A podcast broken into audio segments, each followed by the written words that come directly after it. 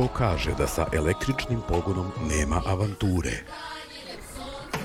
Ko kaže da se avantura prekida radi punjenja? Novi Nissan X-Trail sa e-Power tehnologijom. Jedinstveno elektrifikovano iskustvo koje ne zavisi od punjača.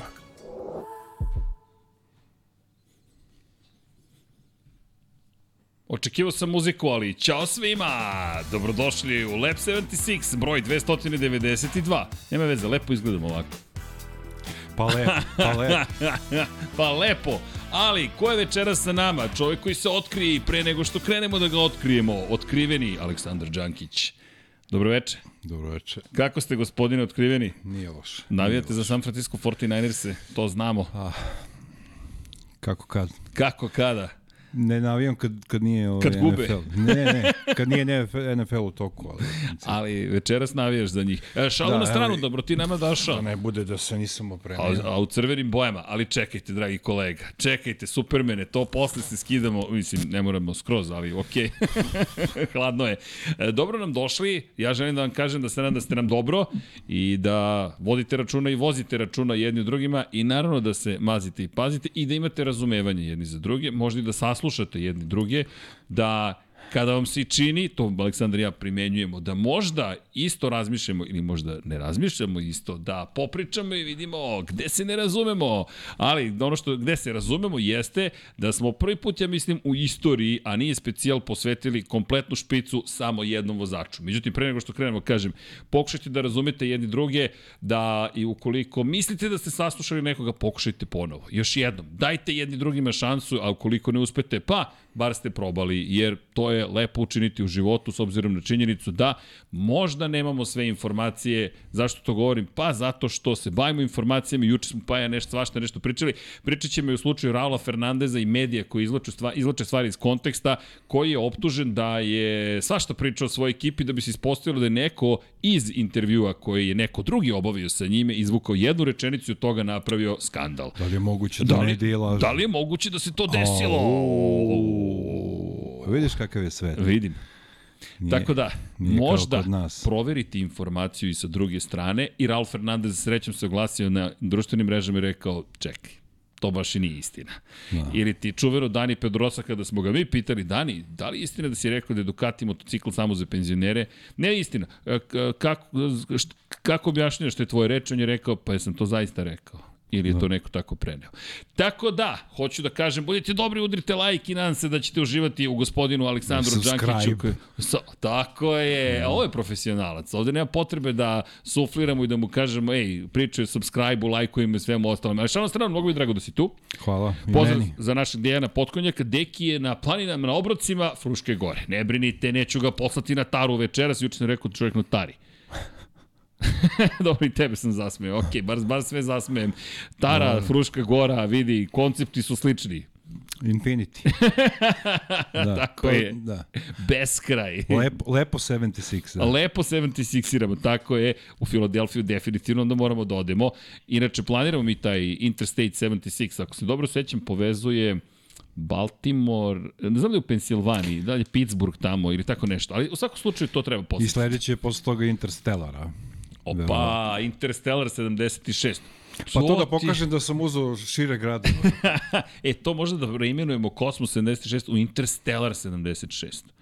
To je međunarodni moment, kompletno. Pa čuo Ali- sam da krećete sa dosta noviteta. A, čekaj, čekaj, pola pre nego što bacaš truth bombs, e, imamo sutra sa Miksom, pri- pričaj si, jesi razgovarao s Miksom? Kojim Miksom? Pa, kao tim nekim dečkom Miksom. Pa, taj dečko Miksa je kolega koji sa vama radi, Mihajlo Stefanović. Tako da, sutra ovde u tehnički studiju... ne radi sa mnom, radit će. Mislim, Ne, ja ne, ne, radim pa kako NFL, ne Ja radi? sam samo fan. Uh, pa zar niste A da, radili? dobro, pa, kolege, da. pa, mislite, eto, to je. Tako da, sutra... Šta ste mi sipali? U stadiju na kraju, čekaj, polako dok dođeš do dna, kad završiš celu šolju kosmičku, ali to ćemo sutra da pričamo, imamo ovde tajni sastanak, s obzirom na činjenicu da se svašta događa i kuva u kuhinji na kraju univerzuma, a mada je restoran na kraju univerzuma, pa da ne bolje da smo uzeli od Douglas Adamsa. No, ljudi, Malo je drugačiji početak, baš zato što je jedan drugačiji čovek ovde. A jedan drugi čovek, prvi čovek nam je u Fruškoj gori. O, al gorimo, to znači da je Miksa ovo podešavao juče za sebe.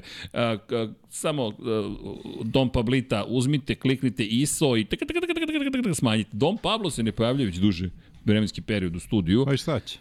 To je to što kažeš. A. Ali Dona Pablita nam je zato tu. Ali, ljudi, idemo na Moto Grand Prix. Večera smo se ovde skupili da bismo pričali o pobedniku velike nagrade Argentine, veličanstvenom i velikom pobedniku, doktoru Dvostrukom. Škorpionu, zapravo maestru novom, da li dvostruki pobednik? Zašto kažeš dvostruki? Misliš o svojoj, Pa tako poč, započeo ta, je, tako računam tu pobedu. znam na što misliš.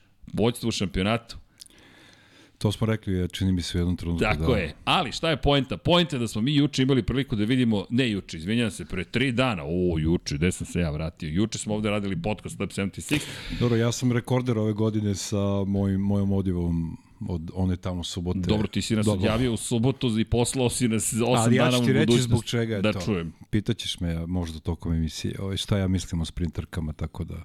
Ma polako, Ću reći svoje kolega. mišljenje. Čekaj, Pa dobro, imamo kažem. 3 sata, pa gde ja žurite? kažem polako, meni kaže polako. polako. Kaže, kako vi radite 15 Doći godina? ćemo. Ja nemam pojma. Otprilike ovako. Evo, Da. to tako izgleda, samo, se, samo ne, nego Da. tako ne zvuči, ali tako izgleda. Čekaj, polako. Dobro, bre, što? što voli da žuri, svo, voli da...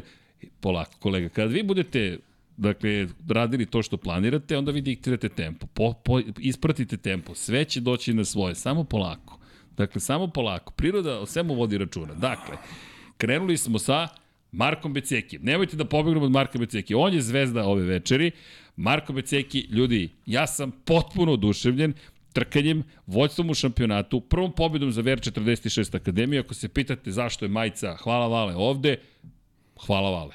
Sam si odgovorio, da. Bukvalno, za VR46 Akademiju. Čudi hvala. me da Valentino Rossi ima osjećaj za vozača. To, baš me ono, mada nema to uvek pravila, eto, i u drugim sportovima se dešavalo da veliki šampioni prelaze kasnije u menadžere, trenere, pa da ne mogu dobiti, da ne mogu dobiti trenere. To Mourinho, ja koliko znam je vrlo rano završio svoju futbolsku karijeru. Dobro, ali nije baš bio impresivan. Nikad bio, nije bio vrhunski futbaler, ali, Ali je dobar trener. Da, a Rossi je očigledno i jedno i drugo. Ali Michael Jordan, na primjer, nije se baš najbolje proveo u toj ulozi. Nije. Ali dobro, on je vlasnik. To je. Da, ali dobra činjenica, ali vidi, Valentino Rossi, samo hoću da kažem hvala. Hvala na tome što je odlučio, u jednom momentu pričat ćemo o tome da Pačić je, Deki je ovo sve pripremio, pripremi za neku lepšu budućnost. Ti Pačići sada više nisu Pačići, već su pravi škorpioni. I jel možemo da pokažemo, jesmo bacili možda Artificial Intelligence, au čekaj, to moraš da vidiš ako nisi ispratio na Instagramu šta smo radili. Danas smo se Pera i ovde ekipa i ja igrali zajedno sa Vama Hasanom Bratićem. dosadno, vidi, ovde nikada nije dosadno, ali smo se igrali zato što je Marko Beceki to zaslužio. No, velika nagrada Argentine, druga trka u ovogodišnjem šampionatu sveta, zapravo četvrta trka, drugi, drugi trkački vikend. Par stvari. Marko Beceki je zabeležio prvu pobedu u karijeri na velikoj nagradi. Brad Binder je raspametio celu planetu startom sa 15. pozicije pobedom u sprintu. Sprint je mene raspametio, bio je potpuno briljantan i fenomenalan. Po, svaku skepsu koju sam imao obrisao je u trenutku. I Da, ponovit ću, nešto što smo i pričali, verovatno ću plakati ukoliko dođe do nekih ozbiljnih incidenata, povreda tokom sprinta i reći zašto sprint. Ali to je samo moja ljudska priroda, ja se a priori izvinjavam. Međutim, u ovom momentu moje oduševljenje je na 400. Ono što je još veće oduševljenje je da je takvu trku u senku uspeo da stavi Marko Beceki. Tako da mislim da su zapravo našli super format. Šta to znači? U subotu opali vas adrenalin i udari vas odjednom situacija u kojoj 18 vozača, pričat ćemo i o povredama, vozi jednu beskompromisnu trku od početka do kraja, bespoštednu. Žao mi što Deki večeras nije sa nama da da svoje viđenje stvari u ovoj trci. I onda dođemo u nedelju i pomisliš kako će ovo da izgleda bolje od onoga što se juče desilo. Izgledaće kompleksnije. Izgledaće kako treba da izgleda velika nagrada. Vidjet ćemo posle kroz podatke koje krugove vozio Marko Beceki u svojoj prvoj pobedi i kako je došao do toga da izdominira, prv, ne prvenstvom, izdominira trkom, obori, izvini, kao da je poslao raketu unazad bum, obori Banjaju koji je pokušao da ga sustigne bezuspešno. Francesco Banjaja koji je pao u toj trci, ostao bez poena, izgubio vođstvo u šampionatu i potom Marko Beceki povede. I sve to u jednom vikendu smo doživjeli. A pride, na pobedničkom postolju mu se pridruži još ko? Alex Marquez na Ducatiju, I Jean Zarko takođe na Ducatiju, koji je standardno već na gumama koje ne postoje se probio do pozicije broj 2, bio je 7-8 sekundi iza svih. I sve to, kažem, pošto je Brad Binder uradio jednu nevjerojatnu stvar, zaista u sprint trci, ali naravno pre svega oduševio. Banja je inače završio na pobjedičkom postolju. Ne, nije završio na pobjedičkom postolju sprint trci, izvinjavam se, izvinjavam se, ovde su me čudno pogledali, bio je van pobjedičkog postolja bio van pobjedičkog postolja i Alex Marquez. Koji, šta me gledate tako čudno izbunjeno? Zašto sam spomenuo Francesca Banjaju? Desilo se! Zato što navijaš za Banjaju, eto. Opa, otvaramo teške teme. Ne, na konto onih Izvolite svih, kolega, uh, jesi svih, pratio moje tweetove? E, Pa zato i kaže, zezan se, rekao, čekaj, sad si navijač, uh, koga si postao navijač? A ne, to je bilo za Formulu 1. To je bilo za Formulu 1, kolega, Da, ne da, pratite da, fabulu da, da. radnje zbivanja Pa događaja. dobro, ali mogu da dobacim sa strane, sa, Mo- drugog, sa istog stola. Uvek možete dobaciti sa, sa strane. Ali ko su bili momci koji su bili na pobjedičkom postolju? Uz Breda Bindera. Sve se žutelo ljudi u Argentini. Luka I- i i Marini i, druge Marko strane. Beceki. Dakle, potpuni haos. Htio sam da kažem da je Akademija ponovo bila tamo, onda mi je Francesco Banjaja uleteo u glavu, ali Francesco Banjaja je deo Akademije VR46. Džanki, ja nemam reči koliko je bilo meni zabavno ovog vikenda. Inače, zabavno, a to, ka, e, reci, kako ti se dopada? Ajmo, po, čekaj, odmah se prebacujemo, danas sam posebno raspoložen, lepo je videti te, reci, Uh, a? u škorpion, a? A? Kako ti se dopada? Lepo ste potrošili vaše vreme. A, re, a ovo, ovo mi vuče na Winter Soldiera, moram da ti ti na, priznam. na, Jeste, ja kad, kad sam imao 16 godina, Da, da. Ona slika sa, sa, sa Facebooka. Uh, ovo, ovo nas nisu platili iz Monstera, trebalo bi da im bili, naplatimo. jeste bili danas u bloku 70 Uh, ne. Pa, Aha.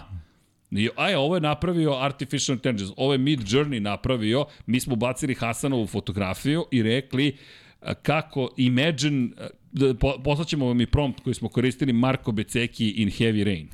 Samo da se ljudi ne izbacio. zbude, ovo nije Hasan. Da. ne, ne, ovo je na osnovu Hasanove pa fotografije. E, I pitaću, da li vam se dopadaju na Hasan, Hasanove i naše AI uh, rukotvorine? Veliki pozdrav za Hasana, našeg drugara. Siguran sam da ga stalno po, uh, pozdravljate.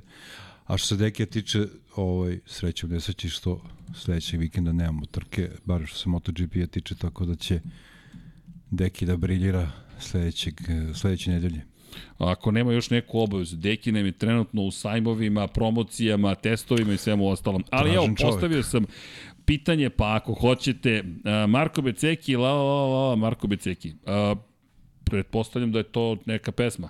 La, la, la, la, la, la, la. Boško, objasnite nam.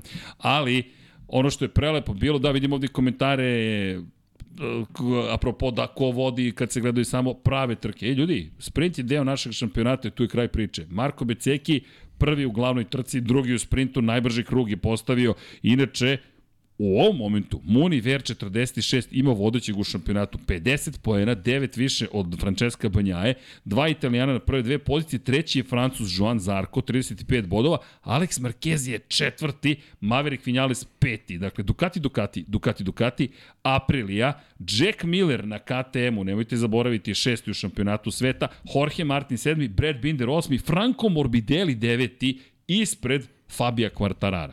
To je vodećih 10.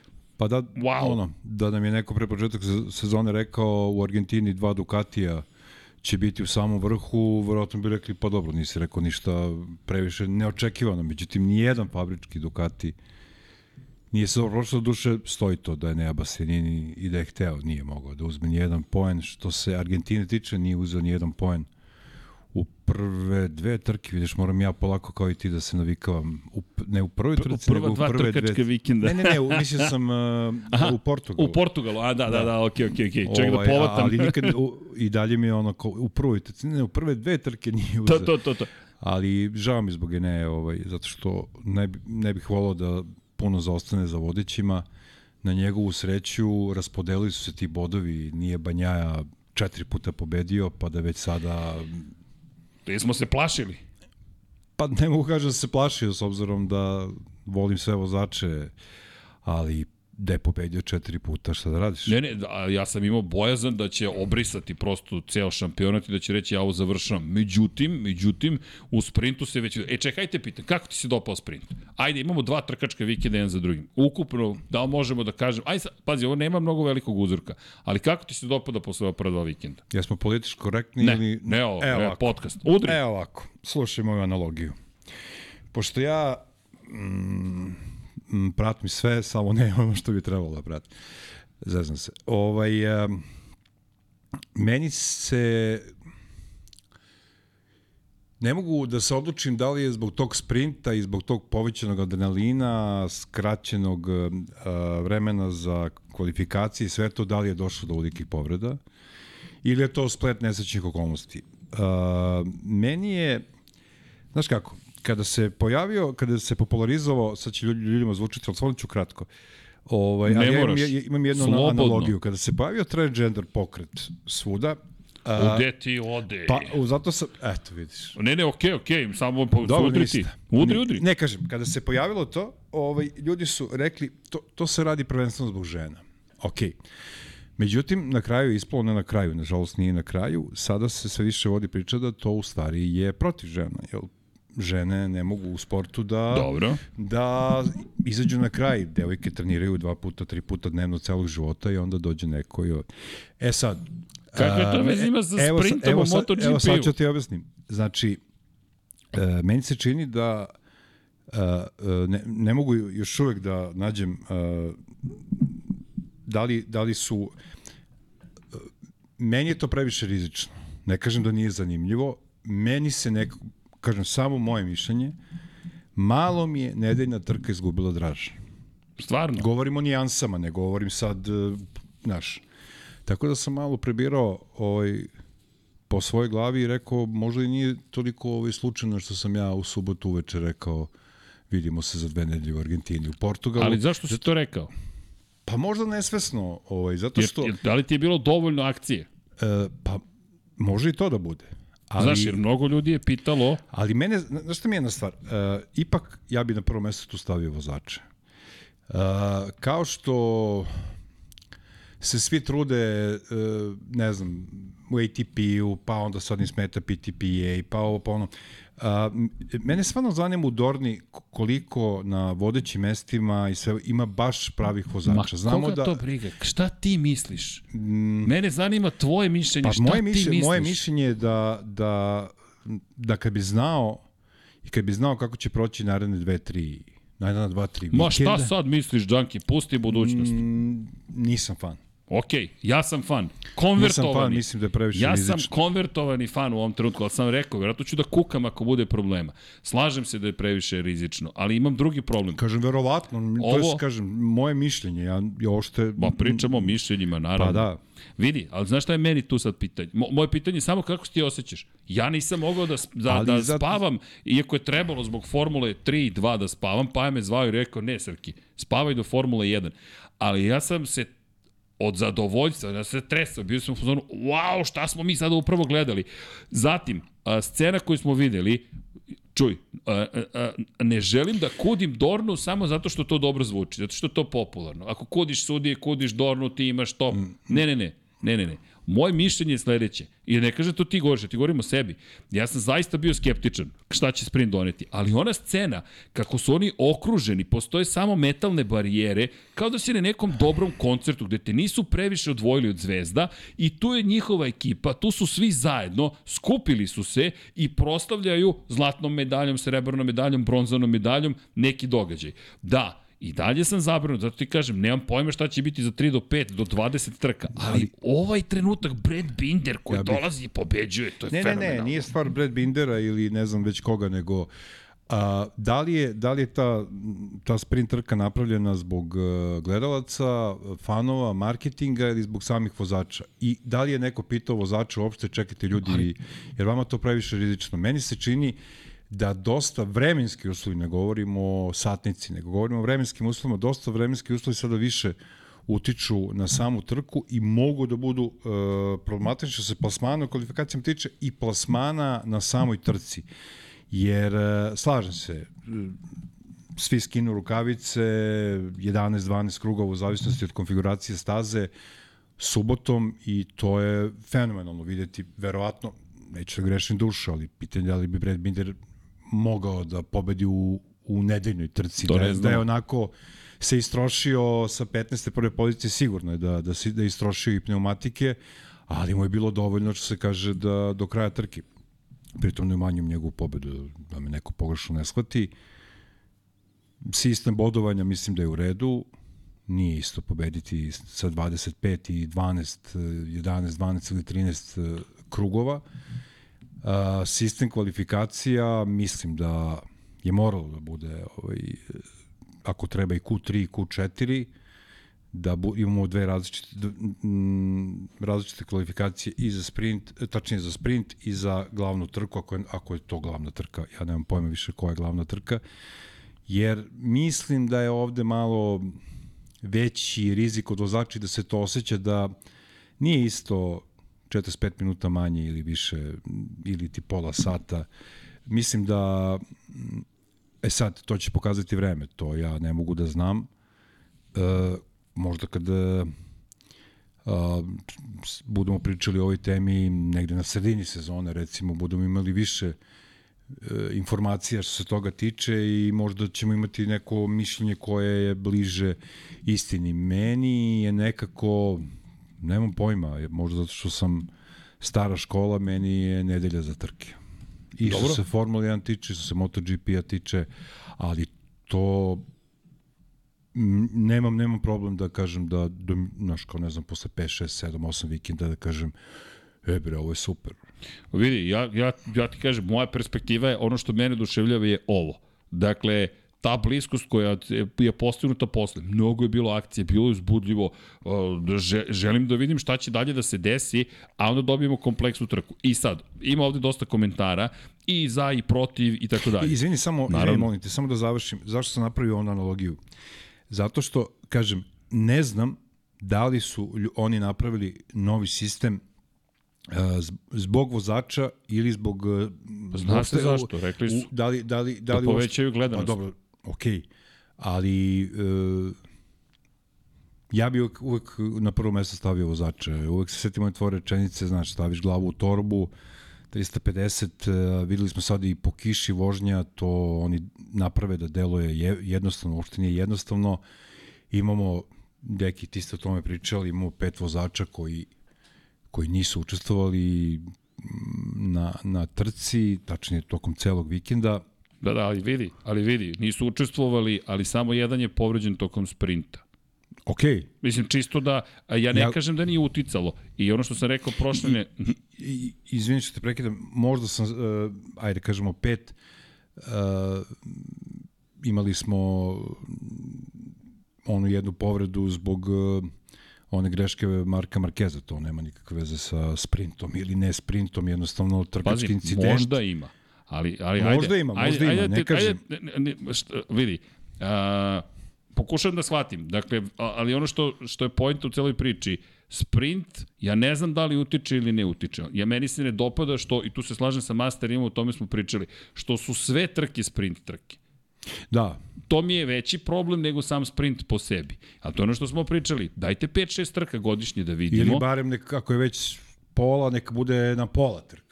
Aj, nek bude 11 trka, na primjer. Kako god, vidi, ne, nemam pravu formulu. Ovo se zove istraživanje tržišta. Ono što je tu problem, što može biti potencijalno veoma skupo. Boško je ne, isto izjavio nešto što ponavljamo više puta. Imam problem sa time što nisu plaćeni za ovo. Ugovore kada su potpisivali, sprint trka nije ni spominjena kao koncept, uvedena je preko vikenda na velikoj nagradi Austrije na Red Bull ringu i rečeno je, bum, izvolite sprint na 21. trci sledeće godine.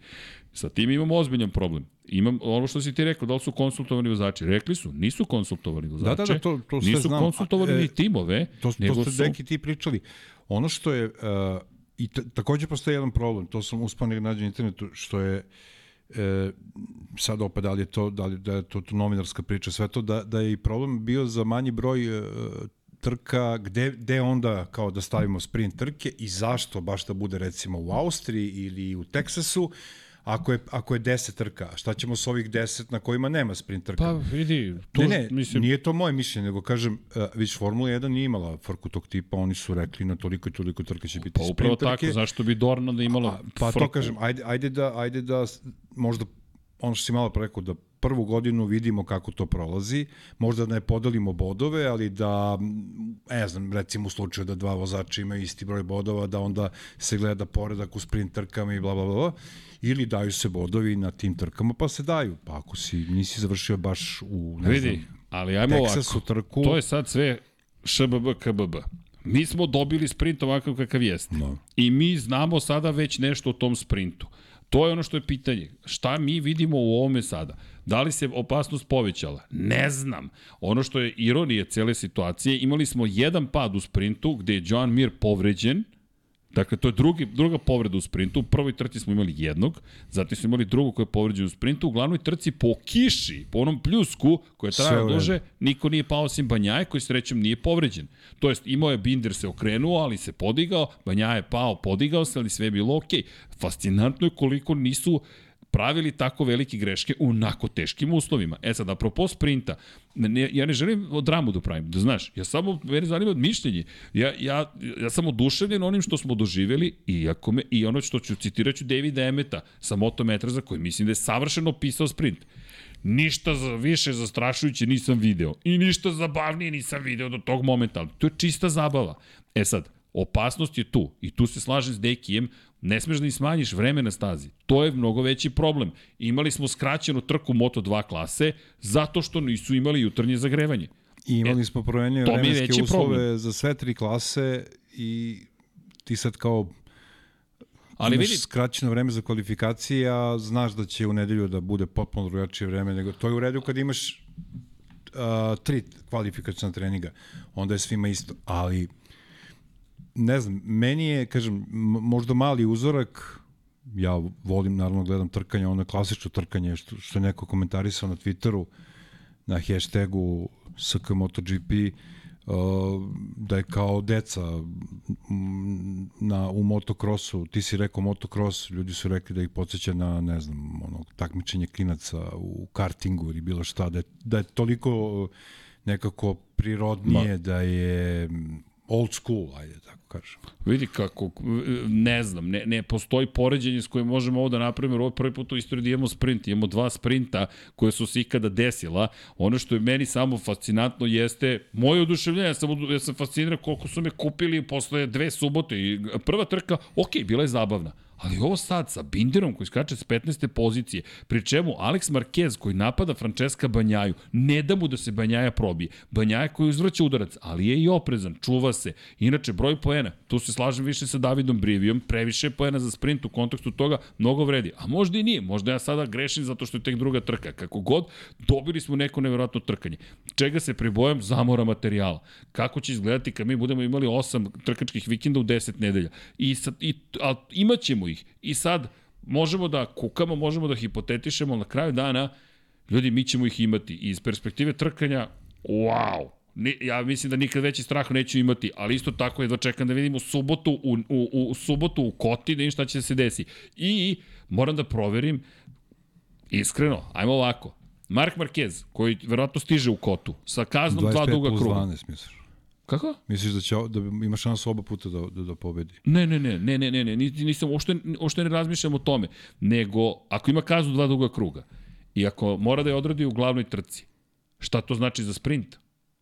Da. Šta to znači za sprint? Ukoliko je odradi u sprint trci, nema nikakve Ne, ne, ne, šanse. ne, ne, ne, ne, mislim da ne može da odradi u sprint trci, nego hoću ti kažem, u sprintu on nema kaznu, Da. je li tako?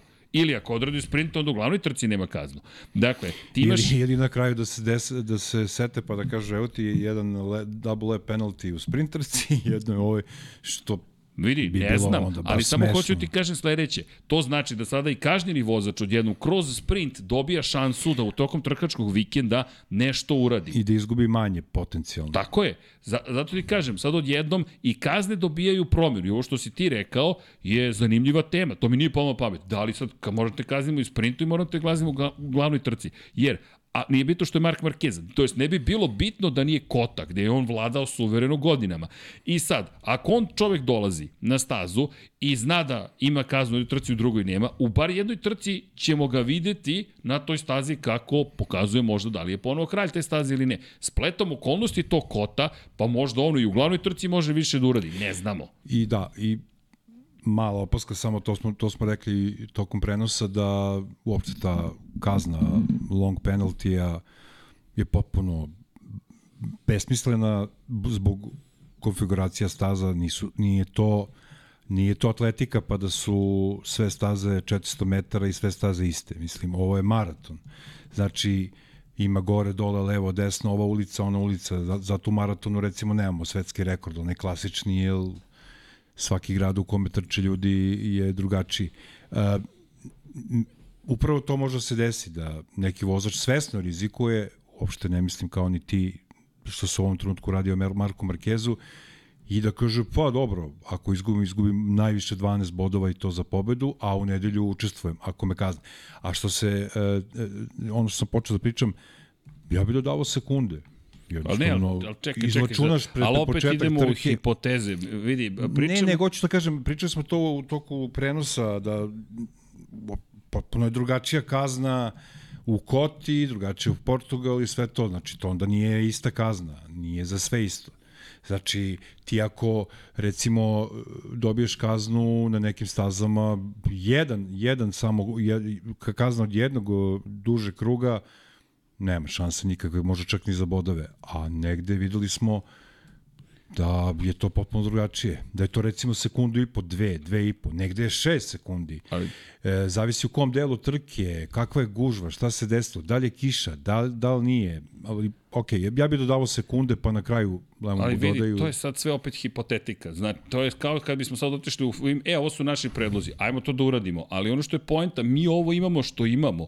Dakle, sa ovim što imamo, Dobro, na ko, da. desit će se ovo. Evo, Drew Box 65 koji piše ono što smo malo pre rekli. Da, on će imati kaznu u glavnoj trci i to znamo. Što znači da je u sprintu slobodan da se trka. Da. Što znači da ćemo imati mogućnost da vidimo šta bi možda bilo. Što se tiče Brad Bindera, neko je pitao za izjavu Breda Bindera. Brad Binder je rekao posle trke da se borio đavolski, ne bi li došao do ovog uspeha. Što se tiče toga da li se vozačima sprint sviđa ili ne, iz mog iskustva do sadašnjeg na ove dve trke, onima koji dobro prođu se sviđa, onima da. koji loše prođu se ne Obično sviđa. Obično tako ide. Kao uvek u sportu, jer, na primjer, Francesco Banjaja se spominje. Pa Banjaja nije se toliko bunio u Portugalu kada je prvi prošao kroz cilj. Sada mu je bio veći problem. Još jedna stvar, Banjaja je osetio nešto i to jeste opasnost. Gde on sad vodeći u šampionatu sveta, o tome nisam razmišljao, moram ti priznati, gde ti imaš Aleksa Markeza koji je rekao, ej, ja se ovde borim za plasman na pobjedičko postolje. Pojavljuje se Luka Marini, ja se borim za plasman na pobjedičko postolje. Njima je ulog plasmana na pobjedičko postolje i vrednih poena veći nego njemu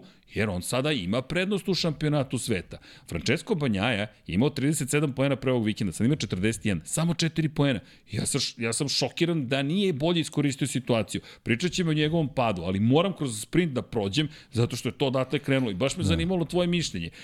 Ok, i malo I, nas se razlikuju, to je lepo. Jeftinije jeftinije je pad u sprintu nego u glavnoj trci. Tako da li je? Ako se povrediš... Što se bodova tiče. Ako, ako se ne povrediš, kažem. Ako se ne povrediš... I onda to je sad tvoja, tvoja priča koju si ti upravo ispričao. Šta ćemo onda? Ali to je opet mnogo teorije, ne znamo. Mi smo ih dobili, tu su, držimo palče, će svi biti zdravi. Tako će biti celo godine sezone. i to prihvatamo. Tako to je. je sad ono... A zapravo, da, no, no, ND Auto Detailing, neće imati kaznu Mark. Da, to zapravo mi pretpostavljamo da će biti odbačena žalba Honda. A šta ako usvoje Hondinu žalbu?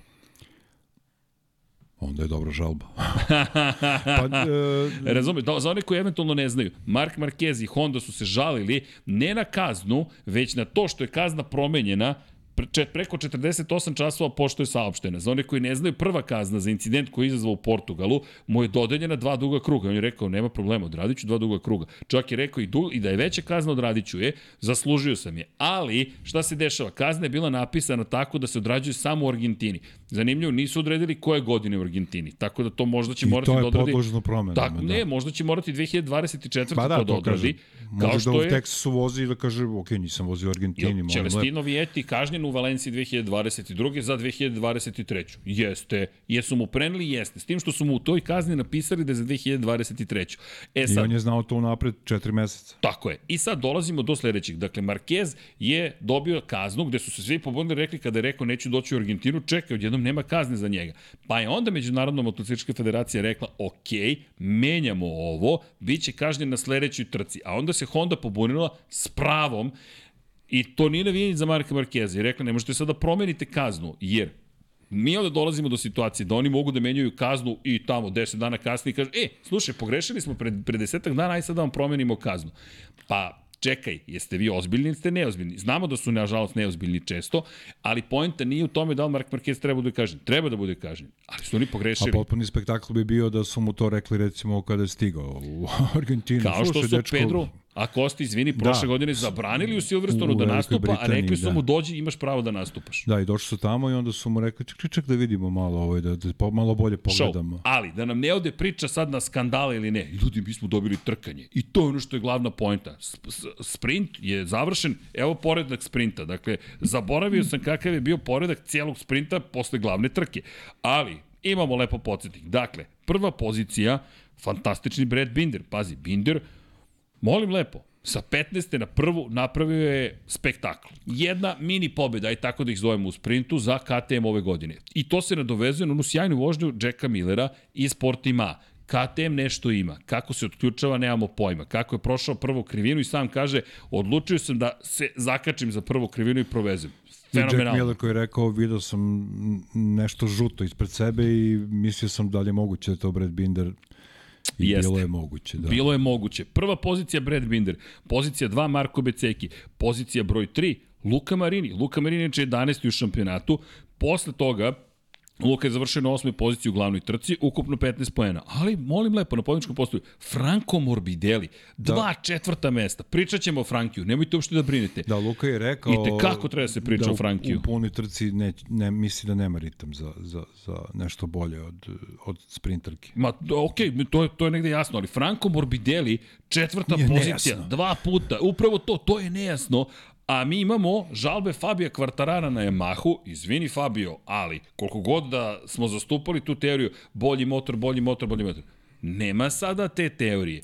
Franko je sedeo na istom motociklu i rekao je Fabio, pogledat ćemo podatke Franka Morbidelija da razumemo šta se desilo. I pritom, meni se učinilo u jednom trenutku tokom nedeljne trke da će to biti nekih ono 7, 8, 10 krugova kao i u sprintu i da će naravno ostali da ga međutim on je do kraja trke izdržao u tom ritmu. da nije napravio onu, onu, onu grešku Da i otvorio postolju, da. Možda, pazi, sigurno bi Možda, mogao da, da. se brani protiv Žana Zarka. I, a, ali pazi, ne znamo, nećemo nikad saznati. Da. Jednostavno ostaje nam ono što je lepo, bez obzira, dva četvrta mesta i oba navrata je pobedio Fabio Quartararo. Fabio je bio deveti i sedmi, u sprintu deveti i sedmi u glavnoj trci. Potpuno nesvesno toliko otvorio vrata a, Francuzu da je ovaj posle imao mnogo lakši prolaz za poziciju broj 2, da, bi Da, se da. sigurno namučio dok bi prošao Morbidelija i tu bi možda izgubio vreme. Možda. Pretpostavljam. Pazi, Franco Morbidelli u svakom slučaju napravio tu veliku, otvorio je vrata.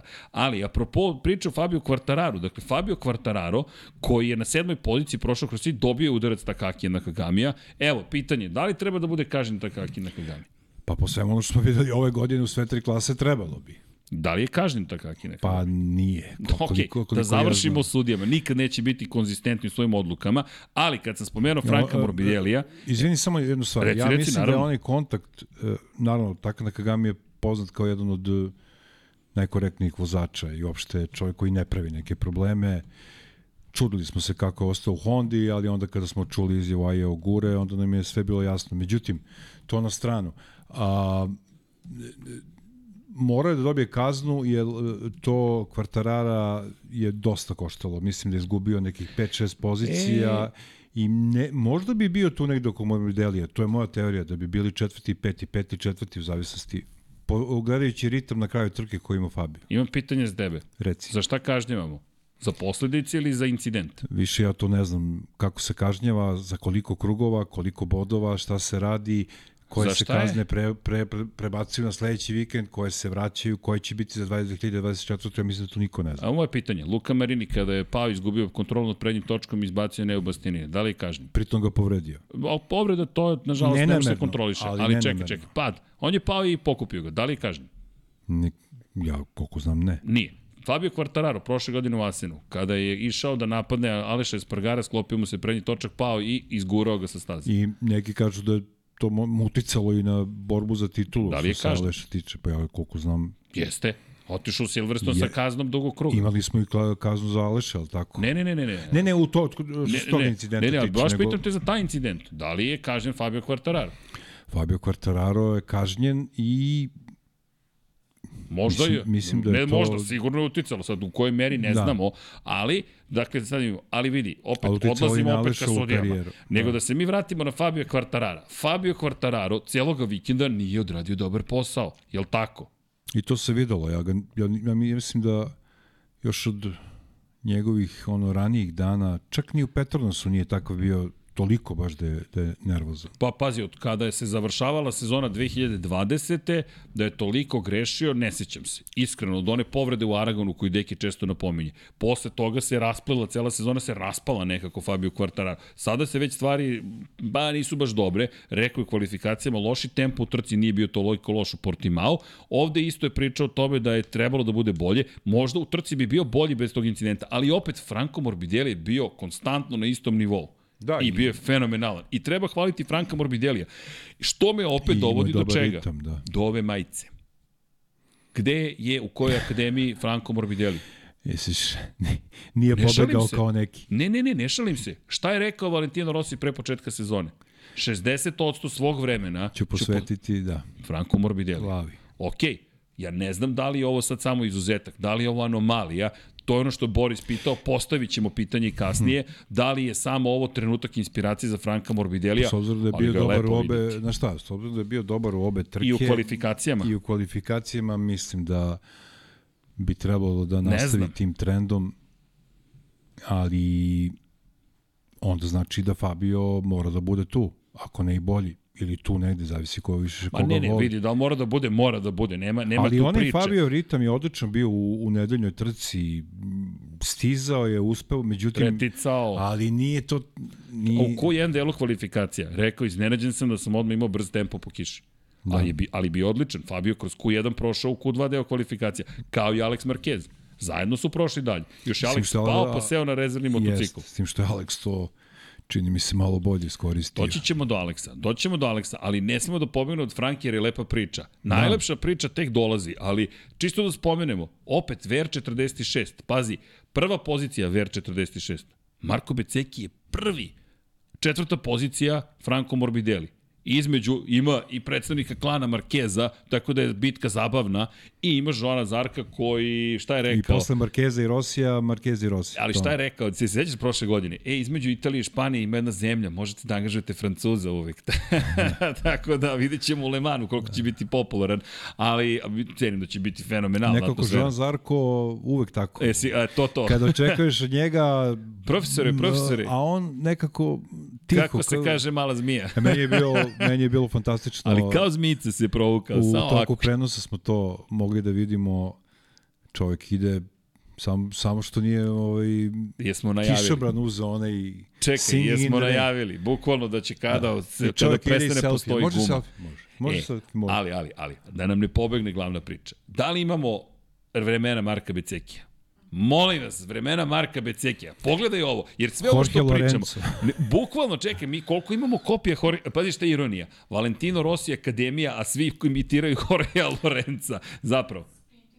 Glavna, glavna trka, Sad molim mora-. Sprint, sprint je sprint i, i to. Pre svega hvala Dragoju Stanišiću na krugovima, ne Fabio. Fabio je super, ali idemo na Marka, Marko Beceki, cenim da su žute boje, cenim da je Drago je u te boje ubacio. Evo ga, ops, beži, beži Marko, Marko beži i graficima. Ljudi, samo, samo, samo par stvari Počela je trka, dva kruga lagana, drugi, treći, 1.46, 3.62, I onda 3, ispod 3.1.0. 46. I onda kreće 1.45, 7.59, 1.45, 6.76, 1.45, 5.1.0, 1.45, 7.95, 1.46, I tako neki 0.72. deseta krugova. Ali gledaj ovo, 1.45, 7, 5, 6, 1.45, 9, 1, 8. Što, si, što kažeš, do desetog kruga on drži ispod 1.46. I onda ide sporiji krug, 6, 2, 6, 3, 6, 4, 6, 2, 6, 4, 6, 4. I onda je vjerojatno rekao, čekaj, koliko hiljada sekundi imam prednosti? Ok, možda malo i da usporim. I tu tek počinju blago opuštanje tempa. Fenomenalno. Drugo i- Pogledaj ga.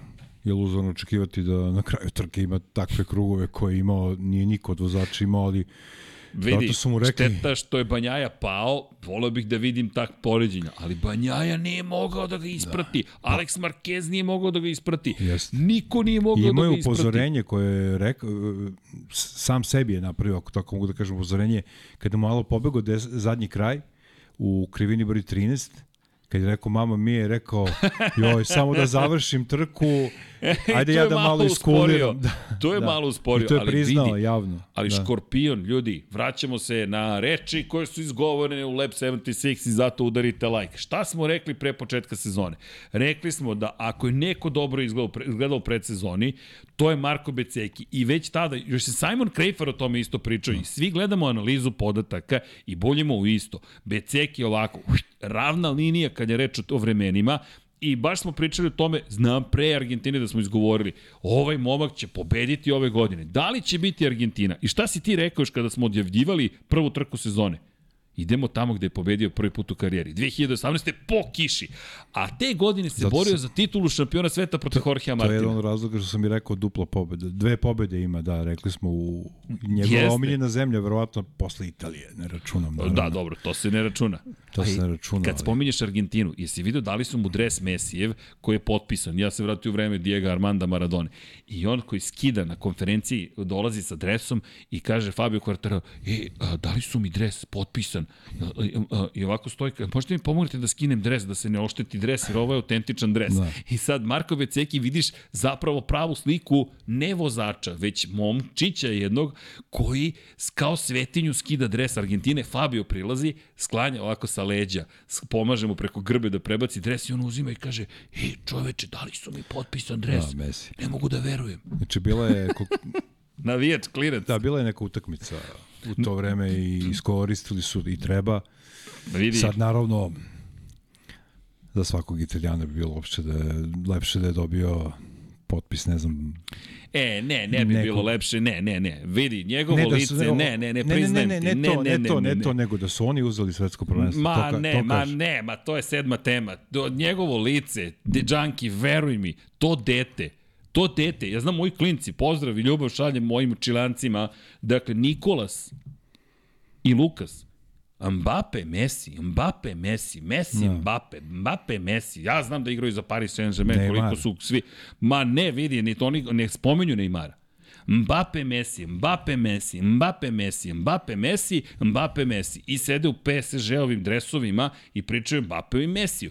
I sada dolazi Marko Beceki, koji je upravo odvezao trku svog života i najveća briga mu je da sačuva dres reprezentacije Argentine futbolske i potpisi Leonela Messija.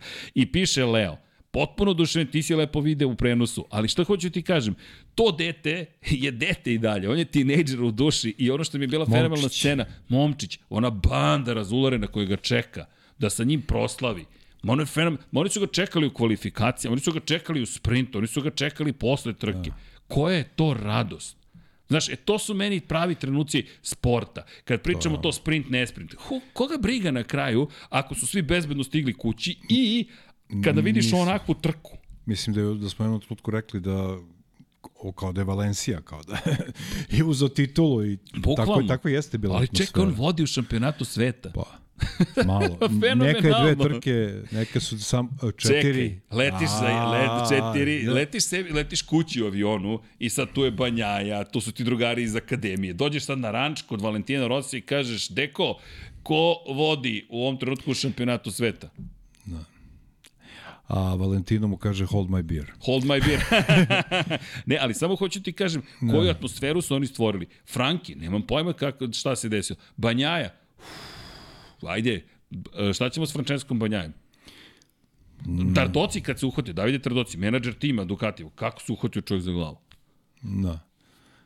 Toliko je bio raspoložen u zadnjih šest meseci i više. Zaboravio da je zaboravili da i ovo može da se desi. I on je verovatno zaboravio, ali a, Ali, ne počne se ja za Banjaju, mislim da je Banjaja toliko dobio na samopouzdanju da će u Americi biti odličan. Očekujem jednu pobedu od njega od dve. Ali mm, z- mislim da je sam sebe malo podsjetio na Francesca Banjaju iz recimo prve polovine prošle sezone. Kada je gubio neke bodove Znaš- potpuno nepotrebno, ali znaš šta je I, pozitivno? I Fabio je, boga mi, iz- izgubio dosta bodova koje nije trebalo. Imao je, imao je više meč lopti. Ali to je opet, to je Fabio. Ne, ne, okej. Francesco ne, Banjaja, vidi, ovo je, pa, šta je, šta je pozitivno e, za velika, mene? ga- velika greška i mislim da i on je, ja, me njemu je jasno da tako neće braniti titulu. Jednostavno mora da koristi sve greške i, i slabe vožnje drugih vozača koji su, mu pred, koji su njegovi glavni pretendenti za titulu sa njim zajedno. A znaš šta je meni ovde pozitivno? Što je podigao motocikl i završio trku. Uglavnom, Da. njegovi padovi su se završavali tako što ode od motocikla. Ne znam da li ste primetili to. Vratite sve banjajine padove do sada. Uglavnom se nije vraćao na motocikl. Uglavnom se nije vratio. Vratite se I na Brad 2002... Binder je to uradio, ali tako? Da, Brad Binder takođe, ali Banjaja s 2021. Mizanu, ne znam ni da li je mogao podigne motocikl. U Japanu prošle godine takođe. Ove godine podigao motocikl, završio trku i borio se za poziciju protiv Breda Bindera na kraju trke. Pa, to ima, imalo logike. Nema odustajanja. 17 vozača je startovalo, nikad ne znaš, može neko da ne završi trku, uzmeš bod 2. Ne, i nikad se ne pada, taj bod može ti donese titulu. Ali to nije bio njegov običaj. Većina nezavršenih okay, trka u da. Motor Grand Prix se završavala tako što on ne, uopšte ne dođe do cilja. I bilo je nekoliko, ali uglavnom ne. Nije odustao. Pohvala i šesti u sprintu. E sad, šesti, šesti sprintu, to ti je sad ta igranka. Sad on dolazi, na primjer, u sprint, ne, ne, nećemo da najavljamo trku, ali dolaziš u Austin i kažeš, ok, imam sprint. Ili jurim poene u sprintu sada, ili opet strpljivo sedim i čekam da vidim šta će da se desi. I ako si Marko Beceki, spazi sad, iz- izvini, ako bi mogao, mogao nekako sprint da bude bezbedan dovoljno, ako bi mogao da bude dovoljno bezbedan, pazi sad igranku, ti si Marko Beceki u Koti. Jel kažeš, znaš šta, idem ja na još jedan sprint. Pa da. Idem ja da povećam, izvini, prednost. A onda, šta Banjaje radi u sprintu? Kaže, u sad moram pratim ovoga.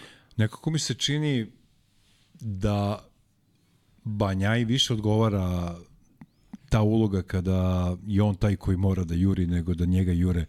Nekako kad je onako kad previše možda razmišlja o, o bodovima e, mnogo mi se više svidelo on, ono, ono kada i rizikuje više i kad ide na sve ili ništa. Međutim, kad smo već kod te priče, mogli smo još u subotu da vidimo da Beceki isto razmišlja i da nema tu frku o Banjaje vozi za fabrički Ducati. Videli smo Becekija koji je u jednom krugu tri puta prošao pored Banjaje, prošao, Dobro? prešao Banjaju, između ostalog i u toj čuvenoj krivini broj 13, gde se to vrlo redko radi, čak i u nižnim klasama. E, Ok, vidi, ali mi tu imamo situaciju u kojoj zapravo... Pa igranka, Ma ne, ne, okej okay, to što je igranka, nego nešto drugo hoću da kažem. Mi imamo sada situaciju u kojoj ti imaš nekoliko fantastičnih vozača koji su na motorima, koji su vrlo konkurentni. Jer ti ako pogledaš pobjedničko postolje, Alex Marquez, doći ćemo i na Zarka i na Marqueza. Alex Marquez je odvezio sjajnu trku. Prvo pobjedničko postolje njegovo od 2020. i Aragona. Alex Marquez je dvostruki šampion sveta na prošlogodišnjem Ducatiju. Prva i treća pozicija GP22. GP23 na poziciji broj 2 zahvaljujući Joanu Zarku, ali ko- GP22 i dalje može da bude konkurentan, pogotovo u ovom periodu pa sezone. nije, nije davno bila prošla sezona, tako da to je šampionski motocikl. Definitivno. Tako da zašto ne bi bio i GP22 dve godine za redom šampionski bicikl, sad bicikl, motocikl, izvinjam se, sad baš nešto razmišljam. Ko ti kaže da Beceki neće da bude svetski šampion? Ja vidim da je prvo dovoljno je brz, a drugo u onom najpozitivnijem sportskom smislu reči dovoljno je bezobrazan da bi to mogao da uradi. Poštujem ja sve, ali ja idem po svoje. A mislim da, sad ne mogu da znam, nismo se čuli ovih dana, ali mislim da on čovjek možda i razmišlja tituli, zašto ne? ne znam, ovaj, može da se desi. Duga je sezona, naravno, kako rekao smo, računamo još 19 trka, ali ima sve preduslove da to uradi. I dalje mislim da se Banjaja pita, ne za sve, ali da je Banjaja za koju samo nijansu veći favorit od ostalih, ali Da je nepobediv nije. Stoji, ali upravo to je pojenta. Nije nepobediv. Ja sam zaista brinuo posle prve trke, pomislio, moj čovjek je sada... Ne bude Mark Marquez sindrom. Pa da, da ne bude sada sve su pobede moje. Idemo pobede, pobede, pobede, pobede, pobede. Pazi, mi ne znamo, naravno, nemamo pojma kako su se pripremali u Ducatiju, kako je Banjaja posmatrao je vikend, jer Enea Bastianini nije bio u Argentini čovek koji je jedan od njegovih najvećih rivala. Na tom GP-u 23 fabričkih boja nije bio tamo. U stvari mi ni ne znamo kako će izgledati Enea Bastianini Tako je, ne znamo. U trkama. Ali, pazi sad ovo. Imamo Bastianinija koji se možda vraća. Ali, šta hoću da kažem, u Argentini nije bilo Enea Bastianinija, nije bilo Marka Markeza, Misliš, opustio se malo? Ne, ne kažem da se opustio. Samo hoću da kažem da su to rivali koji zapravo bi trebalo da se bore protiv njega. Mark Marquez, ne znam da li može za titulu ili ne. Mi to još uvek ne znamo. Videli smo da je brzo svojio pol poziciju, ali pojent u sledećem. Ti dolaziš u vikend u kojem je situacija drugačija nego što smo očekivali na početku sezone. Fabio Quartararo se muči u kvalifikacijama, kroz Q1 mora da se probije u Q2 deo kvalifikacija. Dakle, mi imamo situaciju koja je dosta drugačija za za Francesca Banjaju. A sve je promenio jedan vikend. Malte ne. Jer je u početku izgledalo ček, ček, ček, ovaj će posle 12 trka da bude šampion. Ali šta hoću da kažem, Danki? On ima sjajnu poziciju, čak i sa drugom pozicijom. Dakle, sa 20 pojena u glavnoj trci. Ti za 20 pojena povećaš prednost u odnosu na Bastianinija, no. u odnosu na Markeza.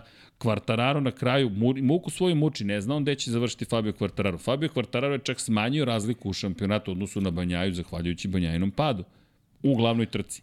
U Samo hoću da kažem... U tom trenutku mu nije konkurent za poziciju. Nije mu niko. Da li te ugrožava Marko Beceki? Da li ti Marko Beceki rival ili ne? Sad smo dobili odgovor. Marko Beceki jeste rival. I apropo ovoga što si rekao, evo vidim dosta komentara na cenu na, po pitanju na, na, na temu Argentine. Marko je eksplodirao u Argentini. Jeste, ali je Marko bio brz i u Portimao kada pogledamo. Marko nije, i ne samo to, u Maleziji takođe bio brz. I generalno je brz. I ako pogledaš, Marko Beceki, pazi, treća pozicija u, u Portugalu. Znaš, on čovjek je bio da. na pobedničkom postolju. Jedina osoba ove godine koja je u obe glavne trke bila na pobedničkom postolju je Marko Beceki. Da li ono što si rekao, da li želi titul? Ja sam siguran da želi. Ba, Pre čemu? Za, ko, za koga vozi? Za koga vozi? Pa. Zaista misliš da Valentino Rossi neće otići i reći, ej, Smiri se pre... malo jedno 5-6 godina, pa onda... Ne, reći. ne, ne, ne, nego da će mu reći zapravo, vidi, Marko, ajmo sada da vidimo šta može da se uradi u cijeloj situaciji. Ja sad ne znam sve što je sve pitanju Ver 46. Jel pomažeš sad Banjaji, jel pomažeš Becekiju, jel pomažeš Morbideliju, kome pomažeš? Tri puta po 60. pa vidi, pa ne, ali pa ne, ja sam nije šala. Izvini, ko je pomogao Banjaji prošle godine? Pa, Rossi ga je bio s njim na da telefonu. Da Ko je bio? Iza tebe crvena majica Ducatija, koju je samo jednom do sada imala broj 1, a to je bio Casey Stoner. Da, a i, dobro, sad ima broj, ja sam se zezao sa drugarima, 64, mislim, 63, 1, 63, 1, to je mo, sve lepo. A na konto onoga što si rekao, to je tih 20 bodova koji izgubio, to je jedna i po sprint trka, je li tako? Mislim, ako ćemo da gledamo po vodovima. To je jedan, dve, dve, dve sprint trke koje lepo završiš. Tako je. A tih 20 bodova, naravno, ima još vremena, ali nisam siguran da da će dozvoliti da mu se to ponovi više puta, barem u ovom prvom delu sezone. Inače, Mađar 007 donirao čovjek 2 evra i rekao čao svima. Ćao! Hvala.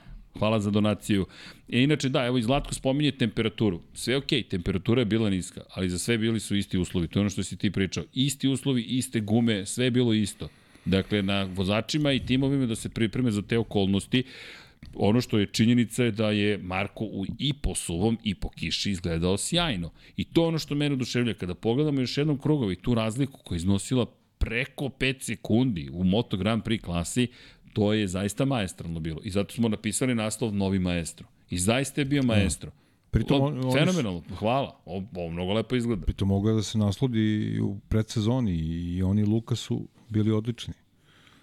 I u predsezoni smo videli Marinija da je na nekim testovima bio među prva 3 i 4 i to nije one off, što bi se Upravo si. reklo da kao sad, ajde u Portugalu možda ovaj pa ovaj ono, ovaj udari u ovoga pa sad isko- iskoristili.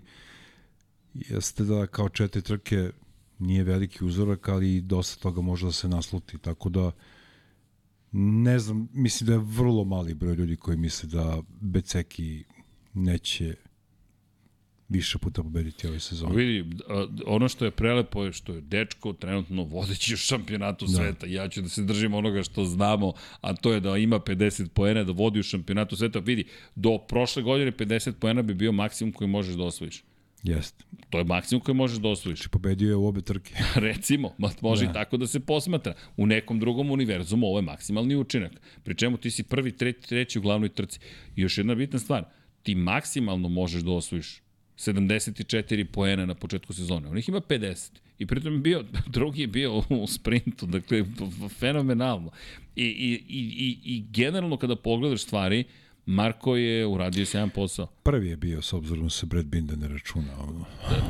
Šalim se, Da, da, naravno. pa možeš i tako da čovjek posmatraš. je bukvalno samo izašao i rekao doviđenja. Ali vidi, ono što, što je teško učiniti, da je ovo Moto3 klasa Moto2, ok, pobeda, super, sjajno, bravo, svaka čast. Ovo je Moto Grand Prix klasa. Da, I teški uslovi po kiši i ti pobediš na onako, onako dominantan način svaka čast.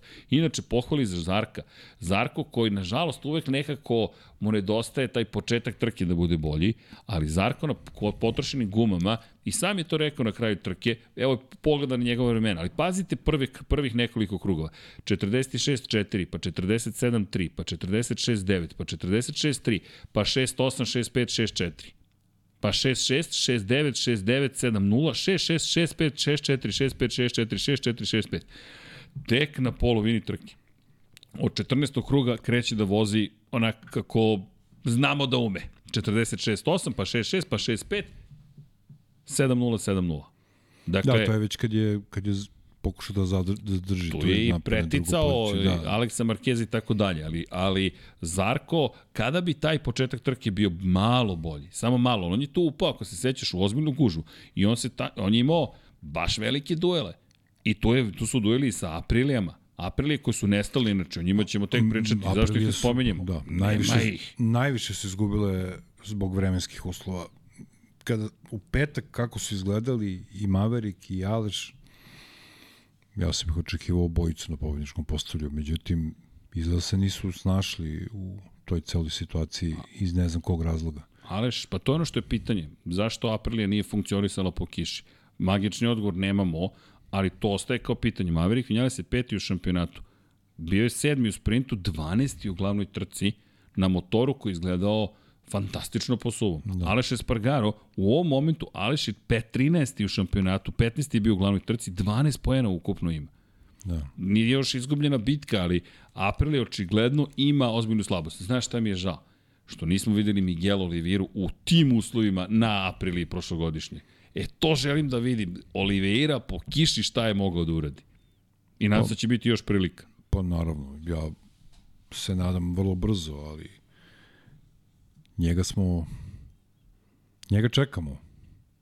Olivira je uvek bio zanimljiv vozač. Naravno da šteta što je onako prošlo sve u, u njegovoj zemlji kada je bio domaćin, jeli, ali događa se jednostavno. Ta, takve se stvari događaju, ali mislim da ono što ti rekao u uvodu emisije da ima nekih vozača koji mm, jesu za svetski šampionat, ali nisu previše nekako nisu stalni. Ja ne znam, ne znam, vrlo je teško valjda su toliko izjednačeni, toliko su svi brzi, toliko sad i s ovim novim a, sprint trkama i sa novim redom vožnje i sa jednim treningom manje a, nekako su izjednačeni nego uopšte, tako da nama uopšte više malo niko ne pominje da mi imamo, ne znam, manje razlike u MotoGP-u nego u Moto2 i Moto3 kategoriji, Ma. što je nekad bilo nezamislivo. Ja bih to volao da smo mi ovde videli Miguel Oliveira. Zato što on čovjek prošle godine na KTM-u pobedio svaki put kada je padala kiša, ne baš svaki put, ali obe pobede za KTM prošle godine ostvario Miguel Oliveira po kiši. Da, bukvalno po kiši. Evo dobijemo komentar, nije humor koliko ste tihi. Nemamo pojma. Jesmo tihi ljudi, javite se ukoliko je Tihi. previše tiho da znamo. Inače, da li ste za ili protiv sprint trka za sada? 59% kaže da. Ne 32, 1%, svejedno mi je 9%. 197 ljudi je glasalo. Hvala. Za sada sprint dobija na pobedi. E, pitanje broj 3. Da li je ovo vikend kada je Franco Morbidelli pronašao svoju brzinu ili je samo bljesak u pitanju? Da, a, br, e, pa pronašao je brzinu, samo bljesak i treće, ne znam. Evo, pitamo cijelu ekipu. I udrite like, ljudi, kada ste već tu. Voljum, kaže Boris Trutin, ne treba up. Ali javite da li treba ili ne treba, pošto da pokušamo nekako da ustanovimo. Ali kada govorimo o, kaže Branislav Dević, niste tihi. Eto, Ivan Vujasirović, 500 dinara, veliki pozdrav svima, pogotovo za Džankija, Srki, gde je reakcija Zvezdice na pobedu Škorpiona, dva vozača tima po meni na privatnom Ducatiju, otima titulu u fabrici, ajmo Bec. Hvala za donaciju, ajde vidjet ćemo, gde je reakcija? Zvezdica je na radnom zadatku, ali cenim da ste mogli da ispratite njen Twitter, ako ne Instagram, i da je i tekako reagovala, ali kažem, glasajte u četu, imate priliku da glasate i za sada je izjednačena situacija, ali pokret, Srki pogledi debitanti iz 2019. samo jedan nije osvojio titulu. Debitant iz 2019. godine, čekaj, ajde ovako na pamet, 2019. Banja je došao 2019. 2018. osvojio titulu, stigao je Fabio osvojio titulu, koji još debitovao te godine sa njima. Joan Mir je stigao 2019. osvojio titulu. Uuu, zanimljivo. O, zanimljivo, čekajte, moram sad ovo da proverim, da li još nekog Novajliju imamo ili ne u celoj priči, ali nisi, da li si to primetio? Ja nisam. Priznajem. Da su Novajlije osvojili titulu. Čekajte, drugari, da vidimo. E, Miguel Oliveira nije osvojio titulu. Bravo, nije mi palo na pamet da je Miguel došao te sezone. Hvala. Miguel Peko Mir Fabio. To je to. Hvala Master Rima. Opa, dakle. Znači, ruki mnogo uspešniji nego nekada. Kad kažemo ruki, pa onda čekamo najmanje 4-5 godina da neko uzme titulu. To, to, to. Ali, ali nije više tako, zato što jednostavno nema se vremena. Dobro, za dakle. čekanje. Da, evo, Oliveira jedini nije. Nije mi palo na pamet da je Oliveira stigao 2019. Dobro, ove ostale smo popamtili. Da li može neka anketa u F1? A Jani, izvinjavam se, to sam ja sinoć bio zaspao na, na zadatku, nisam postavljao ankete. Moja greška, mea culpa, sire, Ponekad i ti zakuntaš, verovali ili ne. vidi, ovo je bilo sada. E, i zanimljivo mišljenje, e, imamo ovde mišljenje da bi Oliveira vodio u šampionatu, da je, da je ostao na točkovima u Portugalu i bio ovde. Muki Alex, moguće, moguće, ali ko to zna? Dakle, kada pričamo o Oliveiri, ne, ne znamo ni šta bi uradio u onoj trci. Da li bi u glavnoj trci mogao da konkuriše za pobedu ili ne? Ne znamo. Mi još nismo dobili ni jednu trku Oliveire, veliku trku, veliku nagradu, na kojoj smo do koje je stigao do cilja pa da kažemo znamo šta može s gumama, šta može Kao s gumama za kišu. ni za. Ali je lepo spekulisati. A ono što je zanimljivo u cijeloj priči, dakle kada pričamo o, o hajde, kiši, Zarku, jeste upravo taj moment da ti zaista možeš da računaš na njega na kraju trke i da kažeš uvek možete da se kladite da će Joan Zarko u poslednjih 10 krugova biti spektakularan. Ali, Dobro. da li će doći jedan vikend kada će, kada će neko da kaže ovog vikenda Zarko pobeđuje? Ajde, odgovori sam na svoje pitanje. Da li dolazi? Mislim da će doći. Okej. Taj pramak meni deluje Ja sam skeptičan i dalje, ali, ali nadam se da si ti u pravu. pa Nadam se da si u pravu. dve trkić. Ja Ajde, sam, ja sam rekao vikend. Aha, okej. čekaj, čekaj, to je sad trik pitanje. Sprint. U sprintu će možda i nešto uraditi. Ne, Mada to je mali broj pravu. krugova za njega. Znaš šta, El Mesija je upravo izjavio Zarko večiti drugi. Znaš zašto će da pobedi Zarko? Zato što će da izvede Aleksa De Angelisa.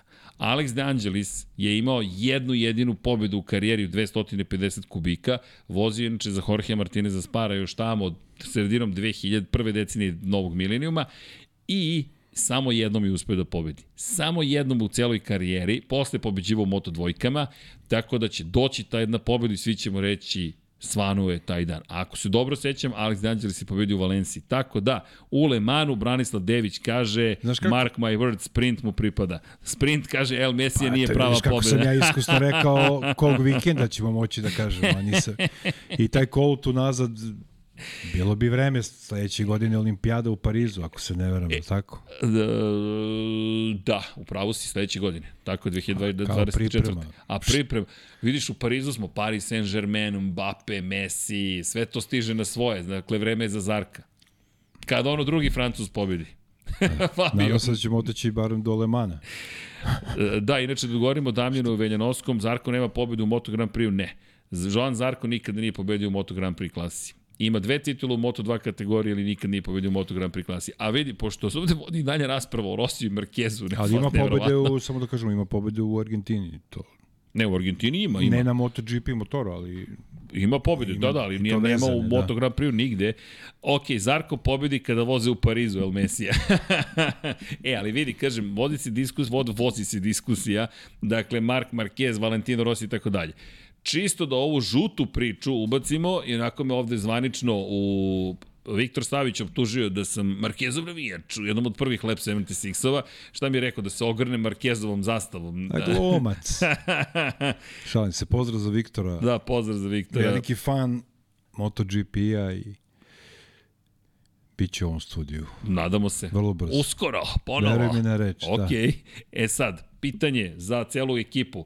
Imamo klan Valentino Rossi, imamo i klan Marquez. Ljudi, skidam kapu, Alex Marquez šta je uradio ne samo ovog vikenda, i u prvoj trci, i u drugoj trci. Pričali smo o Aleksu Marquezu i jedan od mojih tipova je bio da od njega zaista možemo da očekujemo mnogo. Više nego što se da. očekuje. I to se vidi po njegovoj izjavi posle ovog vikenda gde nije krio oduševljenje uh, prvo, naravno, motociklom, ali i atmosfera u ekipi Gresinija. Da je to ono što mu treba i neko je to okačio na Twitter, jednostavno uh, mislim da, da se on fantastično osjeća u toj ekipi isto kao je Nea Bastianini, mislim da se potpuno snašao tu i da je Alex Marquez takođe čovjek koji ne mogu da kažem Vidio. bez problema, MotoGP-u nema ništa bez problema, očekujemo njega pobedu ove godine. Da, da vidimo, dakle 1.46, 2, 1.46, 2, 1.46, 0, 1.45, 8, 1.46, 0, 1.46, 0, 1.45, 9. To je prvih osam krugova, to je drugi, treći, četvrti, peti, šesti i osmi. Nije na nivou Marka Becekija, ali nije daleko. Ono što je, međutim, simptomatično, što malo može ljudi da uradi, da nastavi tim tempom, a Marko je nastavio tim tempom. Ali i dalje, odličan, pogotovo početak trke imao. Pre čemu, druga trka na ovom motociklu, drugi vikend trkački, izvinjam se, da. na ovom motociklu. Šta ti je navika? Da, šta ti je navika i izgledao je veoma, veoma dobro. I izvini, koliko trke je vozio na Ducatiju po kiši? Pa verovatno ni jedno. Tako je. Do sada Kada ni jedno. Kada govorimo oficijalnim Tako trkama, je. ne govorimo o krugovima. A, a pogledaj šta je uradio. Fenomenalan da, je bio. Da, da. I ono što se meni posebno dopalo, spremnost da brani poziciju. I sad, da li ćete reći to je u redu ili nije u redu, glavno zavisi od toga da li ste za Markeze, Markezove, Markeze, Markize, Markeze, za Markeze ili za ne. Markezovce. Da. Za Markezovce ili ste za Rosijevce. Dakle, zašto? Zato što to je samo pitanje nevičkih strasti, ali fenomenalna vožnja. I protiv svetskog šampiona i nije dao da na sebe, prosto pa, se borio. To je to, mislim, I u postoje, i naravno, pripadam u principu istoj fabrici, jako ne vozi za fabrički tim, ali ima ispod sebe Ducati, uh, ali jednostavno čovjek vozi od početka ove sezone, ja nemam uh, uopšte nemam utisak svoju da je to njegov... pol poziciju. Pa da, nemam... Čekaj, svoju pol poziciju u teškim smo, uslovima. Mi smo, rekli smo, jedna pol pozicija za Marka, druga za Aleksa. Za sada samo braća osvajaju pol pozicije. ali, ali, ali nije, hoću da kažem, nije mi izgledao uopšte uh, od početka sezone kao Novajlija u tom timu. Ne Novajlija u MotoGP klasi. kao da pripada tu. Da. Deluje mi kao posle jedno, kad smo ga hvalili, kad smo očekivali njegovu pobedu na Hondi, što se nije desilo. I možemo odmah da počnemo da hvalimo. VR46 ekipu, zatim, inače, da, pošto sam, uh, zanimljivo je Honda, Hon, Hosač, Hosač, Hosak, Hosac, Hosač, mi piše, čitao sam da na jednom od klipova te optužuju da ćeš uskoro da braniš Markeza odmah posle incidenta. Ljudi, ja samo uživam u mom životu i poslu, tog istog dana kada se desio incident su me pitali neki klinci u kafiću zašto mrzim Marka Markeza. Zatim su mi rekli, evo, da- ću da ga branim. Jedan prijatelj me otpratio na Twitteru jer smatra da ne podnosim Marka Markeza. Viktor Savić mi je rekao da se ogrnem zastavom zato što obožavam Marka Markeza. Ja bih rekao da sam, da, da sam ti- moj posao uradio odlično. A pritom ti radiš i Formulu 1, tako da je tvoja muka Vidi, dupla. ne, ne, ne, ali nije muka, meni je to sve u redu, zato što... A dobro, nisam mislio, znaš. Ali nije, nije, ja to ne shvatam lično, to su strasti navijački. Ali- Kako to da shvatiš lično? Ne razumem, to je iracionalno. Navijaš za nekoga i u redu je navijaj. Navijaš za nekog drugog u redu je navijaj. I da li ćeš u mom glasu čuti da ja navijam za nekoga, Sigurno, to se zove Kulešov, sind, Kulešov sindrom, još sovjetski čuveni režiser, koji je prvi radio montažu, imaš prvu i treću scenu koje su identične, promeniš samo drugu i ljudi percepciju onoga što se dešava menjaju na osnovu te umetnute scene. I to je okej. Okay. Šta hoću da kažem? Alex Marquez je vozio fenomenalno tačka i to je sve što, što imam da kažem na celu priču. Pol pozicija, I, ali hoću da pohvalim i timove. Gresini Racing, prošle godine sa Neom Bastianinijem, ove godine sa Aleksom Markezom, Fabio Di Gianantonio, I ko kaže da neće Gore ove dole. godine imati pobede? ko kaže da ne, ne imaće sigurno. E sad, da pobede, ne znam, jednu sigurno. Mislim da će Alex sklopiti ceo vikend. Da li će ih biti više, ne zato što on može ili ne može, nego zato što je previše vozača koji to mogu da učine. I to će sad biti zanimljiva priča. Koji vikend pripada kome? Znaš, u Koti ne možemo baš da računamo da će, da će Mark Marquez dojahati i reći, ej, ovo je i dalje moj ranč. Mm, nije to baš tako jednostavno još. Pritom ne kazne. ne znamo i kazne, bude, to sam teo naravno. da kažem, ako bude uopšte kazne, sad nek, neki će želiti da bude kažnjen, neki ne, naravno navijači Na- Marka navijački, Markeza. ali mi ne pričamo o okej, navijanju, sad to je pričamo- Ali hoću da kažem... Ko hoću- može da hoću pobedi? ne, ne, ne, ne pričam navijački, nego kažem i to je u redu. Da navijači Marka Markeza su Naravno. nemojte ga gaznite, šta desilo se. Ne, Oni to koji, je ga, njihovo. koji, naravno da je to potpuno Ne, ne, ali- normalno. ali- ali mm, ne mislim da će Mark Marquez A- Ali ne pričam ja čak o tome, izvini, nego o tome da ne znamo ko može da pobedi. Što je bi Zarko pobedio u Americi? Pa ne, to ću da kažem, ne mislim da će Mark Marquez e, kao nekada s takvom lakoćom pobediti. Drugo, sigurno neće doći 100%. Mislim, ne može to jednostavno tek tako da, da dođeš e, i da kažeš e, evo mene u Teksasu, ali mislim da ukoliko ne dođe do te kazne, e, ako im bude imao dobre kvalifikacije, da Ali, da, da je apsolutni vidi. favorit, barem u sprinterci. ali moje, moje pojenta je nešto drugo. Toliko imaš vozača, ja nemam pojma šta će da se desi u Koti, a onda idemo u Jerez. Zato kažem Alex Marquez, da li može do više pobjeda? Teoretski može, da. ali koliko vozača imaš i sad šta, šta mislim da će se desiti posle ovog pa, Banjajinog pada? Zašto mislim da on može da predstavlja problem Banjaji?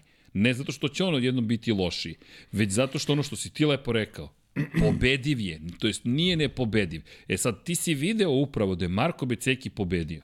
Ti si Joan Zarko i kažeš, čekaj, Beceki je pobedio.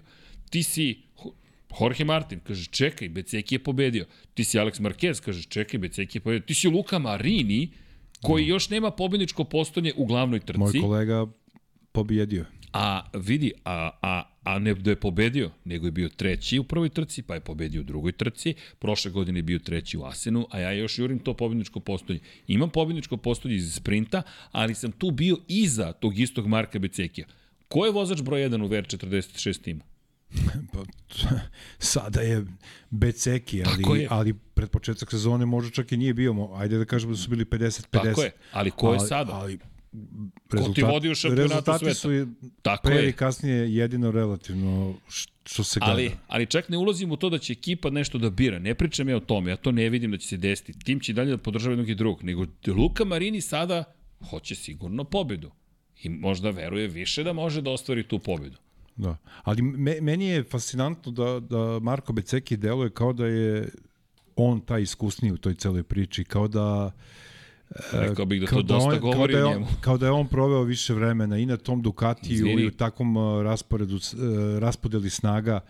Nekako mi se čini čak da je nekako konzervativniji Ali- Luka Marini od Becekija. Beceki, Možda. kaže mi, ima tu neku, taj neki u pozitivnom smislu, onaj sportski bezobrazluk koji mi je fascinantan. Uh, poštujem sve, ali Da te ja pitam, idem do, do krajnjih granica. ko se borio za titulu šampiona sveta do sada?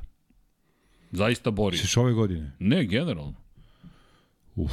Marko Beceki se borio. U tom timu, o tome pričam. Bio je drugi Luka Marin 2020. A, a, a misliš Ali sam, je pad u Francuskoj njega sprečio da zaista Da, tu trku e, odvede misli, do misliš kraja. sam, misliš i u prethodnim Ne, klasama, pitam da. te generalno, da, ko taj, se taj bori za pad u titulu. Le Manu po kiši ga je definitivno koštao titul, bio je, bi- bio je, de, a, Ali mogu kažem- nešto drugo hoću da kažem. Ko se borio za titulu? Marko Beceki se borio za titulu. pa jeste. Dakle, zašto mi smo sumnjali da će Marko Beceki nešto drugo biti? Ali nije mi čak I Nea to. Bastianini, Upravo to. je Ajmo sad na Eneo sve. Bastianini. Ma ne, ne, ne, ajmo, ajmo sad ovo. Ti sad imaš Eneo Bastianini koji može mnogo toga da uradi. Imaš Aleksa Markeza koji može mnogo toga da uradi. Franco Morbidelli, evo, anketa je u toku i mišljenja su ne baš najbolje za njega. 52% kaže samo bljesak. Od 169 glasova. 37% kaže pronašao je brzinu. 11% kaže ne znam. Pa Jerez će biti neki, ajde da kažemo, jedna petina sezone. Pa možda ćemo tad moći da vidimo, ali meni se čini da da Morbidelli može tako da nastavi, a da Fabio Quartararo ok, imao je grešak i svega toga, ima i, i, i, i nekih stvari koje nisu, nisu njegova greška, kao onaj kontakt sa sa Hondom. Mislim da idu bolji dani za Yamahu, ali stvari u tome što pitanje je koliko će, kako će izgledati drugi. Da li kada oni dođu na taj nivo u nijansama, da li će ostali da odu za nijansu iznad. Mislim da će se to desiti tokom sezone i ne znam da li Yamaha ima odgovor na to. Iako imaju dva svetska šampiona u svom timu, iako imaju taj roster koji je fantastičan, ali mislim da je e, da njima nije samo Ducati problem, njima je i Aprilia i Ja nisam tekako- to ni rekao. Ne, ne, ne kažem ja, da si ja rekao, mislim da ja sam samo rekao. idem redom po Ducatiju, jer su oni trenutno prvi. Ne, ne, ne, nego kažem, Aprilia...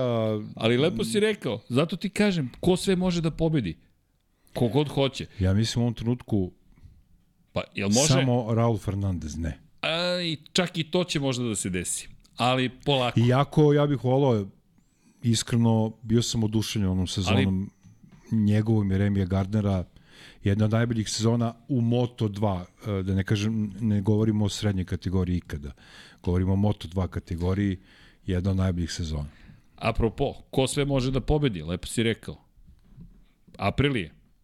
Aprilije, zašto Maverick Vinales ne pravi? Inače, da odgovorim, Aleksu Muki kaže, Srki, imam ideju za video. Hajde da gledamo tvoju reakciju na ovaj tvoj podcast nakon još tri trke. Mislim da je previše šajpa oko, hajpa oko ničega nakon samo dve trke. Vi ste potpuno u pravu. Ali... Oko sprint trka, možda to, to, na to je mislio čovjek. Ne. Čovek kaže, mislim da je previše hajpa oko ničega nakon samo dve trke. Cenim da govorimo o Marku Becekiju. Potpuno ste u pravu.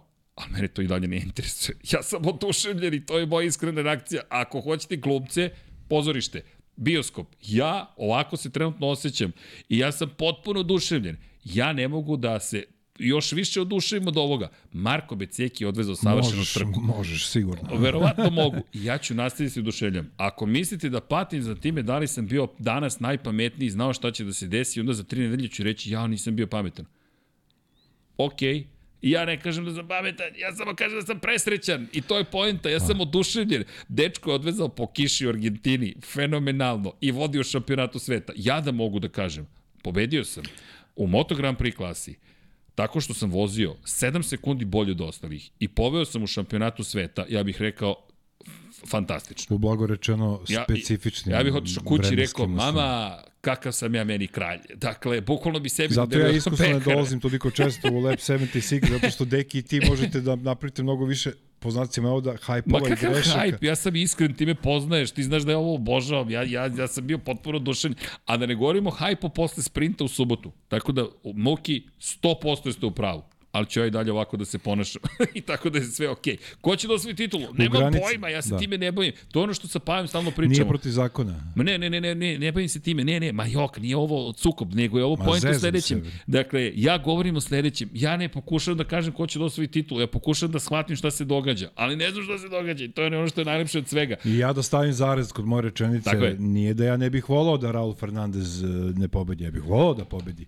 Ali mislim da je on Pa nemamo u, pojma. U jednoj rasnici karijere i volio bi da se to dobro završi za njega.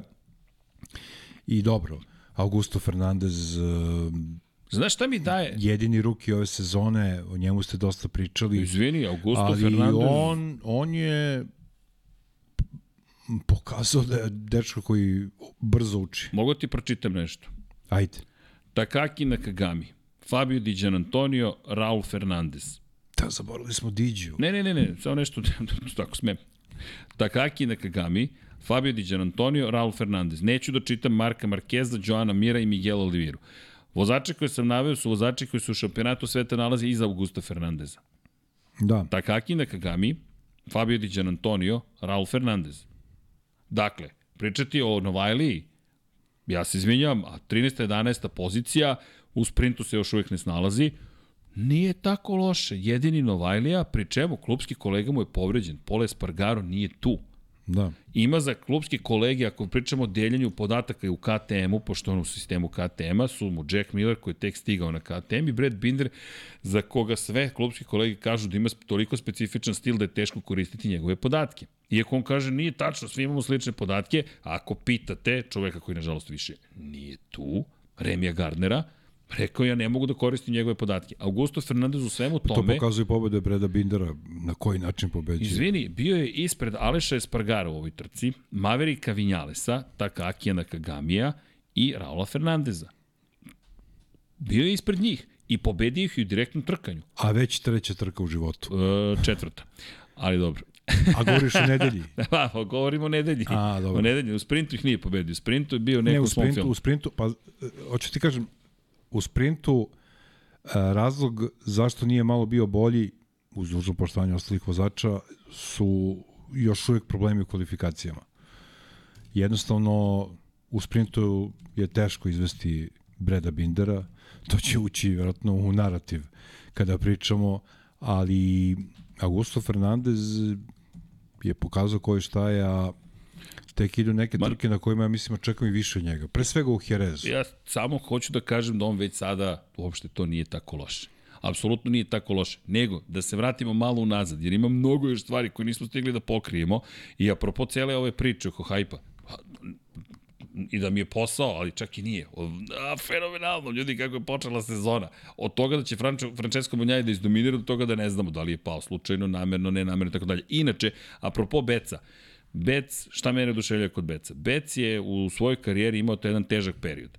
I mene oduševljava ta posebno ljudska priča, jer se sećam, dojde, to je splet čudnih okolnosti.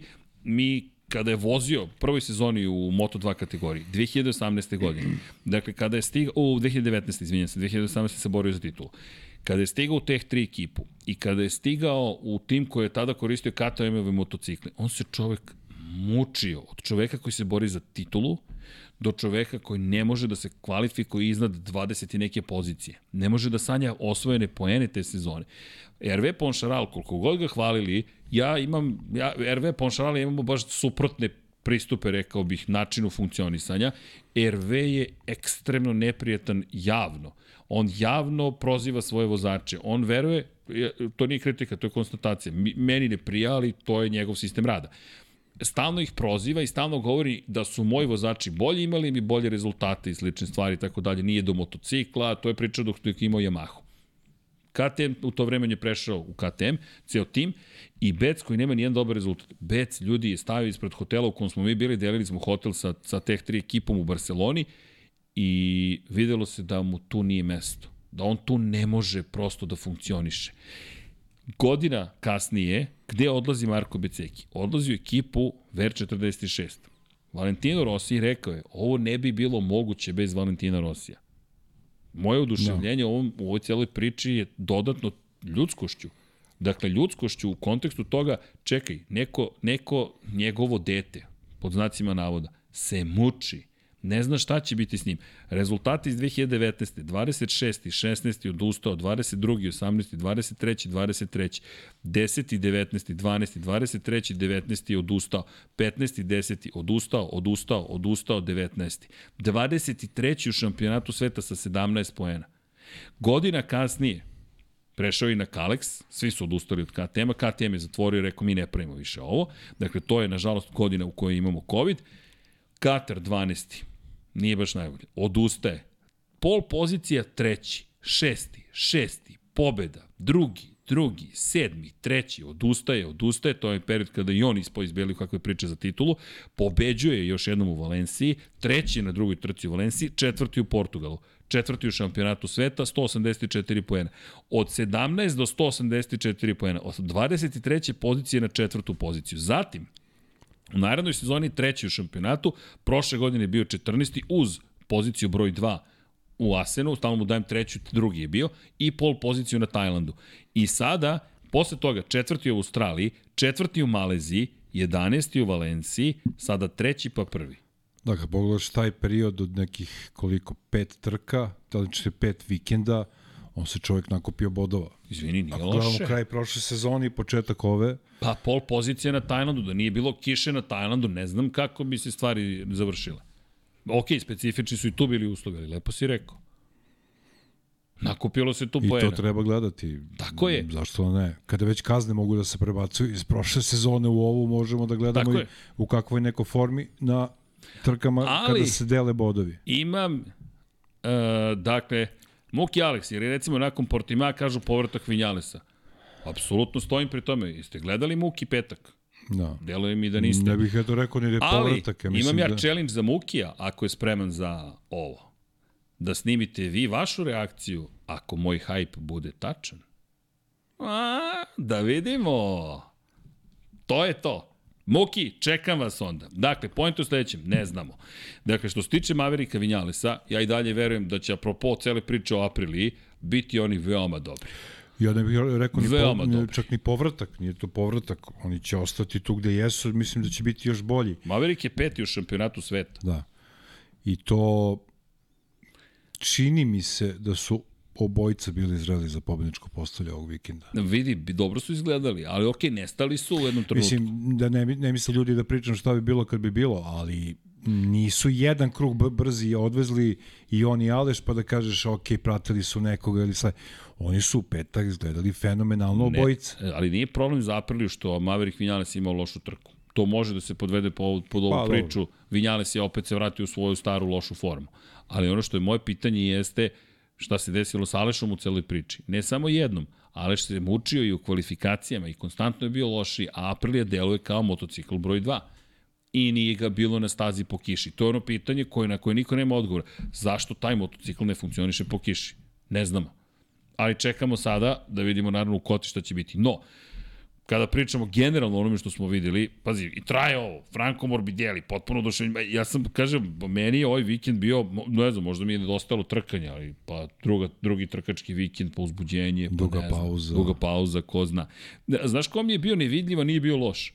Jack Miller. Završio je inače iza Jorgea Martina. Martin je bio peti, nekako ta cela grupa nije mogla da, da se približi vodećima, ali imala lepo bitku. Martin peti prošao kroz cilj. Realno prvi poen je u, u, u velikoj nagradi, u punoj trci, osmi u sprintu. S druge strane, Jack Miller je nestao iz sprinta, što je iznenađenje, a šest je bio po kiši, što nije iznenađenje. Očekuješ od Jacka da bude dobar po kiši. Međutim, i njega su dobrim delom loše kvalifikacije koštale. Da, mada vidiš šta je Brad Binder uradio m, blago rečeno loše kvalifikacije za njega, ali Da, bili su jedan pored drugog. da, ali samo to na početku i posle ne, ali KTM mislim da mora da bude zadovoljan kako je sve krenulo. Pol pozicija pa aj sad da kažemo neki put se snađeš, neki put se ne snađeš. I oni su ljudi kogod ih mi zvali vanzemaljci i oni su ljudi greše nemamo, nemamo mogućnost da pratimo celu trku da vidimo da li je bilo nekih sitnih grešaka, da li su gubili ritam neki vozači, a to se teško nadoknađuje, ali i Jack Miller mislim da neće sedeti skršenih ruku, mislim da da možemo njega očekivati najviše, tačnim najviše mesto na pobedničkom postolju. Zašto da ne? Jer imao neke svoje staze gde, gde obožava da vozi, ali brzi svuda. Ja, ja nisam ni očekivao da će tako brzo da se snađe na KTM-u koji je blago rečeno čudljiv, ali koja to mašina nije. Izgleda da nekima neka... I da, i, i dosta zavisi od atmosfere ekipi. Ono što se događa iza kulisa, mi to ne znamo.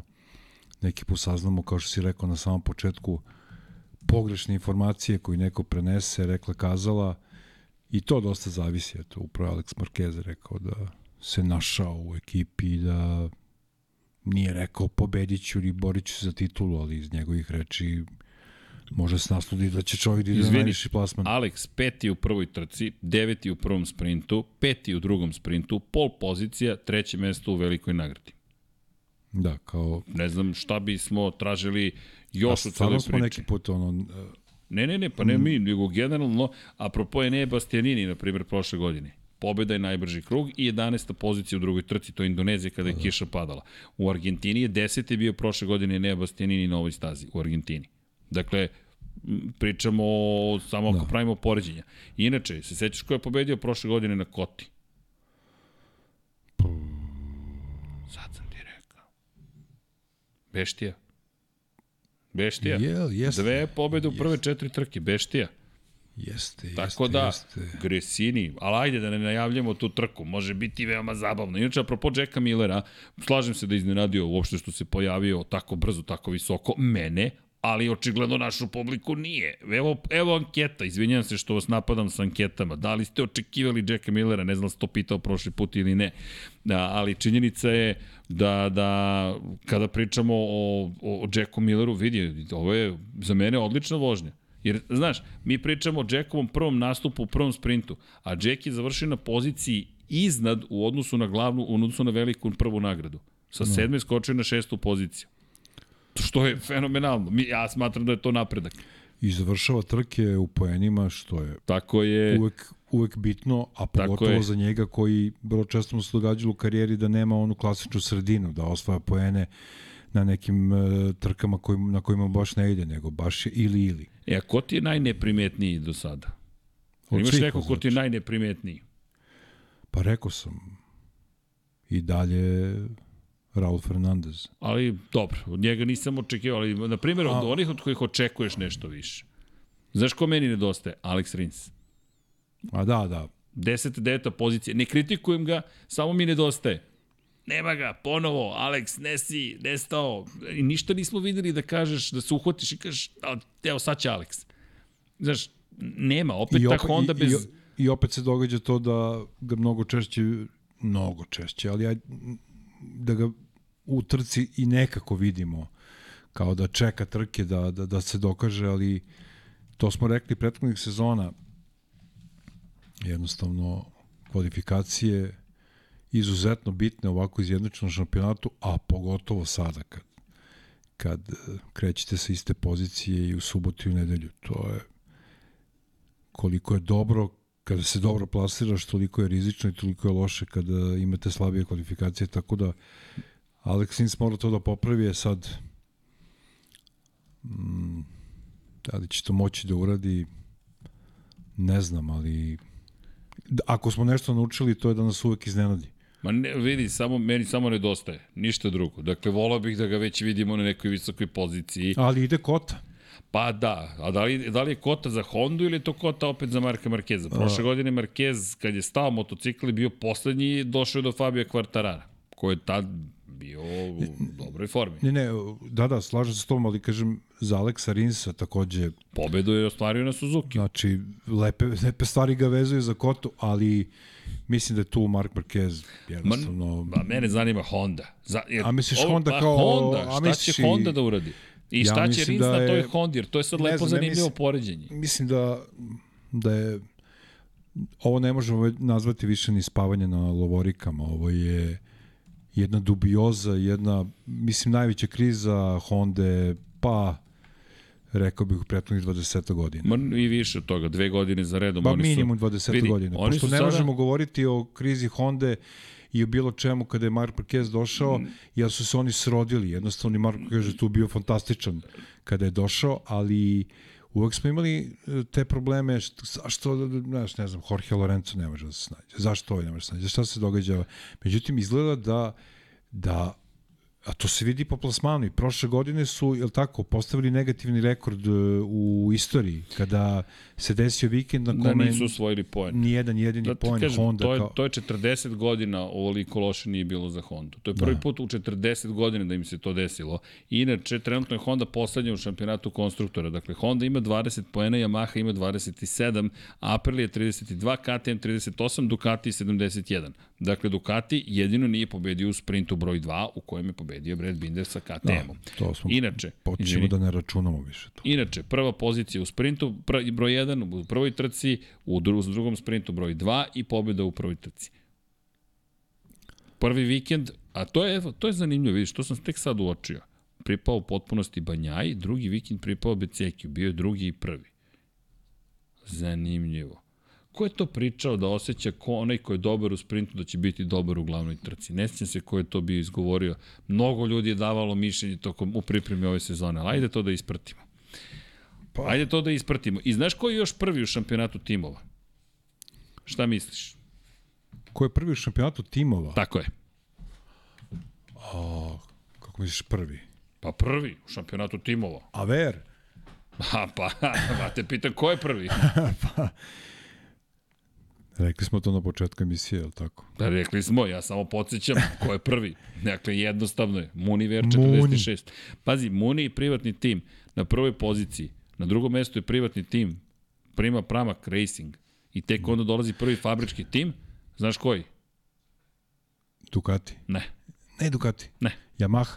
Ne. Pa nema ih viš KTM. Tako je.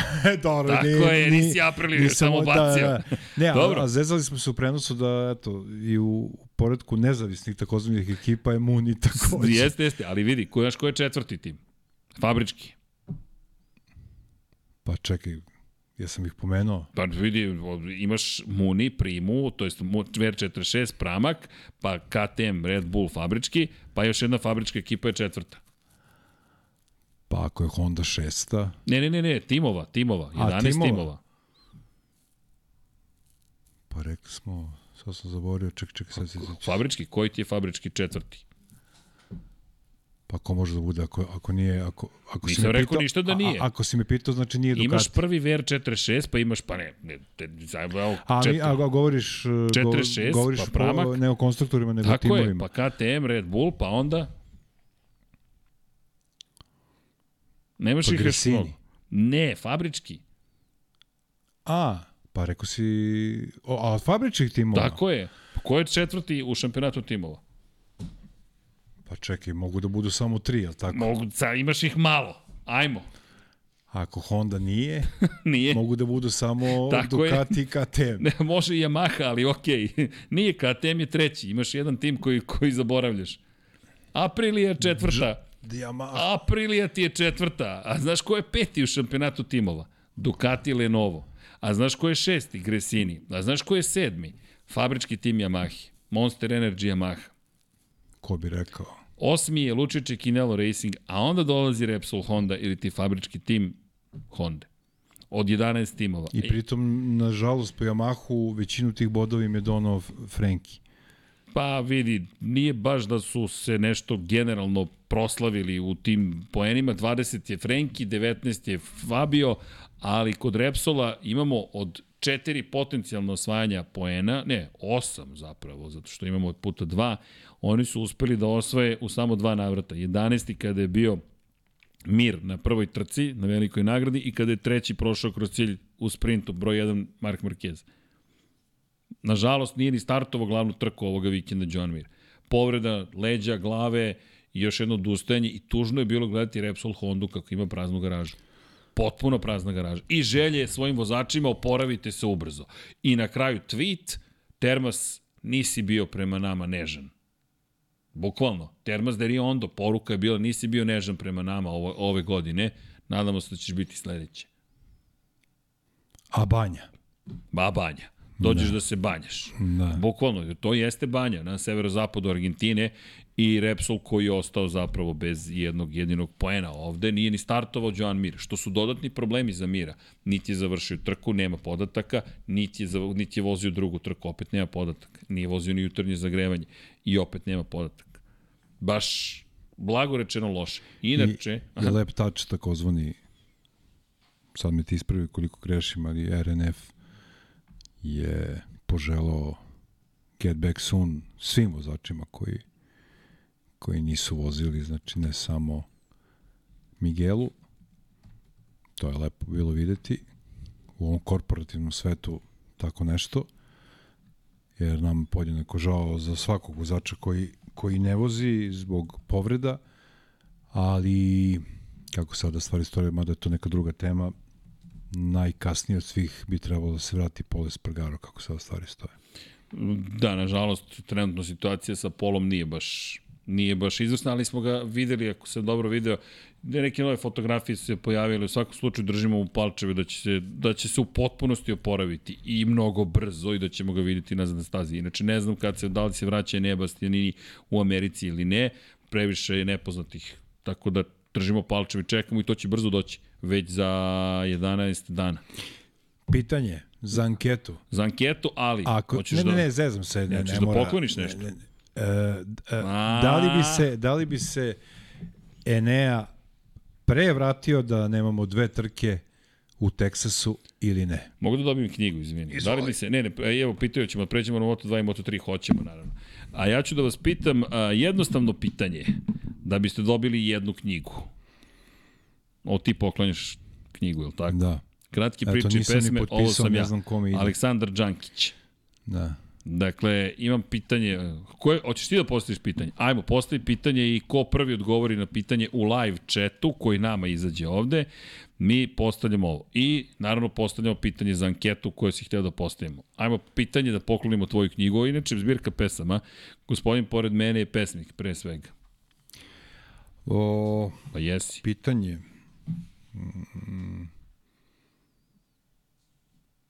Pa...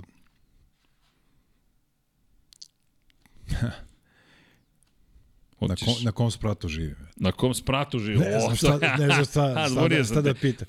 E, dobro. Ajmo ovako. Koje godine je Aleksandar Đankić počeo da komentariše Moto Grand Prix? Ajmo. Mno, mnogim našim gledalcima najteža godina u karijeri, ne, ne, evo, to da pitamo. A šta si pitao za, za, za anketu? Svejedno smisli ti pitanje. Ne, nešto si krenuo da piše. Čekaj, koje godine je počeo? Čekajte, čekajte, koje godine je počeo? Koje Ne znam, godine je ja, počeo? A sprat, Junkie Baby, pa ko će sprat? To su ljudi krenuli sa spratovima, da nagađaju koji si sprat. Pa neće pogoditi. Čekaj, čekaj, osvetnik 1, 2, 3 je pogodio.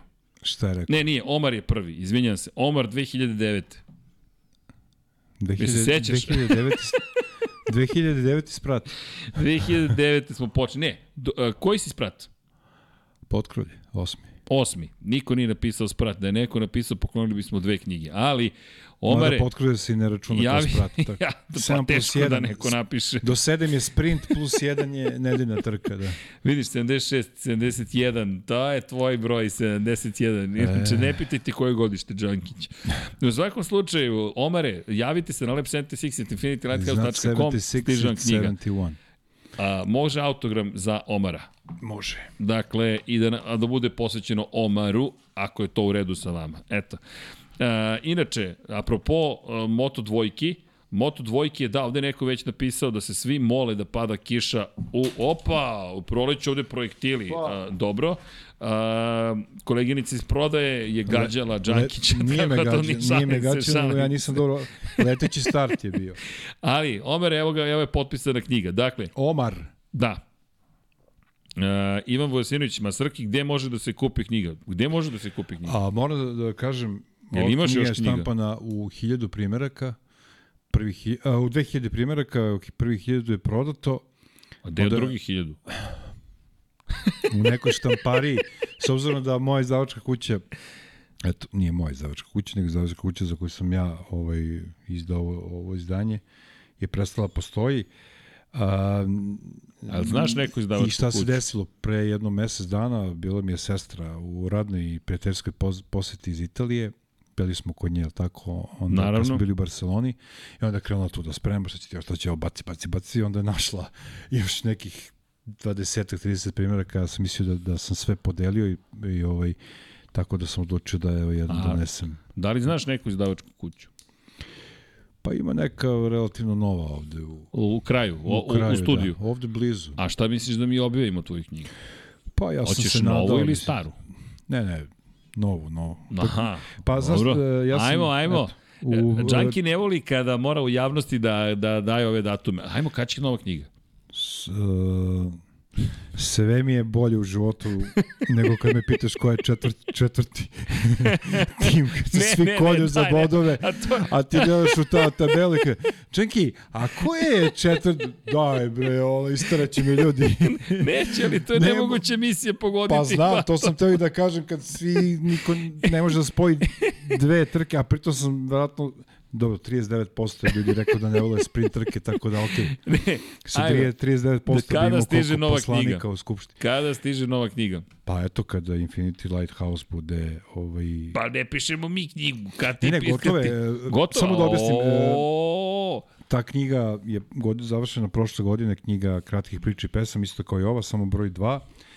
E, uradio sam je da bi to su neke stvari koje nisu ovaj koje su urađene u međuvremenu kad je ova kad je ova knjiga izašla a sve to zbog toga da bi završio taj svoj tu svoju novelu i scenariju za film koji se A što ne skočimo odmah na novelu? pa možemo ali Šalim se, ajmo prvo ali jedno ajde po kao, jedno. kao jedno po jedno ovaj A kako se zove? Ovo sam ja dva. ovo, ovo ste vi. O, ne, zove Ne, ne, ne, se, ali zove ajde. se, moja druga knjiga se zove i mi celebrity dušu imamo. Šalim se, ovaj, e, zove se Živeti doživotno. Ne, ozbiljno, sad sam ozbiljno. ne, Živeti- ozbiljno. Živeti doživotno se zove. Pa to mora u Infinitiju da bude. Živeti doživotno. Beskonačno. Onda će ljudi misle da sam ja znao da će izaći za Infinity Lighthouse i što je još bolja marketička fora, ovo niste čuli. E, Čekaj, ja da kaže, napišem sabrana umor. dela tekstilna i muzička za 7676 dinara. Svi E, može like za neko da- Junkie, može meni slažem neko se. da pošalje dva Vi evra, ne molim. znate koliko je romantičan ovo čovek i koliko je zapravo on stidljiv. Ali tu se, a Deki inače uživa kad sedi u toj stolici 12 stidljivija čoveka i onda dođu kod mene. ja, za stop. Ali to je ta ljubav. Prosto nevjerovatno. tako je, tako je. E, u svakom slučaju, da prokomentarisati brzinu Yamahi i komentar Marini je to. Slažem se, Miloše, ono što je fenomenalno, i to ne smemo da zaboravimo, Deki sa Fruške gore šalje talase, možda ne, očigledno. Uh, čekaj, čekaj, dajte, koleginice, molim vas, molim vas, ovaj trenutak, Znači, jedini čovjek koji ima gori rukopis od mene. Ok, sad mi je lakše. A, a tek što crtom srce i smajlije, misli će čovjek da mi uzo pari iz džepa. Ali evo, Kaže, iskreno sam Omar, nac... može Džanki posveta za Omara i Mihajla. I Mihajla, sa Miha da Lo. Sa Miha i La. Omaru, Mihaj i Lu. I, Miha i Lu. Evo stiže Omare bez brige. U svakom slučaju, dakle, I nemojte, ako, ako, ako, vam se, ako vam se malo čini knjiga depresivna, to nije zato što sam ja depresivan, nego vi depresivno čitate. Tako. da. ne, ovaj, ima, ima i onako. Mislim, tako se zove knjiga. E, samo da MC ispričam Who's the kratko best. jednu stvar. ovaj, evo, broj mi, 10 sekundi. ma ne, Zove me drugarica koja je stalno zezna za neke stvari, ali baš mi je dobra drugarica, vodolija kao i ja, znači nije normalno. Ovaj, I kaže, Džanki, ovaj, znaš da je Aca Lukas ovaj, izdao knjigu? To je bilo prošle godine. Ja rekao, što to mene zanima, mislim, čoveku želim sve najbolje, niti slušam tu vrstu muzike. Pa rekao, dobro, i? I sad znam da tu nešto stoji iza. Kaže, znaš kako se zove? Ja i dalje ne kapiram, razumiješ, kao. Pa kaže, zove se ovo sam ja.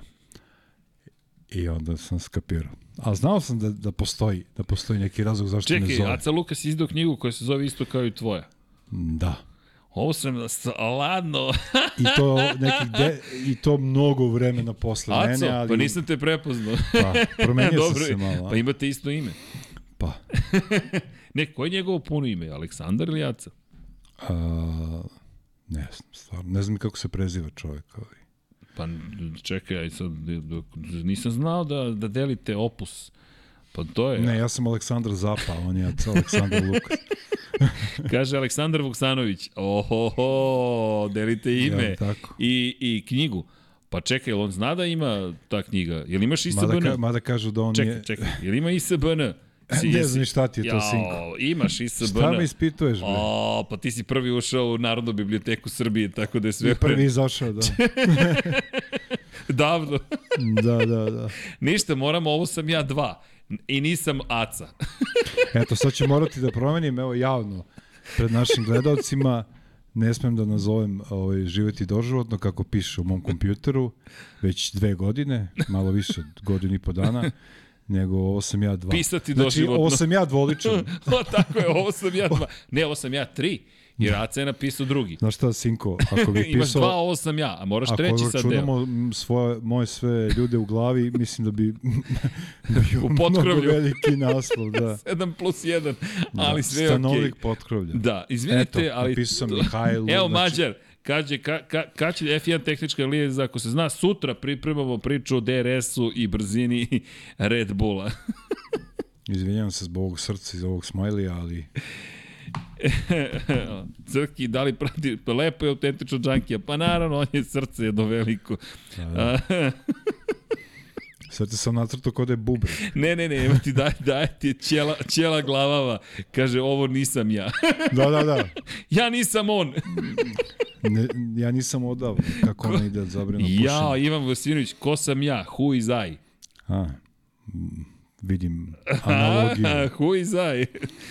ja, kaže Master, ima, mogao bi Vlada Vesić ponovo da bude ovo, mislim da bi on imao šta da kaže danas. E, da znate da bi mogao, Vlada je trebalo da dođe, pa Vlada dođe, pa ne može da Ja, stigne. sa, da. Samo meni može da se desi da me operiše hirurg koji je veliki fan Who is the best, a da dan posle toga ulazi čovjek koji je takođe hirurg koji je onako crveno u licu i kaže, e, a ovaj drugi kaže, e, došao sam, doveo sam svog kolegu da, da, da, da, da, da upoznam, on toliko gleda MotoGP da njemu a čovek koji ono bukvalno se trese on a ja gledam onako iz onog i sad ništa ne znam šta se shvata kao znači šta se događa kao šta i ovo i evo sad mi se dogodilo kada sam dolazio da se upoznam sa taksistom koji gleda sve, gleda i NASCAR, gleda formulu, gleda MotoGP. Ima ovde komentar. Super, e, znači, super. čestitam, uradio si neviđen prenos NASCAR-a. Čestitam, šta ti čestitam, ti kaže da su ljudi oduševljeni i da se stvarno bilo mnogo lepo i imaš puno pozdrava i ima i ovde komentar kasnije. Možemo da se dotaknemo i NASCAR-a kad prođemo Moto dvojke i Moto trojke. Imaš puno posla pred nama, Da. ali činjenica Ali čak i da si... taksista rekao, ja govorim svojim kolegama, nije to u levo, u levo, u levo, u levo. Nije, to je, ne mogu da iskoristim reč, ali ovaj, na Z. Ovaj, Ne, ne, nije, ha, nije to malo je to lako. i kočnice i, atmo, i pritisak u gumama i, I ekipe i, i tako je.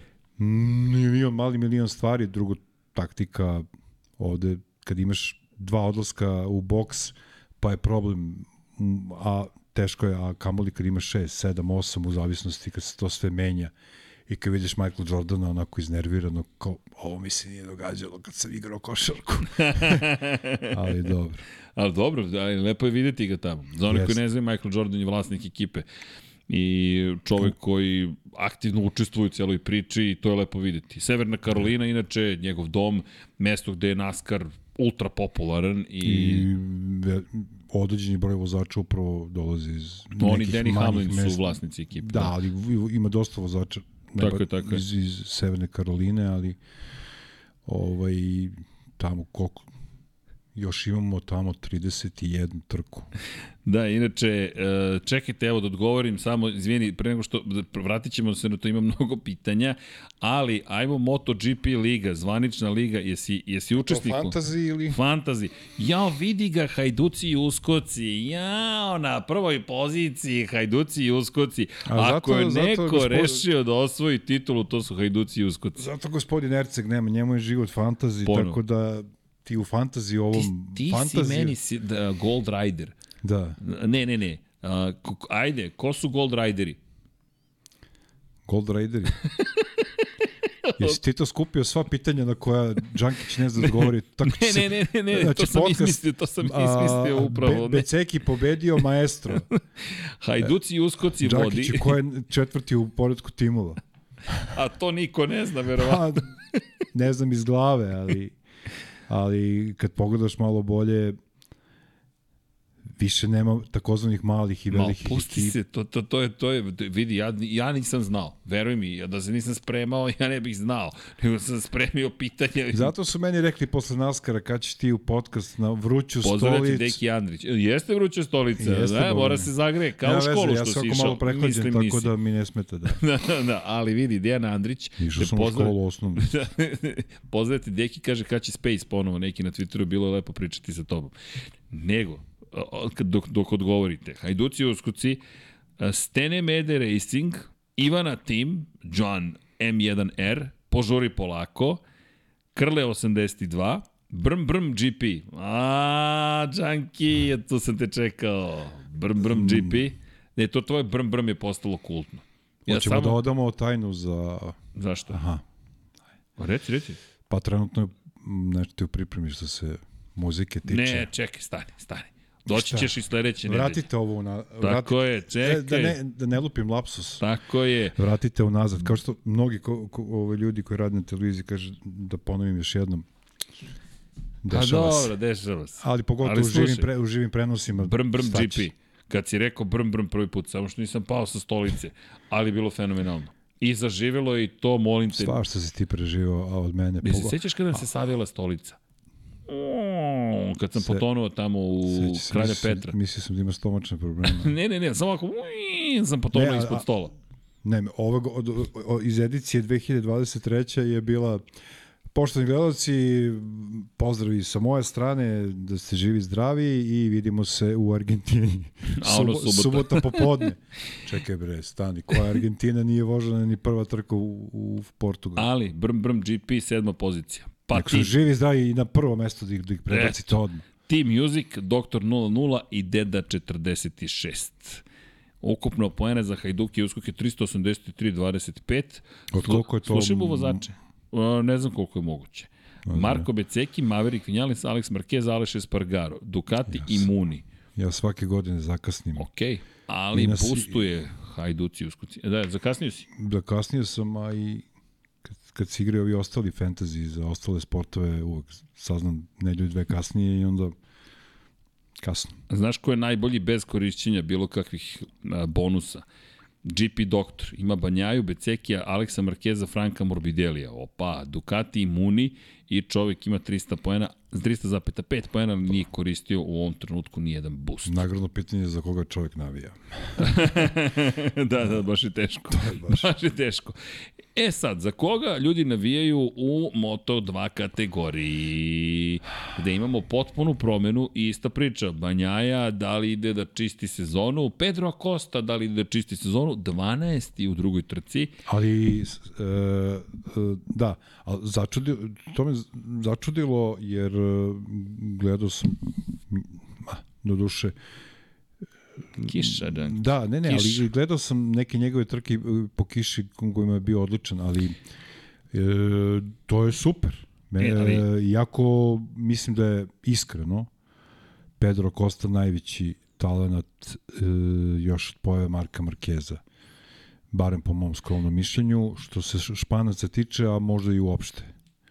E, zato što način na koji on e, ušao u svetsko prvenstvo i kako je započeo svoju sezonu i šta čovjek radi i zaboravljamo da je to njegova treća sezona u svetskom šampionatu.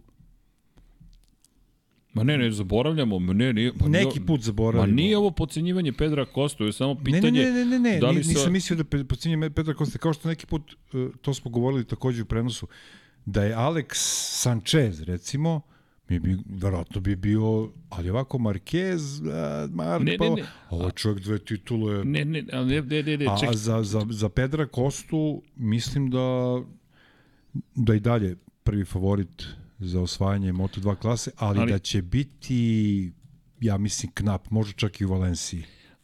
Ono što sam teo da kažem, 12. u drugoj trci. Kiša. Kiša, kiša, da. kiša. Ali nije samo to. Ima mnogo zanimljivih ovde momenta.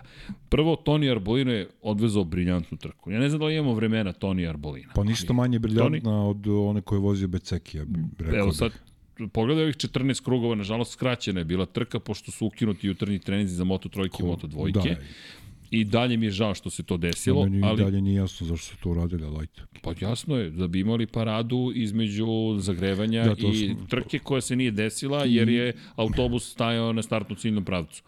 E, Nažalost, ovo je sve što ćemo dobiti od krugova. E, Gledate, e sad, vratit ćemo se na Pedra Kosto. Ako možemo Tonija pre toga da pogledamo, jer Toni je mnogo zanimljiv. Toni je zabeležio pobedu, inače pozicija broj 2 je pripala Alonso Lopezu na Bosku skuru, Alonso Lopez koji je imao i pol poziciju i najbrži krug. E sad, ovo je Toni Arbolino, 54-1, 3-3, 2-8, 2-7, 3-1, 2-7, 2-6, 2-7, 2-5, 2-8, 2-9, 2-8, 2-8. Da, skraćena trka, ali o, ako smo hvalili nedelju pre Pedra Kostu, zato što odvezao tri briljantna kruga pred kraj trke i ostavio iza sebe čoveka kod koga i Arona Kareja očekujemo i dalje pobedu u skorije vreme i, I dalje očekujemo. Pa sad, ok, vidjet ćemo, ajmo da prvo pobedi, ali ako smo tad hvalili Pedra Kostu, šta sada da kažemo za Toni Arbolina? Mada Pa, smo pričali, izvini, je sličnu stvar, da. o Toniju kao čoveku koji može mnogo toga da postigne u Mark VDS Racingu pogotovo. Treća pozicija u prvoj trci, prvi u drugoj, 41 poen. Pri čemu prva trka po suvom, druga trka po kiši. Toni Arbolina za sada kompletniju stvar pokazao. Ali ako pogledamo, ako pogledamo krugove Pedra Koste, meni su veoma zanimljivi njegovi krugovi kako je trka odmicala. Ne, nije bio toliko dobar, nije bilo briljantno, ali pogledaj ovo. 57-0, 55-4, 54-3, 5-0, 3-9, 3-4, 2-9, 3-1, 2-9, 3-3, 3-1, 3-4 i na kraju 2-9. Ako uporedimo s onim što je uradio Toni Arbolino, sve više se približavao upravo tome. Pri čemu, ako pogledamo njegovu progresiju kroz celu trku, i kako su stvari funkcionisale, Pedro Acosta je bio taj koji je zapravo uspevao da napreduje. S obzirom na činjenicu da je u jednom momentu bio van onih koji osvajaju poene. I ako pogledaš, u prvom krugu već zaostaju 4,5 sekunde, dakle već u prvom krugu, na kraju 16 sekundi za ostatka, dakle ogroman za ostatak, ali ako pogledaš vremena polako li sigurno se smanjuju. Da. I meni je to vo, na kraju se ispostavilo kada već nije mogao da pobedi, pardon, da je to vožnja za šampionat. Pa, vo, znaš zašto je meni ovo bila vožnja njegova? Za učenje. Ali po, vidi ovo. Dakle, ako pričamo o, o krugovima, Pedro Costa u konkretno petom krugu zaostaje 13 sekundi. U 14. krugu, na kraju trke, zaostaje 16 sekundi. Dakle, mi govorimo o tome da je izgubio 3 sekunde u ostatku trke. Sve je izgubio na samom početku. Da. U momentu kada nije mogao da se snađe, da ne zna gde se šta nalazi. Tako da ja ne vidim da će njemu kiša biti više toliki problem. Jeste pritom Ali- i preticanje sporijih vozača mu je sigurno oduzelo vreme po krugovima. ali ono što mi deluje da je situacija da je ovo prilika koju Toni Arbolino morao da iskoristi i da Toni Arbolino sve više potvrđuje da će zaista biti ozbiljan kandidat ipak za titulu i da Pedro Acosta neće nužno imati usnočen lak posao. Jer šta, šta bih rekao na osnovu ovoga? Da će svaku situaciju Toni Arbolino gledati da iskoristi. I to je ono što mora da učini. E sad, da li Toni može da izdrži na ovom nivou? Ne znam. Ja bih još dodao jednu stvar. Mark Vedes Racing će mu sigurno pomoći kao ekipa. Oni znaju kako se to radi i usudio bi se da kažem, jako volim Sema Lousa, da je u principu Toni Arbolino jako tu u Moto2 kategoriji nikad nemamo podeljeno, ali prvi vozač te ekipe, mada i Sam Lowe's uh, polu šali, polu zbili smo rekli u tokom prenosa da je sezona krenula ponovo u Kataru, da bi Sam Lowe's i takako imao šta da kaže, možda bi pobedio. Vidjet ćemo. Nije, ali možda, baš kad se ne očekuje toliko od njega, možda bi kada svi pričaju o Toniju, možda se njemu probudi trkački nerv koji definitivno Pa, ima. pazi, ako pogledaš stanje u šampionatu, Aron Kane je četvrta pozicija u trci, 33 poena. Kane se, ajde, drži, tu je. Nije pobio na pobjedničkom postulju, ali opet po subom drugi, po kiši četvrti i imam utisak da polako dobijamo jasno, već sada jasnu sliku. Pa ne sa, samo sa, da, suzrevanje. Mislim na Kanea. Svakako, ali mislim da dobijamo jasnu sliku. Arbolino, Kanea, Kosta i sad da li Kosta može da izdrži, a, držimo, ne Kosta, a Kanea da izdrži, držimo palčeve i imamo Jakea Dixona koji je lepo odvezao, treća pozicija, zaista može biti zadovoljan. Evo Rekao smo krugovi. najveći pobednik ovog vikenda. Pa da, dobio je i Čerkicu, dakle Summer Rose je dobio, tako da je to ono što je super.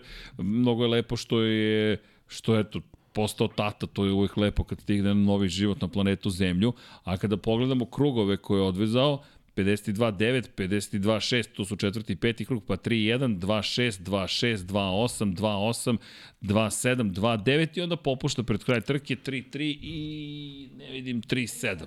Dakle, 3-7 vozi, ali da. Jake Dixon, le, znaš, teško je tumačiti ovako skraćenu trku, šteta. Negde smo, nažalost, ostali uskraćeni za, za, za, za veću A, zabavu. Ali videlo se, barim je to moj utisak, da je shvatio da nema ritam s kojim može da na, napadne pobedu i da jednostavno skapirao ček, ček, dobro je i ovo, nije što loše. I mislim da Jack Dixon ima što što da kaže.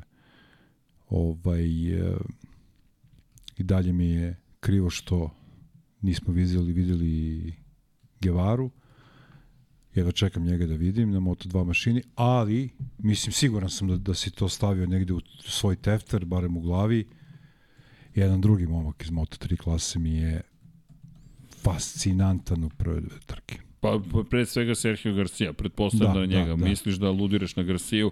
Jeste, Garcia izgledao sjajno u ovoj drugoj trci, peta pozicija za nekoga koji je tek stigao u kategoriju, fenomenalan rezultat. I opet kažemo po kiši. Da, čekamo iza na Gevaru, naravno, Ajo Gura je odustao pred početak vikenda, tako da bez bodova Ajo Gura trenutno. Pametno. A pametno iz perspektive zdravlja, iz perspektive Naravno, šampionata, da mislim, da. Toni Arbolino 41 poen, Aaron Kane 33 poena, 29 Acosta, 26 Jake Dixon i pohvali za Filipa Salača koji je 22 poena osvojio. Alonso Lopez, ukoliko može da sebe iskontroliše, pogledajte ovo, koliko ovaj čovek dobro vozi. Pogledajte koliko dobro vozi. Fenomenalan je, ali prvi krug 1.58.0. Jer uvek nešto, uvek je nešto kod da. Lopeza i sad 53-6 u krugu 2, 3-3, 3-0, 2-7, 3-3, 2-1, 2-1, 1-52, 1-9, 1 je vozio, pa 3-0, 2-6, 2-6, 2-9, 3-5, 2-9 i na kraju 3-2 vozi. Ne, 3-1. Dakle, ne možeš da tražiš mnogo više od svog vozača i on je rekao na kraju zadovoljan, jer je dokazao da može, pogotovo uz tu grešku, i najbrži krug trke i pol pozicije. I opet nije uvek dovoljno to za pobedu. I opet nije dovoljno, ali ok, 20 bodova i to je neko na koga moramo da računamo. I iz perspektive ljudi koji dobijamo, meni se sviđa sezona. Sviđa mi se Filip Salač što je osvojio pol poziciju u prvoj trci, što je bio loš u drugoj trci u kvalifikacijama, a opet došao do sedme pozicije. I, I da, i pokazalo se da to nije bilo onaj takozvani one-off, da nije, ne znam, odgovarala mu je staza u Portugal i sve to. On je po mom mišljenju među prvih pet najbržih vozača u ovom trenutku u Moto2 kategoriji. I peti u šampionatu. I peti u šampionatu. I kada pogledaš... Bez obzira na, na Argentinu. Pa da, ali sedmi, to nije loš plasman za da, Filipa da. Salača. Pri čemu, ako posmatramo timove, gde je Jeremy Alcoba? Čovek koji vozi drugu sezonu u šampionatu i koji bi trebao da bude mnogo bolji. 10. i 17. Ni blizu Salača. Salač je mnogo bolji u toj cijeloj priči. Mi kada pogledamo Jeremy Alcobu, Alcoba koji je nekadašnji šampion sveta u juniorskoj konkurenciji, došli smo do toga da mi zapravo ni ne spominjemo više Alcobu osim slično Bo Ben Snyderu zato što je nekada davno osvojio neku titulu. Ali da. to je to. Jeremy Alcoba više u toj ekipi, a on je trebalo da figurira kao ozbiljniji vozač. Međutim, Filip Salač se divno sazrevanje i mnogo je lepo vidjeti ove rezultate. I čini mi se ono što ti pomenješ uh, možda je bio pre, uh, bukvalno prevelik za Moto3. Jeste bio, prevelik, Fizički, previsok. Jednostavno čovjek je visok, snažan, uh, znam da to ne mora ništa da znači, ali prve dve, uh, ovde mogu da kažem dve trke, prve dve trke u Moto2 klasi po meni iznad svih očekivanja. Daleko od toga da nismo mogli da naslutimo, ali svaka čast. Ne kažem da može da se bori za titulu do kraja sezone, ne, ne vidim da je toliko stalan u, u dobrim rezultatima, ali za pobedu zašto da ne? Mislim, znamo za koju ekipu vozi, tako da ja ovde nikog ne bi isključio te opcije da može da pobedi. Mada, ovde su mi čak manje šanse nego u Moto Grand Prix. U Moto Grand Prix definitivno ima više kandidata, složio bi se s tobom. Znaš, jer, Do, tako je došlo vreme. Jer Pedro Acosta, talent je, očigledno ima mane još uvek, Toni Arbolino, deluje da je mnogo zbiljniji nego što je bio. Jer ovo je sada, ako se vratimo na prošlu godinu, Kane je, na primjer, vodio u Moto dvojkama. I u, u Americi imao onu ogromnu prednost koju nije iskoristio, nije pretvorio u pobedu, pao je, a mi dolazimo sada na treću trku sezone i posle nje kreće evropski deo. Što Deki kaže, uvek je evropski deo drugačiji. Neka to bude i samo psihologija, ne može da ima veze sa geografijom već taj početak evropskog dela sezone. Španija, Francuska, onda ogromna pauza, nemoj zaboraviti, mi imamo ogromnu pauzu do Muđela, do Italije, pa Nemačka, Holandija, Kazahstan, idemo malo u Aziju, zatim Velika Britana, Austrija, Katalonija, Mizano, to je Italija, ali velika nagrada San Marina i Riminija, i onda Indija. U Indija, ukoliko bude i dalje Indija, pa Japan, Indonezija, Australija, Tajland, Malezija, Katar i vraćamo se u Valenciju da zatvorimo sezonu. Šta hoću da kažem? Amerika ti je treća trka u kojoj ti sa, da si u poziciji da se boriš za titulu šampiona sveta, ti moraš to da iskoristiš. Kane, verujem da pamti i tekako i prošle godine i Japan i Ameriku. Kada je izletao sa staze u momentu kada je vodio. Apropo priče o pobedama, da li može? Verujem da može. E sad, ko još može da pobedi? Mere Jake Dixon još uvijek nije uverio da može psihološki da prevaziđe taj problem. Alonso Lopez sigurno će pobediti. Dakle, to mislim da možemo da upišemo odmah sad, samo pitanje gde. E sad, Filip Salač, to je taj veliki test, da li tu da, može. Možda Fermin Aldegar ako se probudi, jel, mislim da je njega dolazak Alonso Lopeza više poremetio pa, i onaj onaj pad. Onaj pad sa, s, posle Čelestina Vijetija i svega toga, ako smo se dotakli Čelestina Vijetija, za njega ne znam šta da mislim. Pa ja... isto važi, izvini, za Aldegira i za Čelestina. Čelestino 11. i 13. 13. i 15. Fermin Aldegira. Oni su završili jednu i drugu trku. Da, ali daleko ispod onoga što su planirali. 13. i 16. u šampionatu sveta. Ćele ima u ovom momentu 8 poena. I Fermin koji ima 4 poena. A kad pogledaš gde je bio pre manje od godinu dana, Vijeti... Vijeti je vodio u šampionatu da. sveta u ovom momentu, on je beležio pobede, druga mesta, imao je pad, ok, ali isto tako Ćele je imao fenomenalnu priliku da se bori za titul. Da, ne dohvat ruke, malte ne. Mene on zaista podsjeća, ali to izgleda to kao zakonitost nekada Lorenza Baldasarija. Balda isto je isto klasa. Tako je, i isto iz VR46 ekipe, to je akademije. Jer Ćele je deo te akademije. I on je učestvovao u celom projektu. Inače, ove godine Fantik je otkupio smo, ekipu. Da, izvini, Baldasarija smo takođe proglasili u ovom trenutku maltene za šampiona. Bukvalno. To ono što je Muki Alex lepo rekao, ajde vidimo za tri trke, ajde da vidimo, ali ajde. ja sam dalje uzbuđen što se tiče MotoGP-a i BCK-a. Ali ovde nekako kristališu mi se stvari. Somkir Čantar 9. i 8 kao da nije nigde napredovao u odnosu na prethodnu godinu. Biće tu, završava trke, ali to su samo bljeskovi povremeni gde dođe mada, na vrh. Mada meni iznenadilo da mu da je njemu do, da mu čak mi se čini malo bolje išlo po suvom nego po kiši, što, što je čudno. što je čudno gledajući njegovu karijeru. Mislio za sad, u, kiša, eto njega, pobedničko postavlja bez problema. Mada, dolazimo opet na Jeo Guru, E sad, fali. Nedostaje, fali, apsolutno nedostaje. nedostaje. Baš bi bilo lepo još malo da se promešaju karte. Da li će uspeti u nekim trkama da učestvuje? Ja mislim da hoće. Mislim da čeka Ogura da će biti mnogo dobar, dok se ne dođe do pozicije da se eventualno bori za titulu i da će tu početi ponovo da popušta, ali sada je pritisak koliko god to možda čudno zvučalo, manji zna je Oguri. Da. Ej, niko ne očekuje sad od tebe. Ništa, ne, ja ne, relati, nema očekivanja. Relativno je mlada sezona, što se kaže. A mlada je, lepo si rekao, još 19 trka do kraja, dakle šansa postoji, ali su očekivanja mala. S tim što mora brzo da se vrati Manje. prošlogodišnju formu, jel? M, za dve nedelje da ne može da dođe na 100%, nema šanse. Da leva ruka, i dalje je bandažirana, i dalje je da. pod znakom pitanja u pa, kojem je on stanju. Čim je on sam rekao da jednostavno Racionalno. Probao je, probao je, ali je videlo se da ne može, da, da, nije, da je tu negde oko 20. 21. pozicija, to nisu pozicije na koje on naviku. Već sada možemo da kažemo za Ajaguru koji je prošle godine, svi znamo kako vozio. Ne, pa bio u borbi za titulu šampiona sveta. Da. E, ali pazi, Sergio Garcia, spomenuli smo ga, uz njega u šampionatu, a i u trci, Derin Binder. Iskreno, Sergio verujem da će imati ove godine opet to usponi padovi. Derin mislim da je na putu da postane kao Jake Dixon. Brad. Pa, e, teško. Teško već Brad. Bio, već je bio tamo. Teško Brad. Dakle, Brad je pobeđivo moto dvojkama, neću reći s lakoćem, ali kada je ovladao KTM-om, ako se sećate, fenomenalne bitke smo imali, Brad Binder je baš uživao. I oni Miguel Oliveira u jednom trenutku su uživali na KTM-u u onom drugom delu sezone, poslednju u kojoj KTM proizvodio motocikle u Moto2 klasi.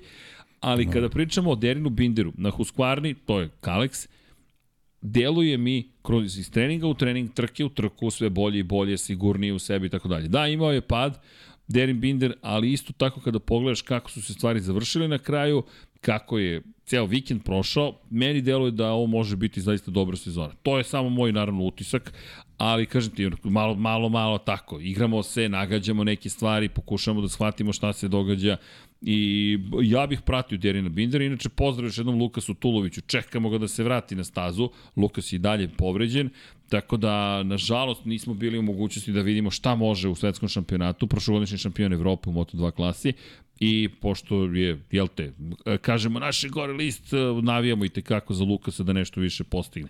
Znaš koga bi još spomenuo? Borku Gomeza i Denisa Fođu. Čisto kao Novajlije, još ima ih tu još, ali eto, Borha koji uopšte nije bio toliko lošeg nastupa, deli ekipu sa, sa, sa Čelestinom Vijetim i Denis Fođa, s obzirom na činjenicu da smo ga pratili u nižim kategorijama, 18. i 25. Što čini još većim uspeh Serhije Garcije. Garcia i čekamo Izana Givaru. Nedostaje, ne, ne znamo šta bismo tu mm. dobili. I znaš ko još nije, mi, nije me oduševio? Albert Arenas.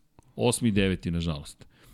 Korak unazad, ja bih to nazvao. A, ali kod njega je to uvek tako. Mora se pomeri unazad da bi počeo da se pomere unapred. I ja mislim da tu Deki upravo da će vremenom biti brz Albert Arenas, ali prosto standardno njegovi početi su uvek teški i rekao bih mislim bolni. da je za njega poprilično bio šok ovaj, odlazak u drugu ekipu ali vidi, šok, znao je gde ide, okay, znao je da menja. neiskusan, on je, on je izabrao taj ugovor. Ne mogu zaboraviti da nije baš bio klinac kad je osvojio titulu u Moto3 klasi i da...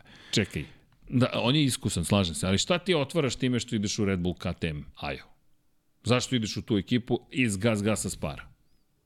Pa, ideš u principu u ekipi gde, gde znaju kako se osvajaju titule i Imaš... ali, ali kao da taj prelaz uopšte ni, mu trenutno ne prija. Ali... Vidi, nikad to nije lako. Promeniš posao i dok se navikneš, dok se prilagodiš i tako dalje. Albert Arenas je neko koga, ko smo, za koga znamo da sporije uči, ajde da tako kažem. Jednostavno njemu treba malo više vremena. Ali zašto ti menjaš ekipu? Pričamo Albert Arenas, ajde ovako, koje su očekivanja za čoveka koji ima 26 godina za ulazak Ma, u Moto Grand Prix? Pa, vrlo teško. Moraš titulu da osvojiš. Iako ta njegova titula dosta osporavan, ali titula je titula. I vidi, svoju titulu, lepo. nema tu osporavanja. Što mi volimo da kažemo kako njemu je bilo, tako i ostali. Ne samo to, ti si u svoju titulu, ti si šampion sveta, tačka, ad da. acta, to je stavljeno ad acta. Kada govorimo, međutim, o njegovim šansama, imaš Pedra Kostu koji deli boje sa njim, isti kombinezon, isti sponsor, ista ekipa I sad, KTM sutra osvoje Albert Arenas titulu. Šta kaže? Vodimo Pedra Kostu ili tebe? A imaju ugovor sa Pedrom Akostom koji kaže morate da me odvedete u Moto Grand Prix. Jeste. I uporediš Pedra Kostu kada je e, počeo svoju sezonu u Moto 2 klasi u odnosu na Alberta Arenasa koji je i po godinama i ovako iskusniji vozač. Moram ti kažem da me sad intrigira ta ideja šta bi se dogodilo da osvoji titulu Albert Arenas. U Moto 2 klasi? Tako je. Pa. Misliš da bi morao da kaže, izvinite momci, ali ja moram u MotoGP? Pa ne može. Gde? Pa, znam da ne može, nego kažem... Razumeš? Nema gde. Jer ugovor ima Pedro Acosta. Jeste, a i da nis, nije, nije takva situacija, pitanje gde bi se pojavio čovjek. Ali dobro, to je sad neko teoretisanje u koje smo otišli onako... U svakom slučaju, kada pričamo o ovoj konkretnoj trci, svaka čast Tonio Arbolino. Izvini, Tonio Arbolino je pokazao svima Dobar dan, dobar dan, ja sam Toni Arbolino i mene zovu Ajkula između ostalog, pa ajde da vam pokažem šta ja to mogu da uradim ovde. I pokazao nam je, stvarno nam je pokazao, ti kada pogledaš rezultat ove trke, zaista je impresivan. Delo je kao Toni Montano. Vidi, Alonso Lopez je bio blizu na kraju. Ali da li ti je delovalo da zaista Alonso Lopez ugrožava Toni Arbolina? U ovoj trci ne.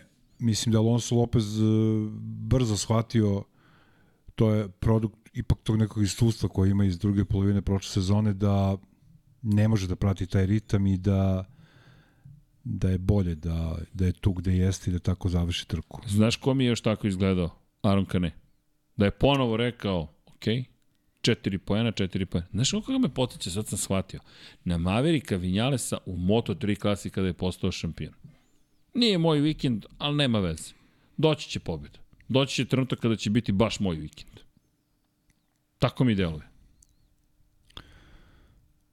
Pa. Ja čekujem odgovor, samo ti, samo ti ne, delim ne, ne, kažem, nadam se da će imati... ideju, nemam ni pitanja neko.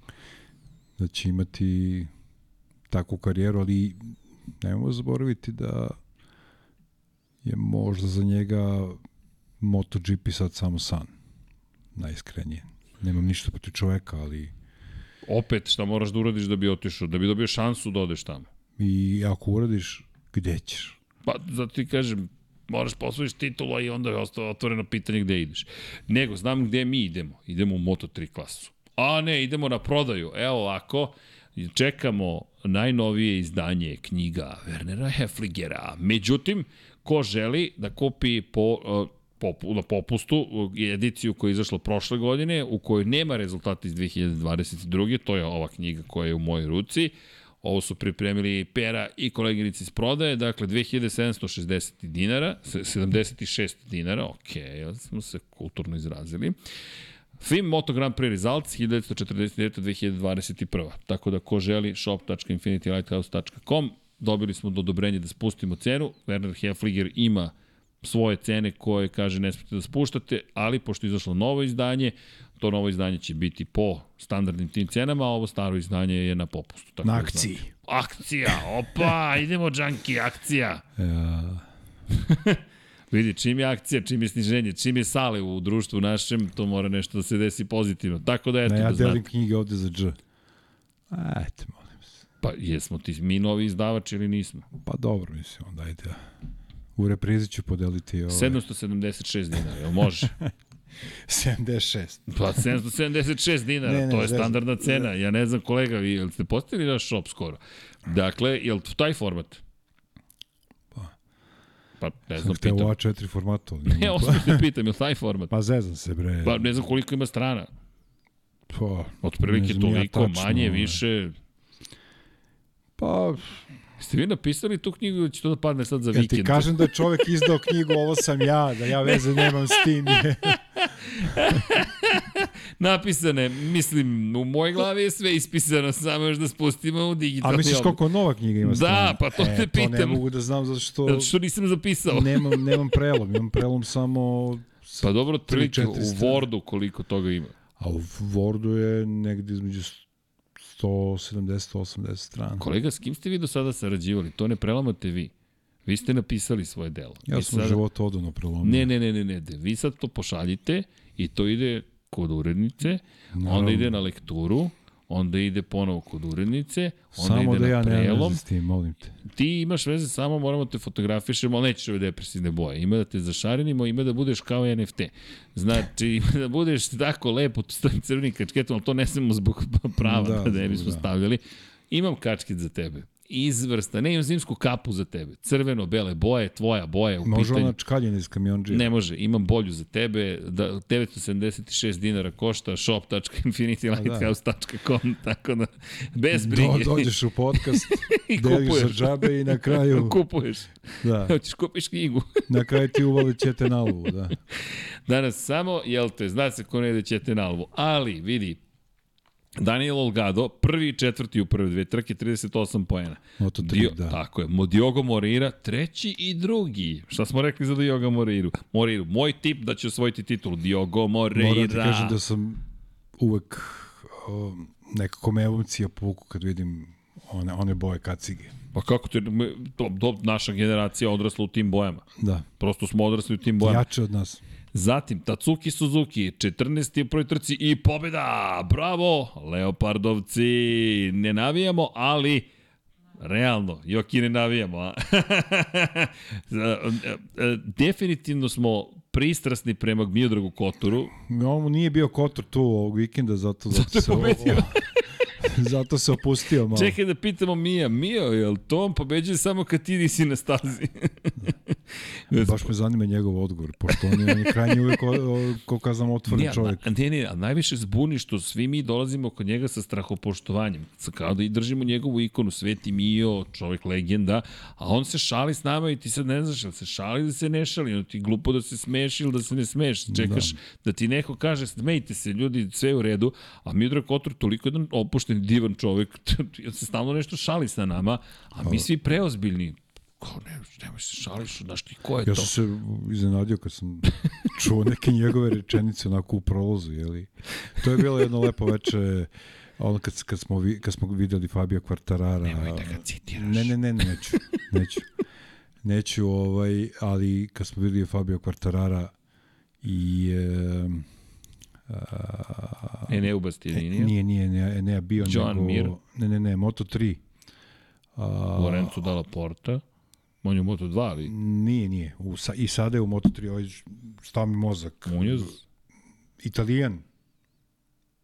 sad si mene tiltovao maksimalno, potpuno si me Pa tiltovao. zato sam i sebe tiltovao. Da, Italijan u Moto3, čekaj, ne znam Bio na misliš. pobedničkom postolju. Andreja. Minjo. Andreja Minjo. Pa, to mi reci, Fabio bio na Quartararo i Andreja Minjo sad. koji igraju, kako se ono zove, mali, mali futbol, svodi one kockice, što smo igrali mi kao klinci, potpuno isto kao na trci. Znači, kad pogreše, nerviraju se, Quartararo okriće glavom, šta je ovo, šta se događa. I eto, imali smo prilike to da Samo snimamo. jedno pitanje, a gde je Miodrag Kotor u tome? Mi je da Kotor je bio tamo gde se jede i pije. Pošto si krenuo od njega i sad pokušavam da shvatim gde je Miodrag Kotor u toj Pa cijeloj priči. pričam ljudima šta smo doživjeli na putovanjima. Ja sam išao u jednu posebnu Jao, prostoriju ja koja je van, volim. van Park Fermea E, ne pitajte koja je to i, posebna vraća, prostorija. i vraćam se i kažem srđane da vidiš ekskluzivu. Kaže koja je ekskluziva daj skloni se izađi. Činjenica, nije ni ja to nisam rekao. Šali. Ne, ne, Ne, rekao si samo skloni se izađi. Ne, nisam zezam se. to rekao. I, i, I oni kao naravno ljudi, ajde da vidimo, ajde da vidimo i Jelana to. I kao vidiš Fabija Kvartarara koji ba, ovaj futbol, Jednog dana ćete čuti kako je to veze ima s Miodragom Kotorom. pa rekao si da ne smem da ga citiram. Pa, U svakom slučaju, Tetsuki Suzuki je pobedio za ekipu Leopard Racinga. David Munoz, koji je bio 16. dalje je na poziciji 4 u šampionatu, ali gledajući rezultate, pazi, Olgado u malo nije bio, jedina osoba koja je bila u oba navrata na pobjedičkom postolju trenutno Diogo Moreira. Je li tako? Tatsuki Suzuki, mm, loša prva trka, sada fantastičan. David Munoz drugi, pa je pao. Stefano Nepa sedmi šesti, pazi, idem po, šam, po, po, po plasmanu šampionata. da te... I pa je sad ovo, čovek koji nema ugovor, treći u ovoj trci, šesti u prvenstvu, Andreja Minjo. Yes. Minjo koji je menjao Lorenza Felona u Cip Green Poweru, njegov kombinezon je bio crn, zato što nisu imali vremena da mu naprave, da mu sašiju sponzorisani kombinezon i imao je minimalnu količinu sponzora na sebi. Pitanje je da li je smeo neki njih da promoviše zbog ugovora. Treća pozicija, prosto fantastično. A šta je sa čovekom koji Koga kada- ćemo tek da da se spomenemo. dele da se dele bodovi iz kvalifikacija bi verovatno bio u samom vrhu Pa, broj šta ćemo? 71. Da, da, znam, Ayumu ne znam da znaš, nego zbog gledalaca. Vidi, dve pol pozicije, šesto mesto i odustajanje, doći ćemo do, do, do Sasaki, doći ćemo i do Đaume Masije koji je izleteo. Ali, Uf, ali znaš šta je meni? Naj, najlepši utisak. Nova generacija je ponovo tu, Daniel Olgado je odvezao sjajne dve trke, Diogo Moreira ide ka svojoj MVP. prvoj pobedi. Pazi, Diogo Moreira je jurio prvi plasman na pobedničko postolje do početka ove sezone. Sada ima dva u dve trke. To tim je, je završio. ne, ne, ali vidi, to je velika Ne, stvar. ne, hoću da kažem, znam se šta mu je sledeći cilj. cilj Tako je pobeda, Da. ali vidi, to je fenomenalno i odgovara onome što smo videli u predsezoni. Pri čemu, Brazilac, Južna Amerika, ok, nije kod kuće, ali blizu je relativno. Argentina, sigurno je lep osjećaj. David Munoz napravio grešku, prosto David Munoz nije, nije, nije, nismo dobili ono što smo želi, ali i dalje mislim da se stvara slika koju nismo odavno imali. Mislim da nećemo dobiti toliko haotičnu sezonu koliko smo dobijali u nekim situacijama u kojima imaš 5-6 vozača, ali znaš da će ići gore-dole. Ne, ovo su sada oscilacije blage i mislim da će bitka baš biti lepo otvorena ove sezone. Ne bi, neću isključiti svakako Jumo Sasaki iz cele ove priče, a Jumo Sasaki, vidi, čovek je koji očigledno hoće malo više nego što, što može motocikl u nekim situacijama, međutim, zaista mislim da ima šta da traži u ovoj priči. Ne zaboravi ne? Deniza Ondžua. Ondžu koji ima onu katastrofalnu prvu trku. Deseti je bio u prvoj trci, najbrži krug, vozio spektakularno odvezao od momenta kada je napravio grešku, gasio motocikl i izašao iz pit lane-a, odatle startovao. Izletio sa staze na samom početku trke. Ondžu koji bi trebalo da bude u vrhu. Ja mislim da će se on sada silom prilika naterati da počne da završava trke, trke u samom vrhu i da, da ponovo da se uključuje u bitku. Pritom po, po, pobeda mu je bila Adlanu. Možda ali, ne pobeda, ali pobedničko postolje sigurno. Ali opet ga nije bilo. Opet ga, tako da. je, nije ga bilo. Ej, prosto meni je oduševljeno što mi imamo lepo trkanje, što su im dali da se trkaju u punoj dužini trke, iako nisu imali jutarnji trening, snašli su se, I odvezli jednu fantastičnu trku u teškim uslovima. Da, da ne prejudiciram, ali nešto mi se čini da bi mogli da imamo više od dva vozača na kraju sezone koji se bore za titulu ove godine u Moto trojkama. Kako, kako, kako, kako? Više od samo dva vozača, recimo. Da, da, da, da, da. Da, da, da apsolutno. Upravo se uh, nadovezujem na, na tvoju priču malo, malo pre. Mislim da niko nije toliko pobegao, niti će pobeći, a s druge strane da niko neće toliko da uh, da, pardon, da neće imati sezonu u kojima stalno ostaje bodove, da će svi grešiti, odnosno navikli smo na to u Moto3 klasi, znamo koliko je teško pobediti u sve tri klase, tako da konkretno krivim zbog Sasaki, ali vidi se da ima brzinu, ali da li je to brzina koja je konstantna i koja je dovoljna da bi mogao da, da se bori za titulu, ne znam, ali ako se kladite na jedan brzi krug u kvalifikacijama, Sasaki je vaš čovjek. Jeste, Sasaki je definitivno čovjek koji je mnogo lepo ga gledati u tim brzim krugovima i divnog stila vožnje, ali opet ima... Divan broj. Je, dobro, do, do, do, koje godine je rođen gospodin Đankić? 46. To, to, to, to, to. Ali, šalo na stranu, Jumu Sasaki ima očigledno još uvek stvari koje mora da reši. Pri čemu, mislim da će i on silom prilika, kao i njegov prijatelj Đaume Masije koji je zletao sa staza u ključnom momentu, kao i Denis Ondžu ili ti veterani morati sada da se suoče no. sa ovom najezdom i da kažu čekaj, stvari moraju da se menjaju. Ja duboko verujem da će ovo njih pokrenuti. E sad samo je na pitanje, pošto je u Leopardu Đame Masija, znam šta, pretpostavljam šta će ekipa uraditi na osnovu onog, onih iskustva koje imamo sa Koturom, gde se biti kako bavi vozačima. Ondžo je u timu koji se takođe bavi vozačima. Šta je Nikla Sajo rekao, šef ekipe? Ba, pričamo sa vozačima. Mi se bavimo njihovim glavama, psihom pre svega. Svi oni znaju da voze, samo kako izvući iz njih maksimum za taj trkački vikend. I... Samo se pitam, taj čovjek koji uspe od e, Masije da izvuče maksimum, onda svaka čast. Mislim, zaista, što taj čovjek, znamo svi koliko je brz, ali eto, jedna godina, druga godina, ova ekipa, ona ekipa, drugi put dolazi u Leopard, nisu ga slučajno zvali, imali su i druge vozače koji su mogli da zovu, ali neke stvari e, mu se iz godine u godinu po, ponavljaju, nekako kao da nije on vozač koji, koji će da osvaja bodove, pa ono kad mu ne ide, ne ide, ali bude recimo 7. 8. 11. nebitno, ovaj, do duše treba reći da u nekim situacijama nije imao ni dovoljno sreće i da je završavao trke zbog nekih drugih vozača, ali to je deo šampionata. Nadam se njegovoj pobedi, jer klubski kolega je pobedio, tako da ne bi bilo u redu od Đaume Masije da sad on ne pobedi, jel? Dobro, vidit ćemo. Mene zanima Dekijevo mišljenje, pošto Deki tipuje uvek na Masiju i nekako očekuje od njega. Baš me zanima uh, gde dalje. Naravno, ovo su se neke naše igre, pokušamo da, da zamislimo situaciju šta će se desiti, no činjenica je da, da je ovo opet veliki problem za Masiju, da se mi vrtimo u krug sa Đaume Masijom.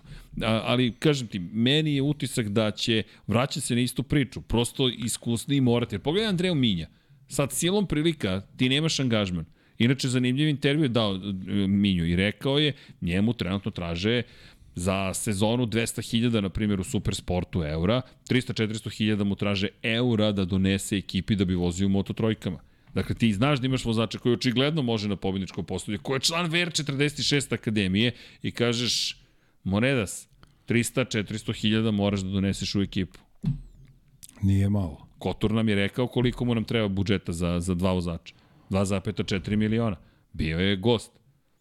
Da, da. 1,2 miliona po vozaču. To je Moto3 pritom. To je Moto3, tako je. Ali pazi, Moto2 može da ti bude jeftiniji čak. Zato što u Moto2 kroz činjenicu da je sve to Kalex sa triumfima, je manje egzotično zapravo. I ti sa manjim budžetima možeš da uradiš neke stvari.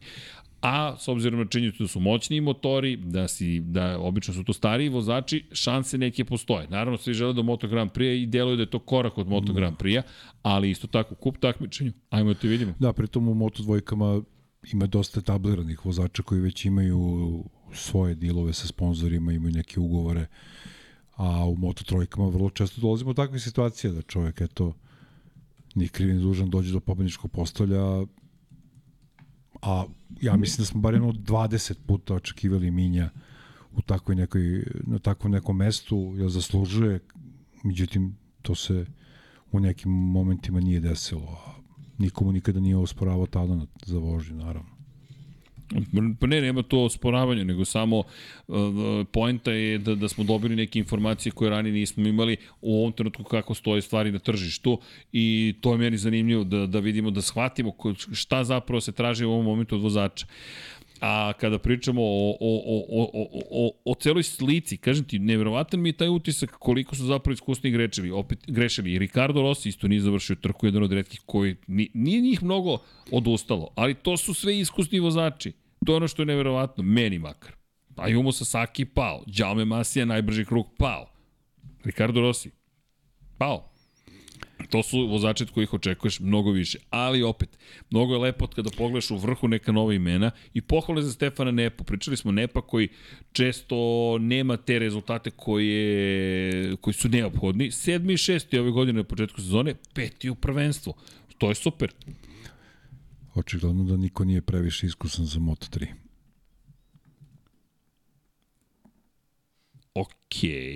pokušavam da obradim podatak, ali razmišljam... Rekao si... Ne, ne, znam, znam, znam, nego samo za razmišljam... Za iskusnije vozače koji nisu završili da, trku. Da, da, da, da, ali to je sad to, to, to, ta lepota, da li ti je iskustvo ključno u ovoj celoj priči, deluje da više nije. Ja, to je ono, ali to ono što smo pričali o opasnostima toga da ne odeš u Moto2.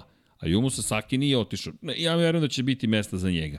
Ali drugačije kad ti dođeš kao šampion i ono čuveno, ti ostaješ kao Denis Vođa prošle godine. Ostajem da završim posao. Jel ga završio? I ne završiš. Ne, ne završiš ga. To nije tako jednostavno. Isto može da se desi i uh, uh, Masi. Ja Masiju sledeće godine vidim recimo u Asparu, u Moto2 klasi. A da, se, a da ne bude šampion Moto3 klase. Da ga vi, vidiš Masiju u Asparu? Da. Okej. Okay zanimljivo. Zanima me šta će tu da se desi, ali mm, daleko je kraj sezone. Ono što je sad, sad pitanje jeste da li Jaume Masija na osnovu iskustava, da li može da se izvuče iz cijela ove priče. Ali ja mislim da oni polako gube tu, da, da kažete, silom prilika moraju da budu bolji od ovoga. Da. Ali meni više oni nisu zvezde. Jednostavno, Olgado je zvezda, Moreira je zvezda, Neki Suzuki, nove... znak pitanja, momci, da. tako je, Munoz je zvezda i Jose Antonio Rueda je definitivno zvezda. Iako je 23. Znaš ko je još zvezda, a nažalost to se nije vidio? David Almansa. Da, da. David Almansa, to je dečko koji je bio zvezda. I David Almansa, nažalost, izbačen sa staze, šteta, blago rečeno šteta. I bio je neutešan, teško je. On je, on je momak koji je došao kao zamjena za povređenog Joela Kelsa. Niko ne želi da Joel Kelso bude povređen. Za CF Moto je pritom vozio. CF Moto nema mnogo plasmana na pobedničko postolje. CF Moto pokušava da, da sebe pozicionira u celoj toj priči i da pokuša nešto više da postigne. Sad su mogli da uzmu pregrš bodova. Tako je. Mogli su da uzmu pregrš bodova. Ne samo da uzmu bodove, da nosiš pehar kući ti si tim koji ima pehar, ti si Prustel Grand Prix, ti si tim koji je došao, otišao s peharom, David Almansa došao i rekao, e, ja sam David I, Almansa. I pritom nije, da kažemo, ono specifična trka gde, ne znam, 20, 15 vozača sad lupam, nije završila trku, pa ti ni kriv, ne čovjek imao neke odlične krugove, držao je ritam, jednostavno, ali eto, taj faktor sreće u ovom sportu poneki put zna da bude bitniji od svega ostalog. Po neki put. U svakom slučaju, Almansa i David Alonso isto ime koje treba spomenjati, to je, to je mnogo zanimljivih nekih momaka. Inače, David Salvador, deseti, Novajlija. Jose Antonio Rueda, U jednom trutku Rueda izgleda fenomenalno, baš je bilo... Do... Onda kiša malo, problemi. Pa, ali generalno, kada pogledaš, to je njegova druga trka u karijeri. Ti vidiš nekoga ko veruje u sebe. Da. To je ono što mene oduševljava u celoj priči. Imaš priču sa, apropo Davida Alonsa, koji je 14. na kraju osvojio poene cool, Sarifudin Azman osvojio. I još jedno moje potpuno oduševljenje, i nije hype, neka i bude hype, Joshua Vetli. Ja to ono što sam mi rekao tokom prenosa. Bodovi. Joshua Vetli. Bod. Bod je osvojio. Da. Znaš ti koliko je to teško? Osvoji si poen u svetskom prvenstvu i to momak od koga niko nije očekivao da će dobiti ovaj ugovor. Dobio je, jeste, mnogo ljudi je popadalo, mnogo grešaka, mnogo incidenata. On nije. Ali kakve veze ima? Osvojio dečko poen. Ej, da. ideš kući, kaže imam poen u svetskom prvenstvu posle svih agonija. A pazi, Joshua Vetli, njegovi plasmani, dakle 20 je bio u prvoj trci, Pričamo o momku koji nije nešto duševio u kupu talenata Velike Britanije. Ti kada pogledaš njegovo takmičenje u kupu talenata Velike Britanije, jednom treći, dva put drugi. Nijedna pobeda. Ako ko pogledaš njegov kup talenata u Evropi, dva put je osvajao poene u karijeri. Ako pogledaš svetsko prvenstvo juniorsko u kojem je učestvovao takođe 2019, 20 i 21 šest puta je osvajao poene. I sad, dobije priliku u Vision Track Racing timu, da uvijamo priču. Ne, Britanac je. Pokušavaju da nađu novog, Kala Kračla i tako dalje. 22. 20. 23. odustao. 26. odustao. 26. 21. odustao, odustao. 20. 21. 29. 24. odustao, odustao. 23. 21. 23. 26. I često smo ga viđali sa tu negde sa Anom Karasko. Pa poslednji je uglavnom. Da. I sad dođeš u novu sezonu i ono svoj poen. Eee! Da. Ne, nema mi, bim, bim, bim, bim, zvonci su mi sklonili sa stola. Kao DJ, da. Ne, ne, ne, ne, da. ne, a to ćemo tek da, tako je. Ovde, ne, u, ovde bi mogao neki, jao, MIDI klavijaturu. Uf, nemoj. Što? Nemoj odmah, kaže. Ne, ne, to, ne, moram stvarno da dogovorim efekte da ubacimo.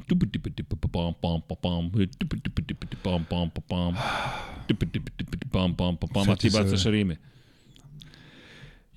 Odavno sam prestao da mislim da si ti normalan. A, A ne, znam, ne znam ni zašto pokušavaš. Ja se silno zabavljam. Isto, da. Ali vidi, Daniel Olgado, Diogo Morira, Tatsuki Suzuki, David Munoz. I da ne zaborim kad se već pomenuo. Rueda i Munoz. Dobro. Oduševilo me kod obojice što zaista su nastupili uh, Munoz do duše prošle godine naravno, obojica su nastupili kao da im ovo e, nije sve novo i da videli smo redu u Portugalu. Molim lepo, ok, ja sam ruki, sve to levo desno, imam dve titule u jednoj godini, sve to u redu, ali znam da ste vi stariji. Međutim, ništa ja to kad krene trka, nema, nema Munjoz seća se kako je krenuo u svetskom šampionatu. Počeo je, maltene, imao fizičke sukobe sa, sa nekim vozačima, jer je odmah krenuo da vozi kao da vozi, ne znam, sa mlađim vozačima od sebe ili kao da je on tu već 4-5 godina, nije. I to je stav koji je, ja po mišljenju dobar, pogotovo kod Ruede. Rueda je eto čovek koji, koji je strašno talentovan i eto imali smo prilike eto zadnjih dve godine da ga gledamo ne mislim u svetskom šampionatu nego uopšte i Ova sezona je, što ti voliš da kažeš, sezona učenja, ali već tamo 2024. sledeće sezone, mada i ovde ove godine je pokazao da može da bude, bude blizu pobjedničkog postolja, tako da kad dođe Jerez i ove staze koje bolje poznaje, nemojmo zaboraviti u principu da on nije previše vremena proveo van Evrope u svojoj karijeri, da će biti dobar. Uh, ovde vidim puno pitanja, izvini, pitanje za Džanke, koji ti je omiljeni motocikl u serijskoj proizvodnji? Čekajte Slavko, vratit ćemo se na to i koji ti je omiljeni trkački motocikl i mišljenju Daniju Pedrosi. Uh, pozdrav momci, vidite li mogućnost da Dorna vrati jutarnje zagrevanje na 20 minuta u svim kategorijama? Nažalost, ove godine ne. Teško, ali vidi, nije da ne postoji mogućnost. Nikola, dobro je pitanje. A, ono što je to pitanje jeste zapravo koliki će pritisak da osete posle ovoga što se desilo u Argentini. Jer u ovom momentu Dorna pokušava, evo sad nove informacije u Americi će navodno doći čovek iz NBA lige, ne znam tačno ko, ali izgleda da je sigurno da će neko iz NBA lige doći da preuzme zapravo marketing i komunikaciju sa obožavaocima, sa gledalcima. Pa da, s jedne strane bi zaista bilo odlično jer ovo što trenutno se radi nije dovoljno dobro. Ne sad postoji tu i ona opasnost da ode previše u neku drugu zonu, kao što formula polako plovi ka tom brodu, ako nije, to, tom mestu ako nije odletela, ali je point u sledećem. A to je da zapravo u cijeloj ovoj priči mi uh, vidimo Dornu koja prvi put odustaje od sve španske priče, dovodi Amerikanca, što je velika kulturološka promena. On će doći u jednu ekipu koja već 25-30 godina radi ljudi zajedno i koja nije morala mnogo toga da radi. Uglavnom sve što je učinila je donosilo rezultate. Da, mogli su da se oslone pre svega na Valentina Rosija, a zatim i na jednu neverovatnu plejadu vozača poput Jorge Lorenza, Casey Stonera, Marka Markeza, Danija Pedrosu i tako dalje, vanzemaljce popularne, pa i Maxa Bjađa, Sete Gibornao i show je nekako sam funkcionisao, točkovi su se vrteli. E sad, show nije loš, naprotiv, lepe su trke, dobre su trke, uzbudljive su trke, ali nema zvezda. To jest, možda su nama zvezde, ali mi smo obožavaoci motociklizma. Nama su svi zvezde. Tako je. E, a da napraviš globalnu zvezdu, nekoga ko prevazilazi okvire motociklizma, sad već moraš da se potrudiš. Jer yes. Rossi je rođen da bude taj harizmatični čovek i ne samo to, on je sebe, to je ono što Dejan objašnjava non stop, pretvorio u čoveka koji zapravo je marketnička mašina. On, međutim, to radi toliko lepo, tebi, ti želiš da budeš vlasnik, ne znam, ove Muni, Bets, majice, zato što osjećaš se dobro u toj majici. Zato što je on stvorio neki good film moment, kao što navijači Marka Markeza žele njegovu opremu, kao nekog drugog što žele drugu opremu. Ali kada pogledaš, El Diablo, na primjer, zvezda je, ali ti treba još veća zvezda. I sad to ćeš raditi tako što ćeš ove momke pretvoriti u marketičku mašinu. Jest. Što može biti dobro, može biti loše. Nego šta hoću da kažem, Dorna pokušava da promeni stvari. Činjenica da je čak i poslušala kada smo pričali o tome, pa da li vredno je te veliku nagradu isto kao sprint, uticalo je na njih. Ej, čekaj, ajmo da se, da se, ljudi, pa nismo mi, ne, ne upravljamo mi carstvom nekim, nismo mi ljudi koji dođu u Dornu i neko kaže, samo nam recite šta želite. Ali smo mi, konkretno, ja sam bio čovjek koji je postoji to pitanje, ko sam ja? Srđan Ercik, dobar dan. Šta imaš da pitaš? To i to imam da vas pitam. Ali ja tu moram da kritikujem i naše kolege koji se samo povuku. Nema povlačenja, moraš da pitaš, to ti kao novinarsko pravilo broj 1. Šta, neko je nepritan prema tebi preko puta. Budi nepritan, ne zanima me. Ovo je moj stav zato što ja predstavljam publiku. I ja sam taj koji govori ime publike, koja mi je, pa, sad nesvesno dala to za pravo. Niste me izabrali na izborima, ali dobio sam posao i ja sam taj koji mora da pita. Pitao sam i oni su to usvojili. Čekaj, oni su usvojili. Tako da nije nemoguće. Oni nisu ljudi koji sa vilama idu okolo i hoće nekog da povrede. Da li postoji nesposobnost u organizaciji? Apsolutno postoji. Ali Nikola dogovori na pitanje. Posle ovoga, ono što će biti pitanje je šta će vozači takođe reći. reći. Apropo i tog Banjajnog, sprint da, ne, sprint ne ljudi, i tu se mnogi se žale iza kulisa. E, ne znam da me to više nervira ili da čute uopšte. Jer koliko ste se puta našli u situaciji da čujete u firmi ili negde, svi se bune, svi kukaju, svi se žale, ja, da mi je teško u životu i tako dalje. Onda jedna osoba ustane i kaže, e, mi hoćemo nešto da menjamo. I svi ovi što su kukali, nestanu. To je moj utisak ako kao vi kao vozači nećete da stanete za sebe i da se borite, pa ko će da se bori? E, aj se ti bori za nas. Pa ne može. E, tako da, izvini, Moto 2, Moto 3, timovi, ovo su klinci, teško će oni da dođu kod Carmela Espelete nešto da mu kažu. Timovi moraju da dođu kod RVA Ponšarala koji predstavlja IRTU, to je udruženje međunarodnih trkačkih timovi, da kažu, ej vidi, ovo vožnja po kiši bez treninga ne ide, prosto ne ide. I ono što je pitanje, da li je zaista dobro za show ako ti skratiš trku Moto2 kategorije? Da. Ne onda znam. se postavlja i onda se Koliko razno postavlja pitaju da li da je duža bila trka, da li bi ne znam pobedio ovaj, da li bi koliko bi dobio poena. Govorimo o Moto2. Ne, ne, znam, a, a... ali onda na na uštrb MotoGP-a pazi, dolazimo na, doći ćemo u toku godine neka mesta gde sigurno možemo da očekujemo kišu. I uvijek će se dešavati takvi problemi kakvi su bili u Argentini. E sad pitanje da li će oni nešto promeniti do tada, da li će možda u hodu menjati neke stvari ili će sačekati to sledeću godinu. A vidi, to ne znamo. To su sad retorička pitanja na nivou ko da smo na političkom skupu. Šta će biti, gde će biti, ne znamo. I, ali ono što je poenta jeste šta će biti znak da li će se desiti ili ne. Nikola, ako vozači timovi se budu bunili, možda se i promeni. Ako mi sedimo i kao, hoće li biti, neće li biti na kafi, na ćošku, neće biti. Neće se ništa promeniti jer Donani ne zna da treba nešto da menja. Ali ako vozači dođu i kaže, ljudi, ovo ne može. Ako gledanost padne, jer pazi, šta se desilo? Ti si imao ogromnu rupu sada, jer se toliko skratila trka Moto2 klase. Ti imaš ogromnu rupu do početka Moto Grand Prix kategorije. Moje pitanje je šta mi radimo, čisto da znate malo iza kulisa. Mi, smo, mi obično, mi radimo već x godina, nema punilica tako zove, popune nema. Dakle, čisto da znate, pošto se mnogo ljudi raspituje šta radimo, kako radimo. Popuna vam je kada se desi nešto u programu i onda sad ima praznina. I sad, mi smo imali 15 minuta kraći program, ide popuna. E, na današnji dan desilo se ovo, desilo se ono, neka emisija, nešto. Popuna jer onda ne morate da uđete u prenos i da komentarišete scene koje nisu planirane. Ne kod nas. Ne, dok sam ja makar tu, nema šanse. Znači, nema teorije. Briši punilice. Zašto? Ali ja ne znam da će druge televizije tako da rade. Mi imamo tu slobodu, nama je data ta sloboda. A ja ne mogu da vam kažem da će neko drugi na svetu da dođe i kaže, ha imam 15 minuta viška, ajde da ostanem u lajvu. Mnogo njih uskoči i kaže, nismo spremni. Prosto produkcija nije ovo predvidela. Nama je to bilo super jer smo mi gledali iza kulisa. To je ono što je pitanje za Dornu. I na osnovu toga Nikola će Dorna da reaguje. Da li će neko iz televizije da izove i kaže, halo, skratili ste nam trku. I to vam je isto pitanje. Jer, kako televizije reaguju? Platila je televizija nešto, da publika bude uz ekran.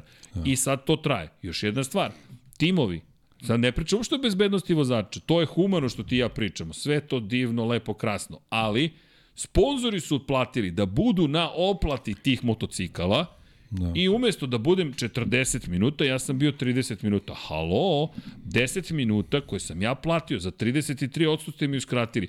Da li u ugovoru piše Ako je trka skraćena, morate da mi vratite pare, zato što mi niste dali marketički exposure čuveni, izloženost očiju gledalaca, mojih brenda, moji brendovi nisu bili izloženi. I na konto te tvoje priče o televiziji, koja je ne, neizostavna priča o svemu ovome, definitivno, a, ako krenu da se prazne tribine, Vidi. Takođe, isto važi. Pa, znači, ej, čekajte, mi plaćamo toliko i toliko, toliko, ne plaćamo od trke do trke, plaćamo na toliki od, e, niz godina, znači šta prodaješ? Prodaješ proizvod. Koja je razlika ono kad si pomenuo NBA? E, sad si došao do toga, jel, šta prodajemo? Jesu ti ljudi proizvod? Znaš šta je u NBA razlika? Niko neće poginuti ako se nešto loše desi. Jeste, ali vidiš e, kakav je problem za WNBA i NBA. WNBA koji postoji 27 godina se sada nalazi u najvećoj krizi. Ne zato što su prestale da se rađaju devojke koje sjajno igraju uh, basket, nego zato što jednostavno marketički su odradili katastrofalan posao. Da, da, ne, ali ja nešto drugo hoću ti kažem. Pazi, mi ovdje imamo stvar koju je teško rešiti. Imaš bezbednost vozača na prvom da. mestu, koja se pritom naslanja na gledanost i na sve ostalo. Ali niko se neće baviti toliko bezbednošću. Znaš kad se ljudi, nažalost, bave bezbednošću? Znam. Kad se desi nešto kad loše. Se desi nešto. I samo tada. Jer evo, probušili su sobstveno pravilo da mlađi od 18 ne mogu da voze. Ok, ali znaš šta ćemo da uradimo? Pustit ćemo svakog ko odveza makar jednu trku u prethodnoj godini da vozi. Iako je bilo rečeno da to neće biti slučaj. Da. Tako da, bezbednost, ne bih ja gledao baš da se bavimo bezbednošću. Pričamo o parama. I to je jedini razlog Nikola da li će se vratiti treninzi ili ne. Jer će se možda neko pobuniti zbog para. Ali baš me briga, neka se pobune zbog para, a mi dobijemo bezbednije trke, super. Da li će da. ih vratiti? Nemam pojma. Ono što je tragedija, apropo tvog komentara za WNBA, ne protim, ne znam, zaista, nit košarku, nit futbol, ne, ne zanima me toliko. Iskreno ne interesuje me toliko. Evo, ne znam, baš te priča nešto o Paris Saint-Germainu i ne znam, drugari neki moji mogu da idu na utakmicu. E, kao, ićemo na utakmicu. Okej, okay. idite, super, svaka čast. E, možda ćemo dobiti priliku da, da upoznamo igrače. Okej. Okay.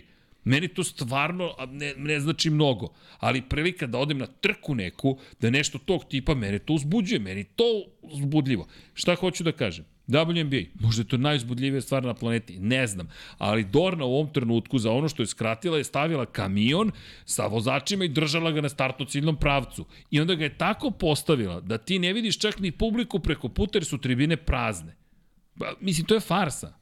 E, to je problem. Ti on, e, radiš previše u isto vreme, ali sad sam ja otišao predaleko. Ajmo nazad. Nikola, Pa, Dobro, kod mi možda- postaviš možda ovo nisu mogli pitanje? da, da, da startuju se. kamion, šta možda ni nije Nije, to nije, dobro. nije, ali vidi, to se sve mi Zezam kao se, šalimo, ali ne, to su ozbiljne Pa stvari. ne, ozbiljne su stvari, zato što zašto skraćuješ Moto2 trku, mislim, ne, mislim, ako je to objašnjenje, a jeste, o, tačnije obrazloženje, u redu, ali to je onda jedan vikend ćemo ovako, Evo drugi ti- vikend ćemo ovako, onda na kraju 21 vikend, šta ćete više ljudi, ono, izmislite nešto.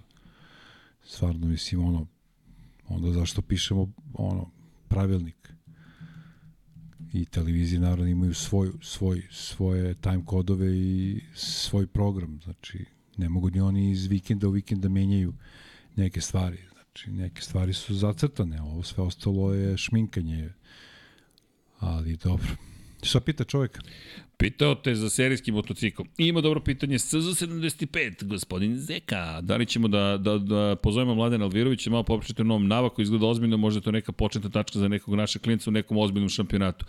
Hoćemo i investirali smo Mladena na sajmu automobila i baš smo pričali o tome, to je pričali smo generalno, ali pratite ovaj kanal Zeko, možda vas kontaktiramo i direktnim putem, pošto imamo i već planove za 2024.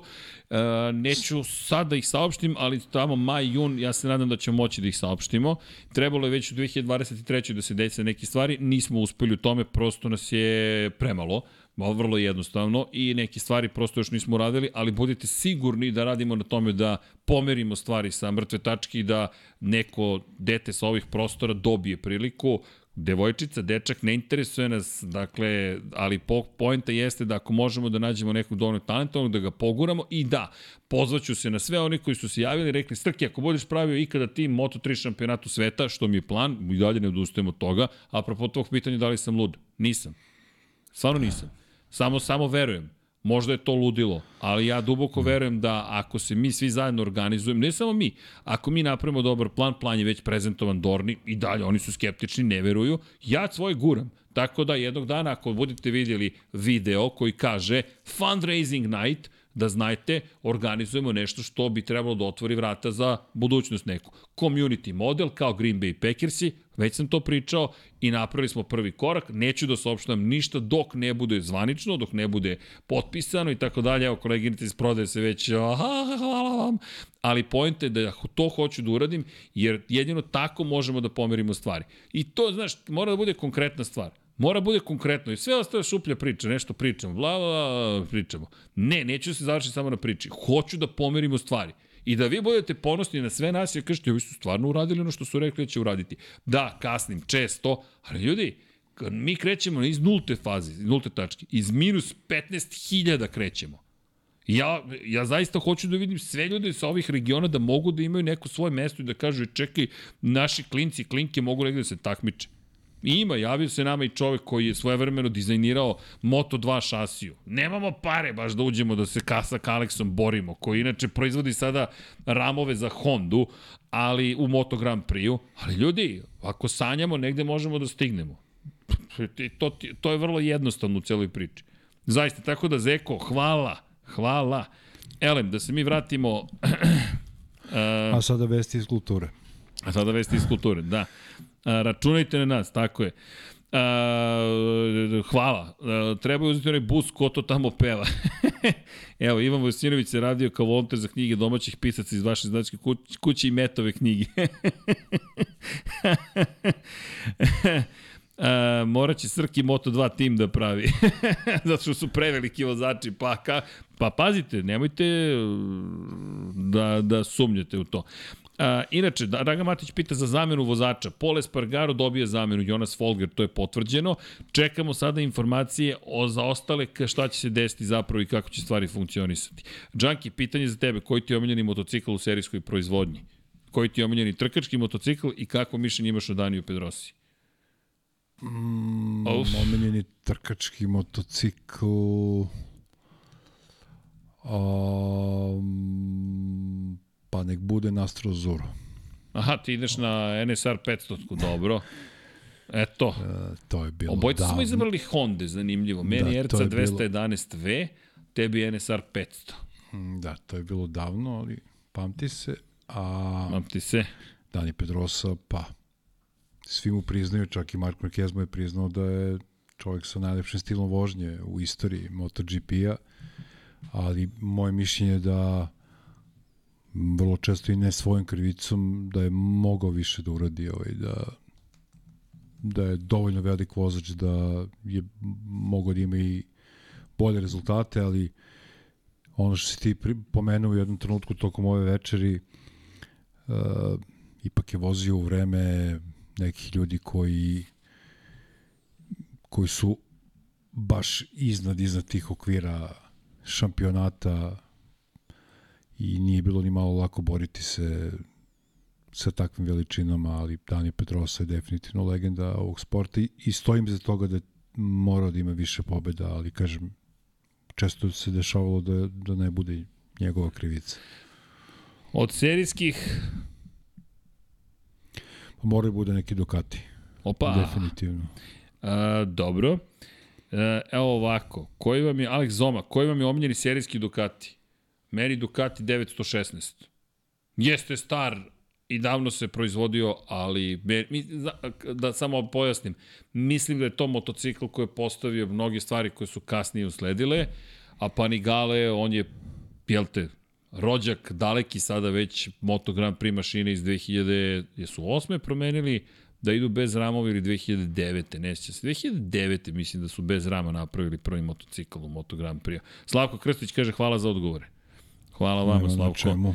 A, tako da znate, Uh, Mugello Rabijata RC 211V i MM93 Oh my god Srpki, Srpki kakav izbor uh, RC 211V mi je izbor za, za Hondu. Da, juče me to neko pitao. RC 211V mi je najbolji trkački motocikl, a juče sam rekao što se tiče um, serijskih motora, ja obožavam 250-ice i baš smo pričali juče i NSR 250 i RS 250 i Yamaha 250, to su te 97. godište otprilike motocikli mm. i ja ih stvarno obožavam, ja sanjam kolekciju ta tri motocikla da imam, to mi je san, zaista to mene podsjeća na, na jednu od era koja je zaboravljena, a to je era 250 kubika, Olivier Jacques, Shinja Nakano, Tetsuya Harada, Max Biaggi, Ralph Waldman, to su, to su ubedljivo najbolje trke. Michael Dunn je toliko bio dominantan u 500 kubika da ti samo gledaš da uživaš u vožnji tog čoveka šta radi, ali te trke, to zaista, verujte kada su te trke bolje mnogo i od 125-ica i od Moto trojki. A pritom Bukvalno. to su mašine koje su strašno teške, teške bile da se ukrote i stvarno ne znam kako su ti ljudi vozili tako dobro te 250-ice. A ne znam, ostao sam dužan nekome da nekome pitao ne u toku ove emisije, nego nešto je bilo meni ona kada govoriš o Formuli 1 ja ću reći ona baš sezona Ralfa Schumacher, Juan Pablo Montoya, taj Williams mi je onako možda sam emotivan ono, prema Montoyi koji je bio i ostao moj omljeni vozač i drago mi je da njegov nasadnik vozi, ali ovaj to je bila sezona kada sam mislio da će uzeti titulu i sećam se kao da juče bilo i toga i one godine u Williamsu upravo kontakt sa Verstappenom starijim. Kada ga je pretezao za ceo krug zakačio i izgubio dobijenu trku.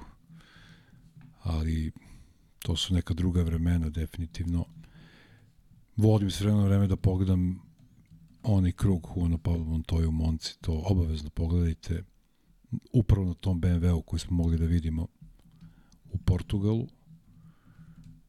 To je nešto fantastično za vidjeti, a u, onaj krug Sene, to neću da pričam Monte Carlo sa, u nekim drugim vremenima, ono je, ono je fantastično, tek shvatite zašto je Kultat rekao da u Monte Carlo se boriš protiv staze, a ne protiv protivnika.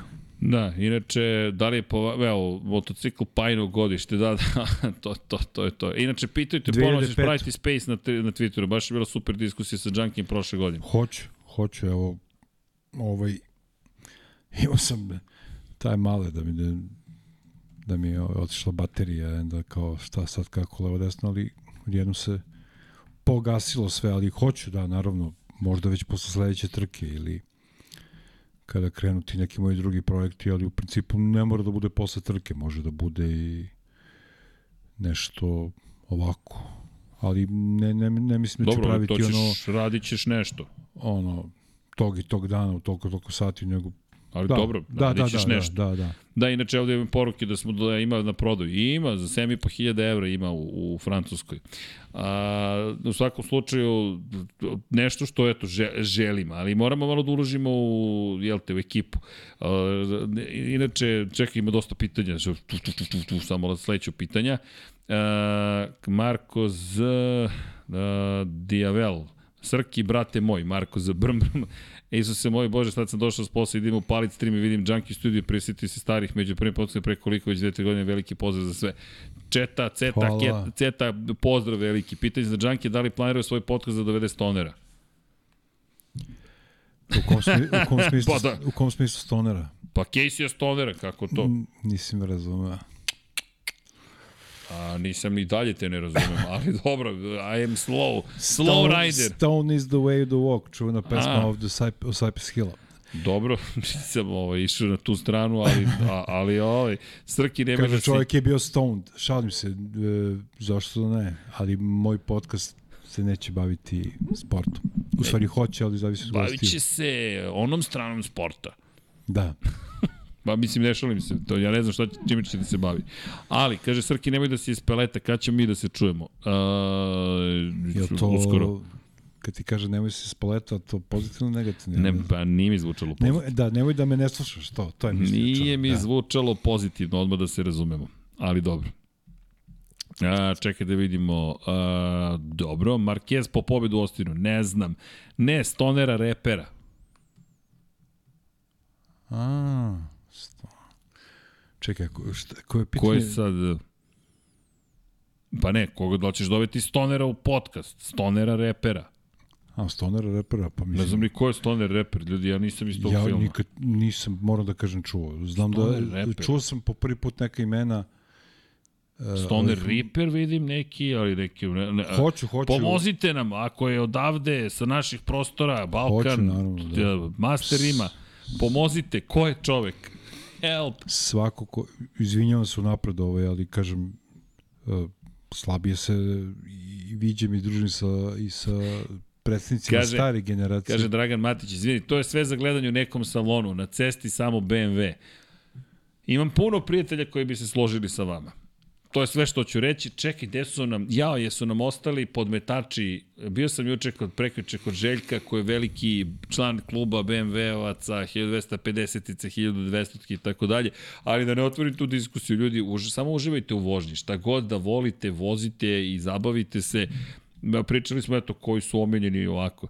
A, znate li možda da li Iza Guevara vozi Ameriku? E, to se još uvijek ne zna. To jest ne znamo uh, 100% zato što ne znamo uh, ne samo to, nego da li će proći, čak i da mu daju dozvolu da dođe u Ameriku, da li će proći kontrolu. Ono što su bile poslednje informacije su bile još pre početka sezone i nismo među vremenu dobili nove informacije. Tako da, eto, možda da bi bilo previše da, da ide u Ameriku, da tamo započne svoju sezonu, možda je bolje da počne u Evropi. Pa, Mislim, verovatno. ponovo u Evropi. Ajde, Imaš više Portugal, vremena, da. Jerez poznaješ, da. Da. testirali su, imali su privatni test u Jerezu na moto dvojkama i tako dalje. E, Kod kuće će biti... Ej, Muki Alex ima odlično pitanje. Vidite li jednu trku da će neko dobiti osim Ducatija? Pri tome mislim na trku, a ne nekakav sprint. Ok, Muki, Aprilija. uzem mi reči izostali, to je to. Apriliju vidimo kako pobeđuje. Mark Marquez u Americi, ako bude bio Da li zdrav. može u Americi? Ako bude bio zdrav, postoje kaznu. ne kažem da hoće. E pa sad dolazimo do toga da li će biti kažnjen i ako kako. Jel, ukoliko ga kazne samo u nedelju, što ne bi pobedio u sprintu? Ukoliko ga kazne u sprintu, a ne mogu, Ne, ne, To vidi. dalje samo mi- to, samo sa kaznom da li ga vidi. mislim da ima šanse. I kako. Okej, okej. Ali vidi, ko bi još mogao da pobedi? KTM će negde da pobedi, ljudi. KTM negde će da pobedi, 100% će da pobedi negde KTM. Ne znam kako i ne znam gde, ali KTM 100% pobeđuje. Yamaha, Već, već je pobedio. ja, ajmo da odgovorimo na pitanje od predno sat i po. Maksimalna brzina Yamahe. Zanimljiv komentar Frankija Morbidelija, koji se zahvalio Marmariniju, svom inženjeru, jednom od inženjera, i rekao je da su namestili motocikl tako da više to nije problem. Ali Videlo ljudi, se na zadnjem pravcu. Da, da, ali koliko puta smo do sada čuli tu istu priču. Rešili smo problem da dođe sledeća trka, ne znamo šta je, ne znamo. Ne znam da li su rešili, ali očigledno da tu postoji neki ozbiljan problem u elektronici pre svega, ja bih rekao. Jer ne, oni i dalje nisu rešili te neke osnovne probleme. Jer ti motor više ne možeš da menjaš. Jedino što možeš su mape motora. Možeš da menjaš izduvne grane, naravno, možeš na taj način da tražiš neko rešenje. Ali ne možeš da promeniš motor. On je prošao homologaciju i zatvoren je, tako kakav jeste. Ti možeš, Zapečaće. ta, pa, ti sad samo, zape, samo pečatiš nove, mod, Da, nove da. zapravo verzije, ali ti ne možeš da promeniš konstrukciju motora, osim ukoliko nije pitanje pouzdanosti. A oni nisu menjali motor. I Franko je leteo zadnjim pravcem. Leteo je. Luka Uostalom- Marini je rekao, nisu mogu da stignem. U ostalom, Yamaha je prošle godine imala titulu u rukama. Ako ćemo pošteno, jel? Pa imala je, zato ja verujem da će Yamaha negde pobediti, verujem da će Quartararo sklopiti vikende u kojima će biti najbolji. Ako ne vikende, jedan će sigurno da sklopi. Desit će se i pritom, pa, ajmo, ova priča je pove- zanimljiva. Prva dva vikenda, Pa pa znam, da ali- kvalifikacije. Ajmo da gledamo kotu. Ajmo da gledamo kotu na 1200 metara dužine pravca, šta će Yamaha da uradi. Koja će biti tu maksimalna brzina? I ono što je isto bitno, nije pitanje brzine, tu stalno ponavljam, pitanje je ubrzanja. Ljudi, ubrzanje, to je ono što treba da pratimo. Ubrzanje.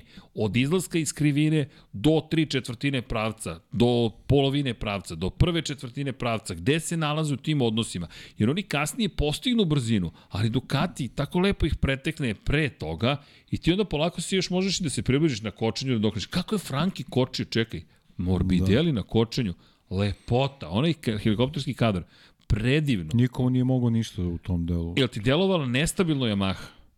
Pa delovalo je onako kako Treba da deluje. i prošle godine u rukama Fabio Quartarara, Ali- ali, Jel ti delovala nestabilno? Meni je delovala mega Ne, stabilno, meni- zalepljena. Ja sam čak mislio prva trka, ok, manji broj krugova, Morbidelli se tu dobro snašao, pardon, ne čuvaju se toliko pneumatici, ne, odlu, ne odlučuju, međutim u drugoj trci je malte ne bilo preslikano što se njegove vožnje tiče. Vidi, dobro izgledao. Koliko sam ja vidio, nije imao jednu grešku je napravio, ali to nije stvar do Yamahe, to je njegov, njegova greška, ono koju smo pričali, je li tako? Ali Tako da, to eto. nije Yamaha kriva. Pa mi jednostavno vidimo šta onda svi da pobeđuju. Pobeđuje Ducati, pobeđuje Aprilia, pobeđuje Yamaha, pobeđuje KTM, pobeđuje Honda. Dakle, vidimo da svi pobeđuju. Znači dve sp- sprint trke u subotu i dve u nedelju. Ne sprint trke, nego velike trke. Da, inače, evo, ko je štelovo Ducati motor je Adrian Nju i Moto Grand Prix. Pa da znate da jeste, zapravo. I mo, možemo o tome da pričamo, e, ali čekaj, to obavezno pročitajte, E, samo da vidim da li je objavio članak Meta Oaksley, naš dragi prijatelj Meta Oaksley. Imate pozdrav inače od Meta Oaksleya, samo da vidim šta je tweetnuo i imao je baš članak o tome ko je zapravo nisam hteo Matthew Oxleya, već Meta Oxleya. Matt Oxley, evo ga. Čekajte da nađemo, to je super članak, to obavezno pročitajte. Matt Oxley kao i uvek u svom raspoloženju i filmu nalazi spektakularne ljudi i pričaju upravo o tome ko je čovek koji je uticao, eh, ovako, Motorsport magazin, delim sa vama članak. Prosto imate priču o tome da je rešenje za Ducati došlo od nebodera zapravo. Da, ni manje ni više nego od nebodera, ko je nekada posmatrao moderne nebodere i video kako postoji jedan ogromna kugla ogromna zapravo koja služi kao u Renaultom bolidu da stabilizuje, jel te, u ovom slučaju zgradu, e, oni su to pra, praktično iskoristili da stabilizuju taj motocikl. Pročitajte tekst, zaista je dobar tekst, pinovo sam ga i lajkujte i subscribeujte se i sve lepe stvari udrite i pozdravite čika Meta Oakleya, on je jedan car. U svakom slučaju, imate priču celu o tome šta je zapravo učinio i kako im je pomogao i šta su sve uradili. Inače, Oaksley ide okolo, znam pošto često pričamo sa Oaksleym i samo juri te informacije ko je šta uradio, ali šta je sa Oaksleym caka. Huxley svi znaju. svi mehaničari i svi mu veruju jer znaju da ih neće prodati. Neće za jeftinu slavu i skandal nešto uraditi što nije okej. Okay. I onda dobije neke nevjerovatne informacije, s njime zadovoljstvo pričati. Sva što smo pričali sa Oakstream često, uh, ne mogu reći da smo mu nešto pomogli, osim što je rekao, kako ste vi školovanje imali, pošto smo nešto pričali o fisiji i fuziji i zamolio me, pričali smo o tome kak, koji su principi, onda smo pričali o fisiono, fuzionoj, fisionoj bombi, zapravo fisionoj, fuzionoj bombi i a, pošto nešto se povelo oko nuklearnog naoružanja, reči i tako dalje, tako dalje. Stara, stara priča o školskom sistemu ba, vidim, zemljama. Da, vidim, pa kako, ovo i... nesvrstano istočnog bloka, kako da. god hoćeš. I kaže šta ste učili, rekao, otkud znam, met, ja od, od malih nogu idemo u eksperimentalne škole. Prvo u osnovnu školu Lazar Savatić, onda u Politehničku akademiju Novi Beograd i samo nekim eksperimentalnim odeljenjima. Ako napraviš šau na moj račun na tu temu kao što si krenuo, ne, ne, nisam. Ugasit ćemo svetla. ja sam, ja sam promenio samo tri škole, tako da... E, da, ali pročitajte tekst, zaista je dobar. Tako da ima tu dosta genijalaca, nije samo Njuj, ali ako tražite genijalca, to je definitivno Luigi Dalinja. Zato što on sve to organizovao. A, e, Olivera pita za mišljenje o glasinama da nalazi novi direktor NBA. Rekli smo već, nama to deluje kao pozitivan signal. De espanizacija, što je, de, je neophodno. Ljudi previše porodice uh, i porodičnih prijatelja i kumova u sistemu Dorne. Previše ih je.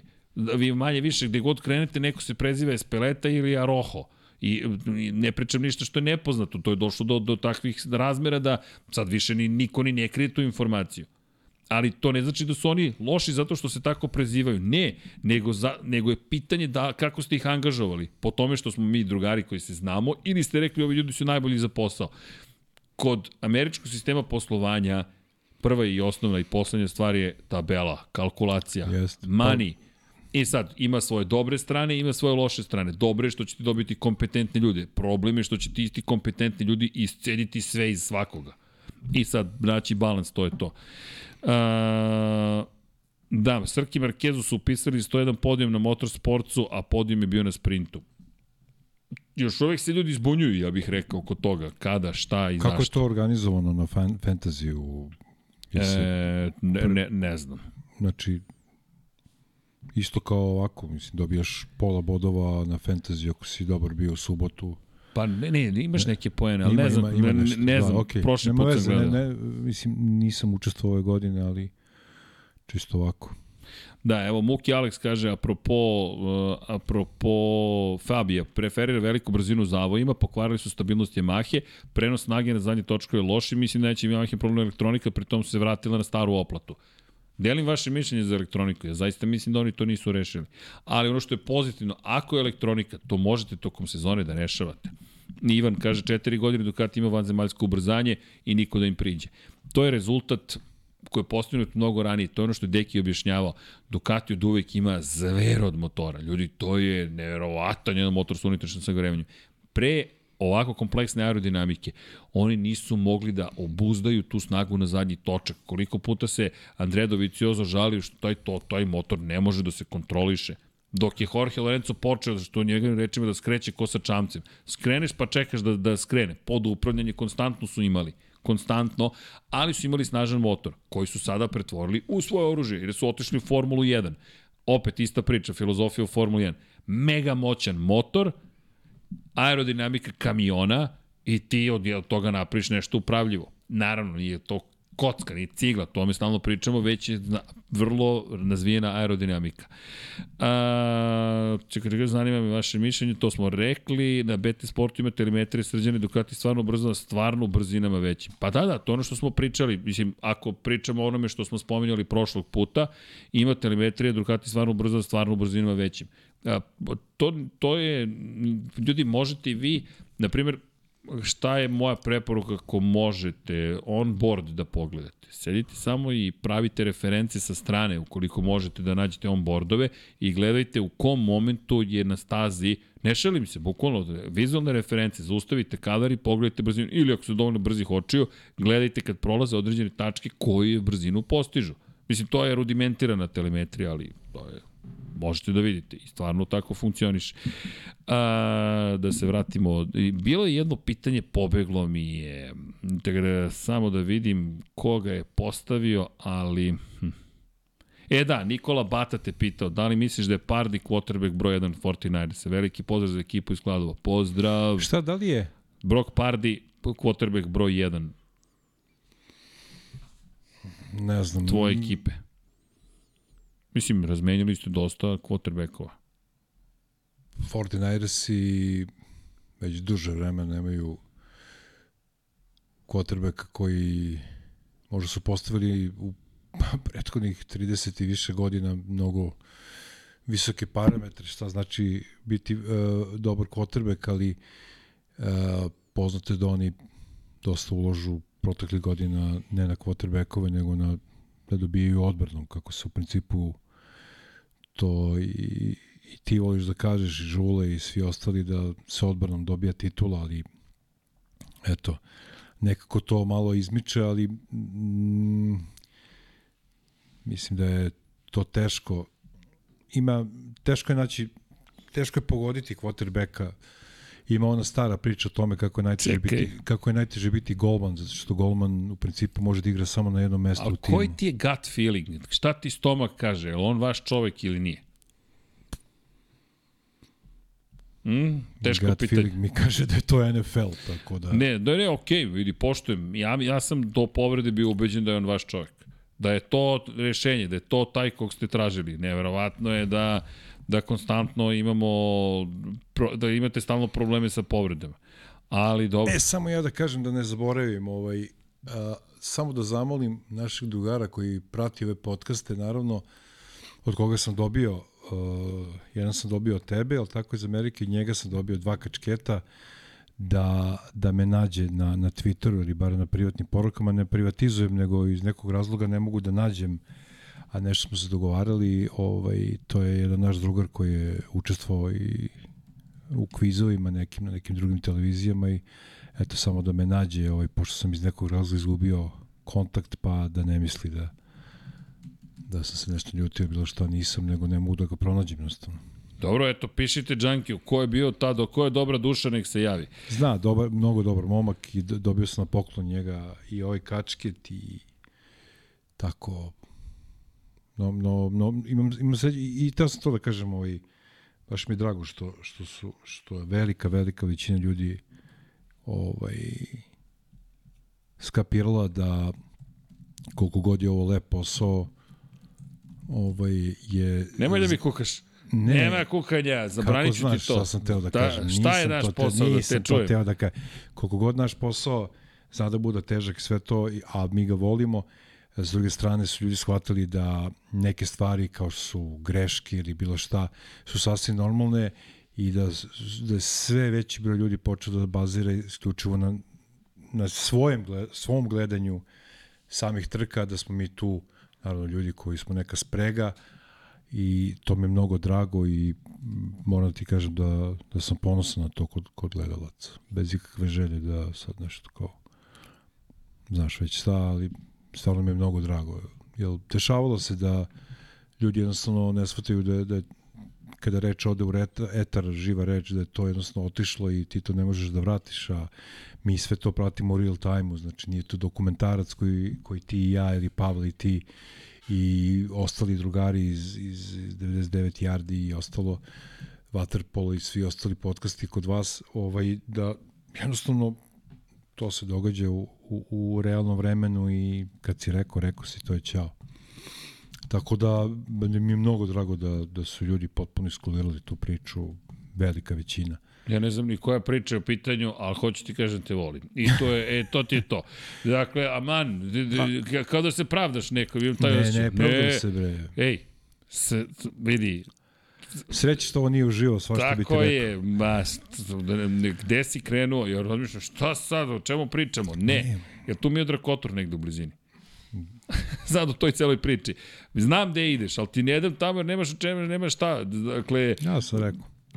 Ve, radiš svoj posao, super radiš i evo ti pročitaj šta su ljudi komentarisali za NASCAR i ja ti kažem, radio si mnogo lep posao.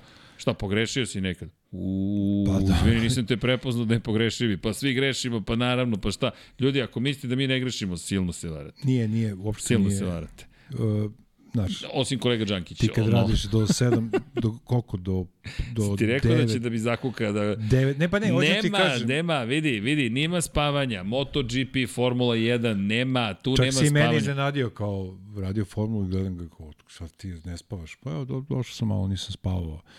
Odlično, tako. Nisam mogao da spavam. Pa posle, pa znaš i sam, Posle da, da. MotoGP-a, Pa da. kao pogledaš sad, aha, 21.30 i NASCAR, ono kao, treba, znaš, ne možeš da radiš tek tako. E, to, to je bilo za- zanimljivo, pošto, pošto je kolega bio ubeđen da sam ja ostajem na Naskaru i sad se gledamo međusobno, a ja ostajem, ja rekao, vi kolega ostanete, ja ću sada da pobegnem iz ove kabine.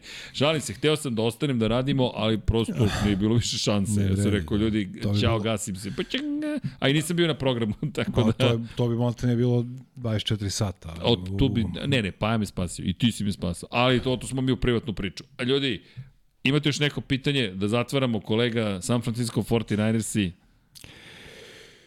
Pa rekao sam, mislim da neće quarterbackovi odlučivati ništa. Mislim da on igra sa trčanjem i dobrom odbranom da je to vraćanje na staro, na stare osnove te lepe igre. Imaš pitanje za obojicu, koje sve sportove komentarišete?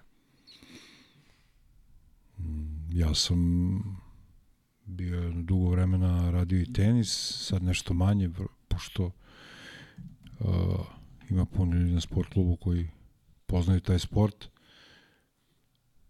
MotoGP, hokej, NASCAR i tenis povremeno. To mi je onako isto lepo za rad, mada zna i to da bude ono, kad radiš u 3 sata ujutro, Argentinca i Španca na šljaci, nije baš, nije baš jednostavno da, da se skoncentrišeš. Da, ja komentarišem Moto Grand Prix, Formulu 1, komentarisao sam NFL, pošto NFL neće biti tu, neću komentarisati NFL. Nemam pojma da ću komentarisati nešto drugo u tom periodu, sumnjam, ali eto. Da se živi zdrav, bre. Da, to, ali to je to. Da, to ču- čudo kad sam sad izgovorio, ide nova sezona NFL-a.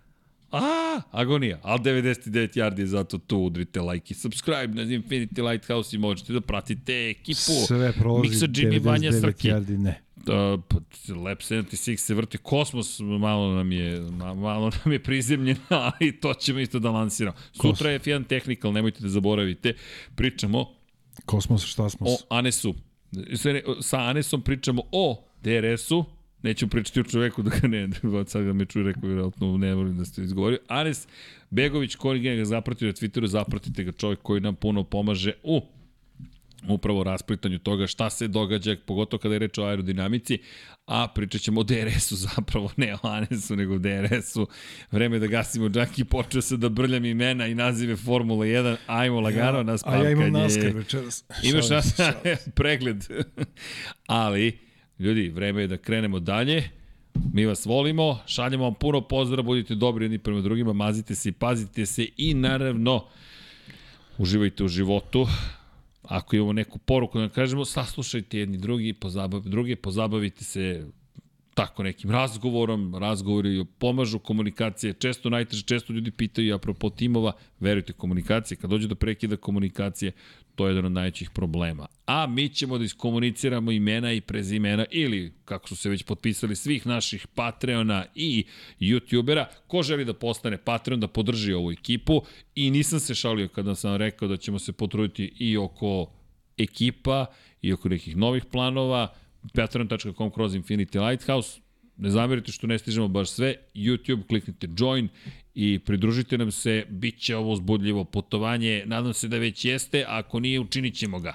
U svakom slučaju, krećemo sa imenima, hvala vam svima. Mirina Kovačević, Nedim Drljević, može glasnija muzika, Nemanja Jeremić, Damjan Veljanoski, Vladidov Dave, Grgo Živaljić, Đole, Kobe 4, Marko Bogavac, Vanja Radulović, Đorđe Milanović, Ivan Milatović, Šmele, Milan Kića, Jugoslav Ilić, Veselin Vukićević, Daniel Kolobarić, Josip Kovačević, Đorđe Ćukić, Luka Klaso, Marin Antunović, Crnogorski džedaj, Dušan Petrović, Jelena Mak, Emir Nešić, Petar Nojić, Anonimus Donatorus, Aleksandar Marković, Mlađan Antić, Miloš Vuletić, Nebojša Živanović, Plufonac, Stevan Zekanović, pozdrav Zeko, Zlatko Vasić, Armin, Ivan Maksimović, Nikola Božinović, Bojan Mijatović, Dimitrije Mišić, Andreja Branković, Ljubo Đurović, Ivan Ciger, Benjo KK, Marko Blagojević, Boris Gvozden, Zoran Šalamun, Stefan Milošević, Monika Erceg, Denis Špoljarić, Miloš Broćeta, Matija Rajić, Aleksandar, Andreja Milodinović, Ivica, Džigibao, Stefan Dulić, Nikola Marinković, Boris Golubar, Ivana, Vladimir Mutić, Darko Trajković, Kristijan Šestak, Miloš Rašić, Andreja, Goša 46, Miroslav Cvetnić, Armin Durgut, Đorđe Radojević, Andrej Božo, Alen Vuletić, Stefan Stanković, Renata Neš, Jasmina Pešić, Đole Cheesehead, Andrej Bicok, Luka Martinović, Inzulin 13, Vladimir Filipović, Nemanja Labović, Dragan Matić, Đurđica Martinović, Nikola Stojanović, Đerman, Lazar Hristov, Ognjen Grgur, Lja Đurović, Stefan Vidić, Stefan Nedeljković, Andrija Todorović, Aleksandar Antonović, Vojin Kostić, Mihajlo Krgović, Lazar Pejović, Branimir Kovačev, Jasenko Samarđić, Ivan, Bahter Abdurmanov, Petar Relić, Dušan Delić, Vlada Ivanović, Stefan Prijović, Optimistik, Josh Allen Fan, Mladen Mladenović, Igor Jankovski, Nemanja, Milan Ristić, Aleksandar Anđelić, Miloš Radosavljević, LFC, Nemanja Zagorac, Luka Savović, Vladimir Petković, Salim Okanović, Žarko Milić, Jelena Veljković, Nenad Ivić, Nenad Pantelić, Zorana Vidić, Milan Apro, Aleksandar Radivojša, Katarina, Novak Tomić, Vladimir Skoković, Dejan Đokić, Aleksa Vučaj, Sava Dugi, Vočinić Miroslav, Bojan Bogdanović, Lukas, Miloš Banduka, Laslo Boroš, Alen Stojčić, Životić Jovan, Predrag Pižurica, Zoran Majdov, Nikola Grujičić, Stefan Ličina, Branislav Kovačević, Nenad Simić, Bojan Majstorović, Da žena ne sazna, Matija Pinoto, Luka Maritašević, Miloš Todorov, Marko Marković, Bata Brada, Nikola Milosavljević, Vukašin Vučenović, Marko Petrekanović, Zoltan Mezeji, Ivan Revac, Kimi Rajkonen, Đole Bronkos, Stefan Janković, Filip, Ivan Simeunović, Aleksa Lilić, Branimir Rijavec, Saša Ranisavljević, Srđan Sivić, Vambli Sapa, Aleksa Valter, Ognjen Ungurjanović, Vukašin Jekić, Vuk Korać, Zoran Cimeša, Nedim, Ivan Maja Stanković, Danijela Ilić, Ferenc Maslofi, Danka, Boris Kojundžić, Aleksandar Bobić, Marko Mostarac,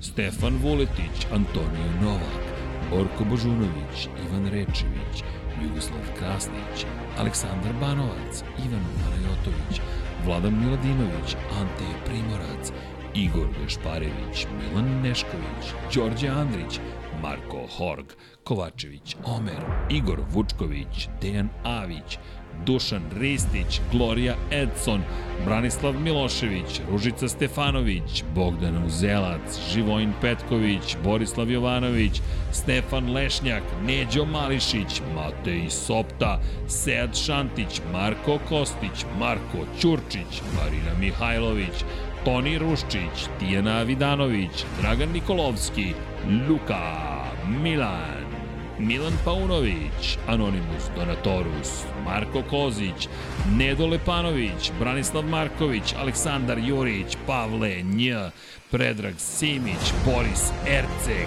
Jelena Jeremić, Mladen Krstić, Nemanja Miloradović, Dejan Vujović, Anonimus Donatorus, Jeca i Stefan, Milan Milašević, Mladen Tešić, Deus Nikola, Safet Isljami, Nikola E, Borislav Vukojević, Branko Bisački, Mirina Živković, Dorijan Kablar, Ognjen Marinković, Branislav Dević, Ivan Toškov, Ertan Prelić, i Krorobi 0-0, Domagoj Klarić, Resničarin, Mensur Kurtagić, Blagoj Ačevski, Nemanja, Petar Bjelić, Ivan Vojsinović, Nikola Kojić, Tatjana Lemajić, Ivan Magdjelinić, Ivan Vincetić, Zlatko Marić, Ljena Milutinović, Kosta Berić, Maksi, Bojan Stanković, Goran Brđenović, Marko Stojilković, korespondent, korespondent, Alen Jesenović, Ivan Božanić, Milorad Renjić, Nikola Grđan,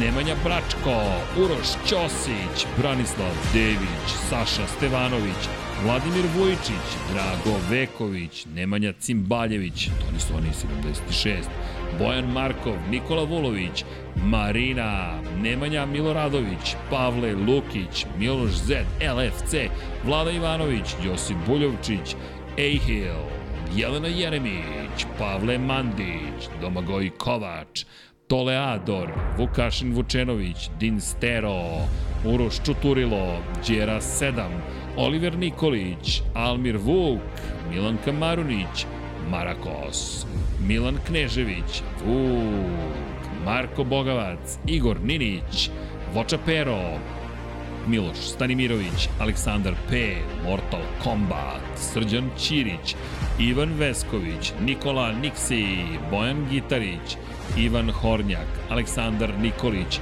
Vladan Đurić, Đorđe Janjić, Hristo Nakov, Dejan Janić, Almedin Ahmetović, Nikola Božović, Vojislav Tadić, Koja 7, Galeksić, Sejdo Mujčić, Omer Sarajlić, Škundra, Bakadu, Aleksandar Kockar, Igor Ilić, Aleks Volović, Dejan Plackov, Plackov, Vladimir Subotić, Anonimus, Donatorus za kraj.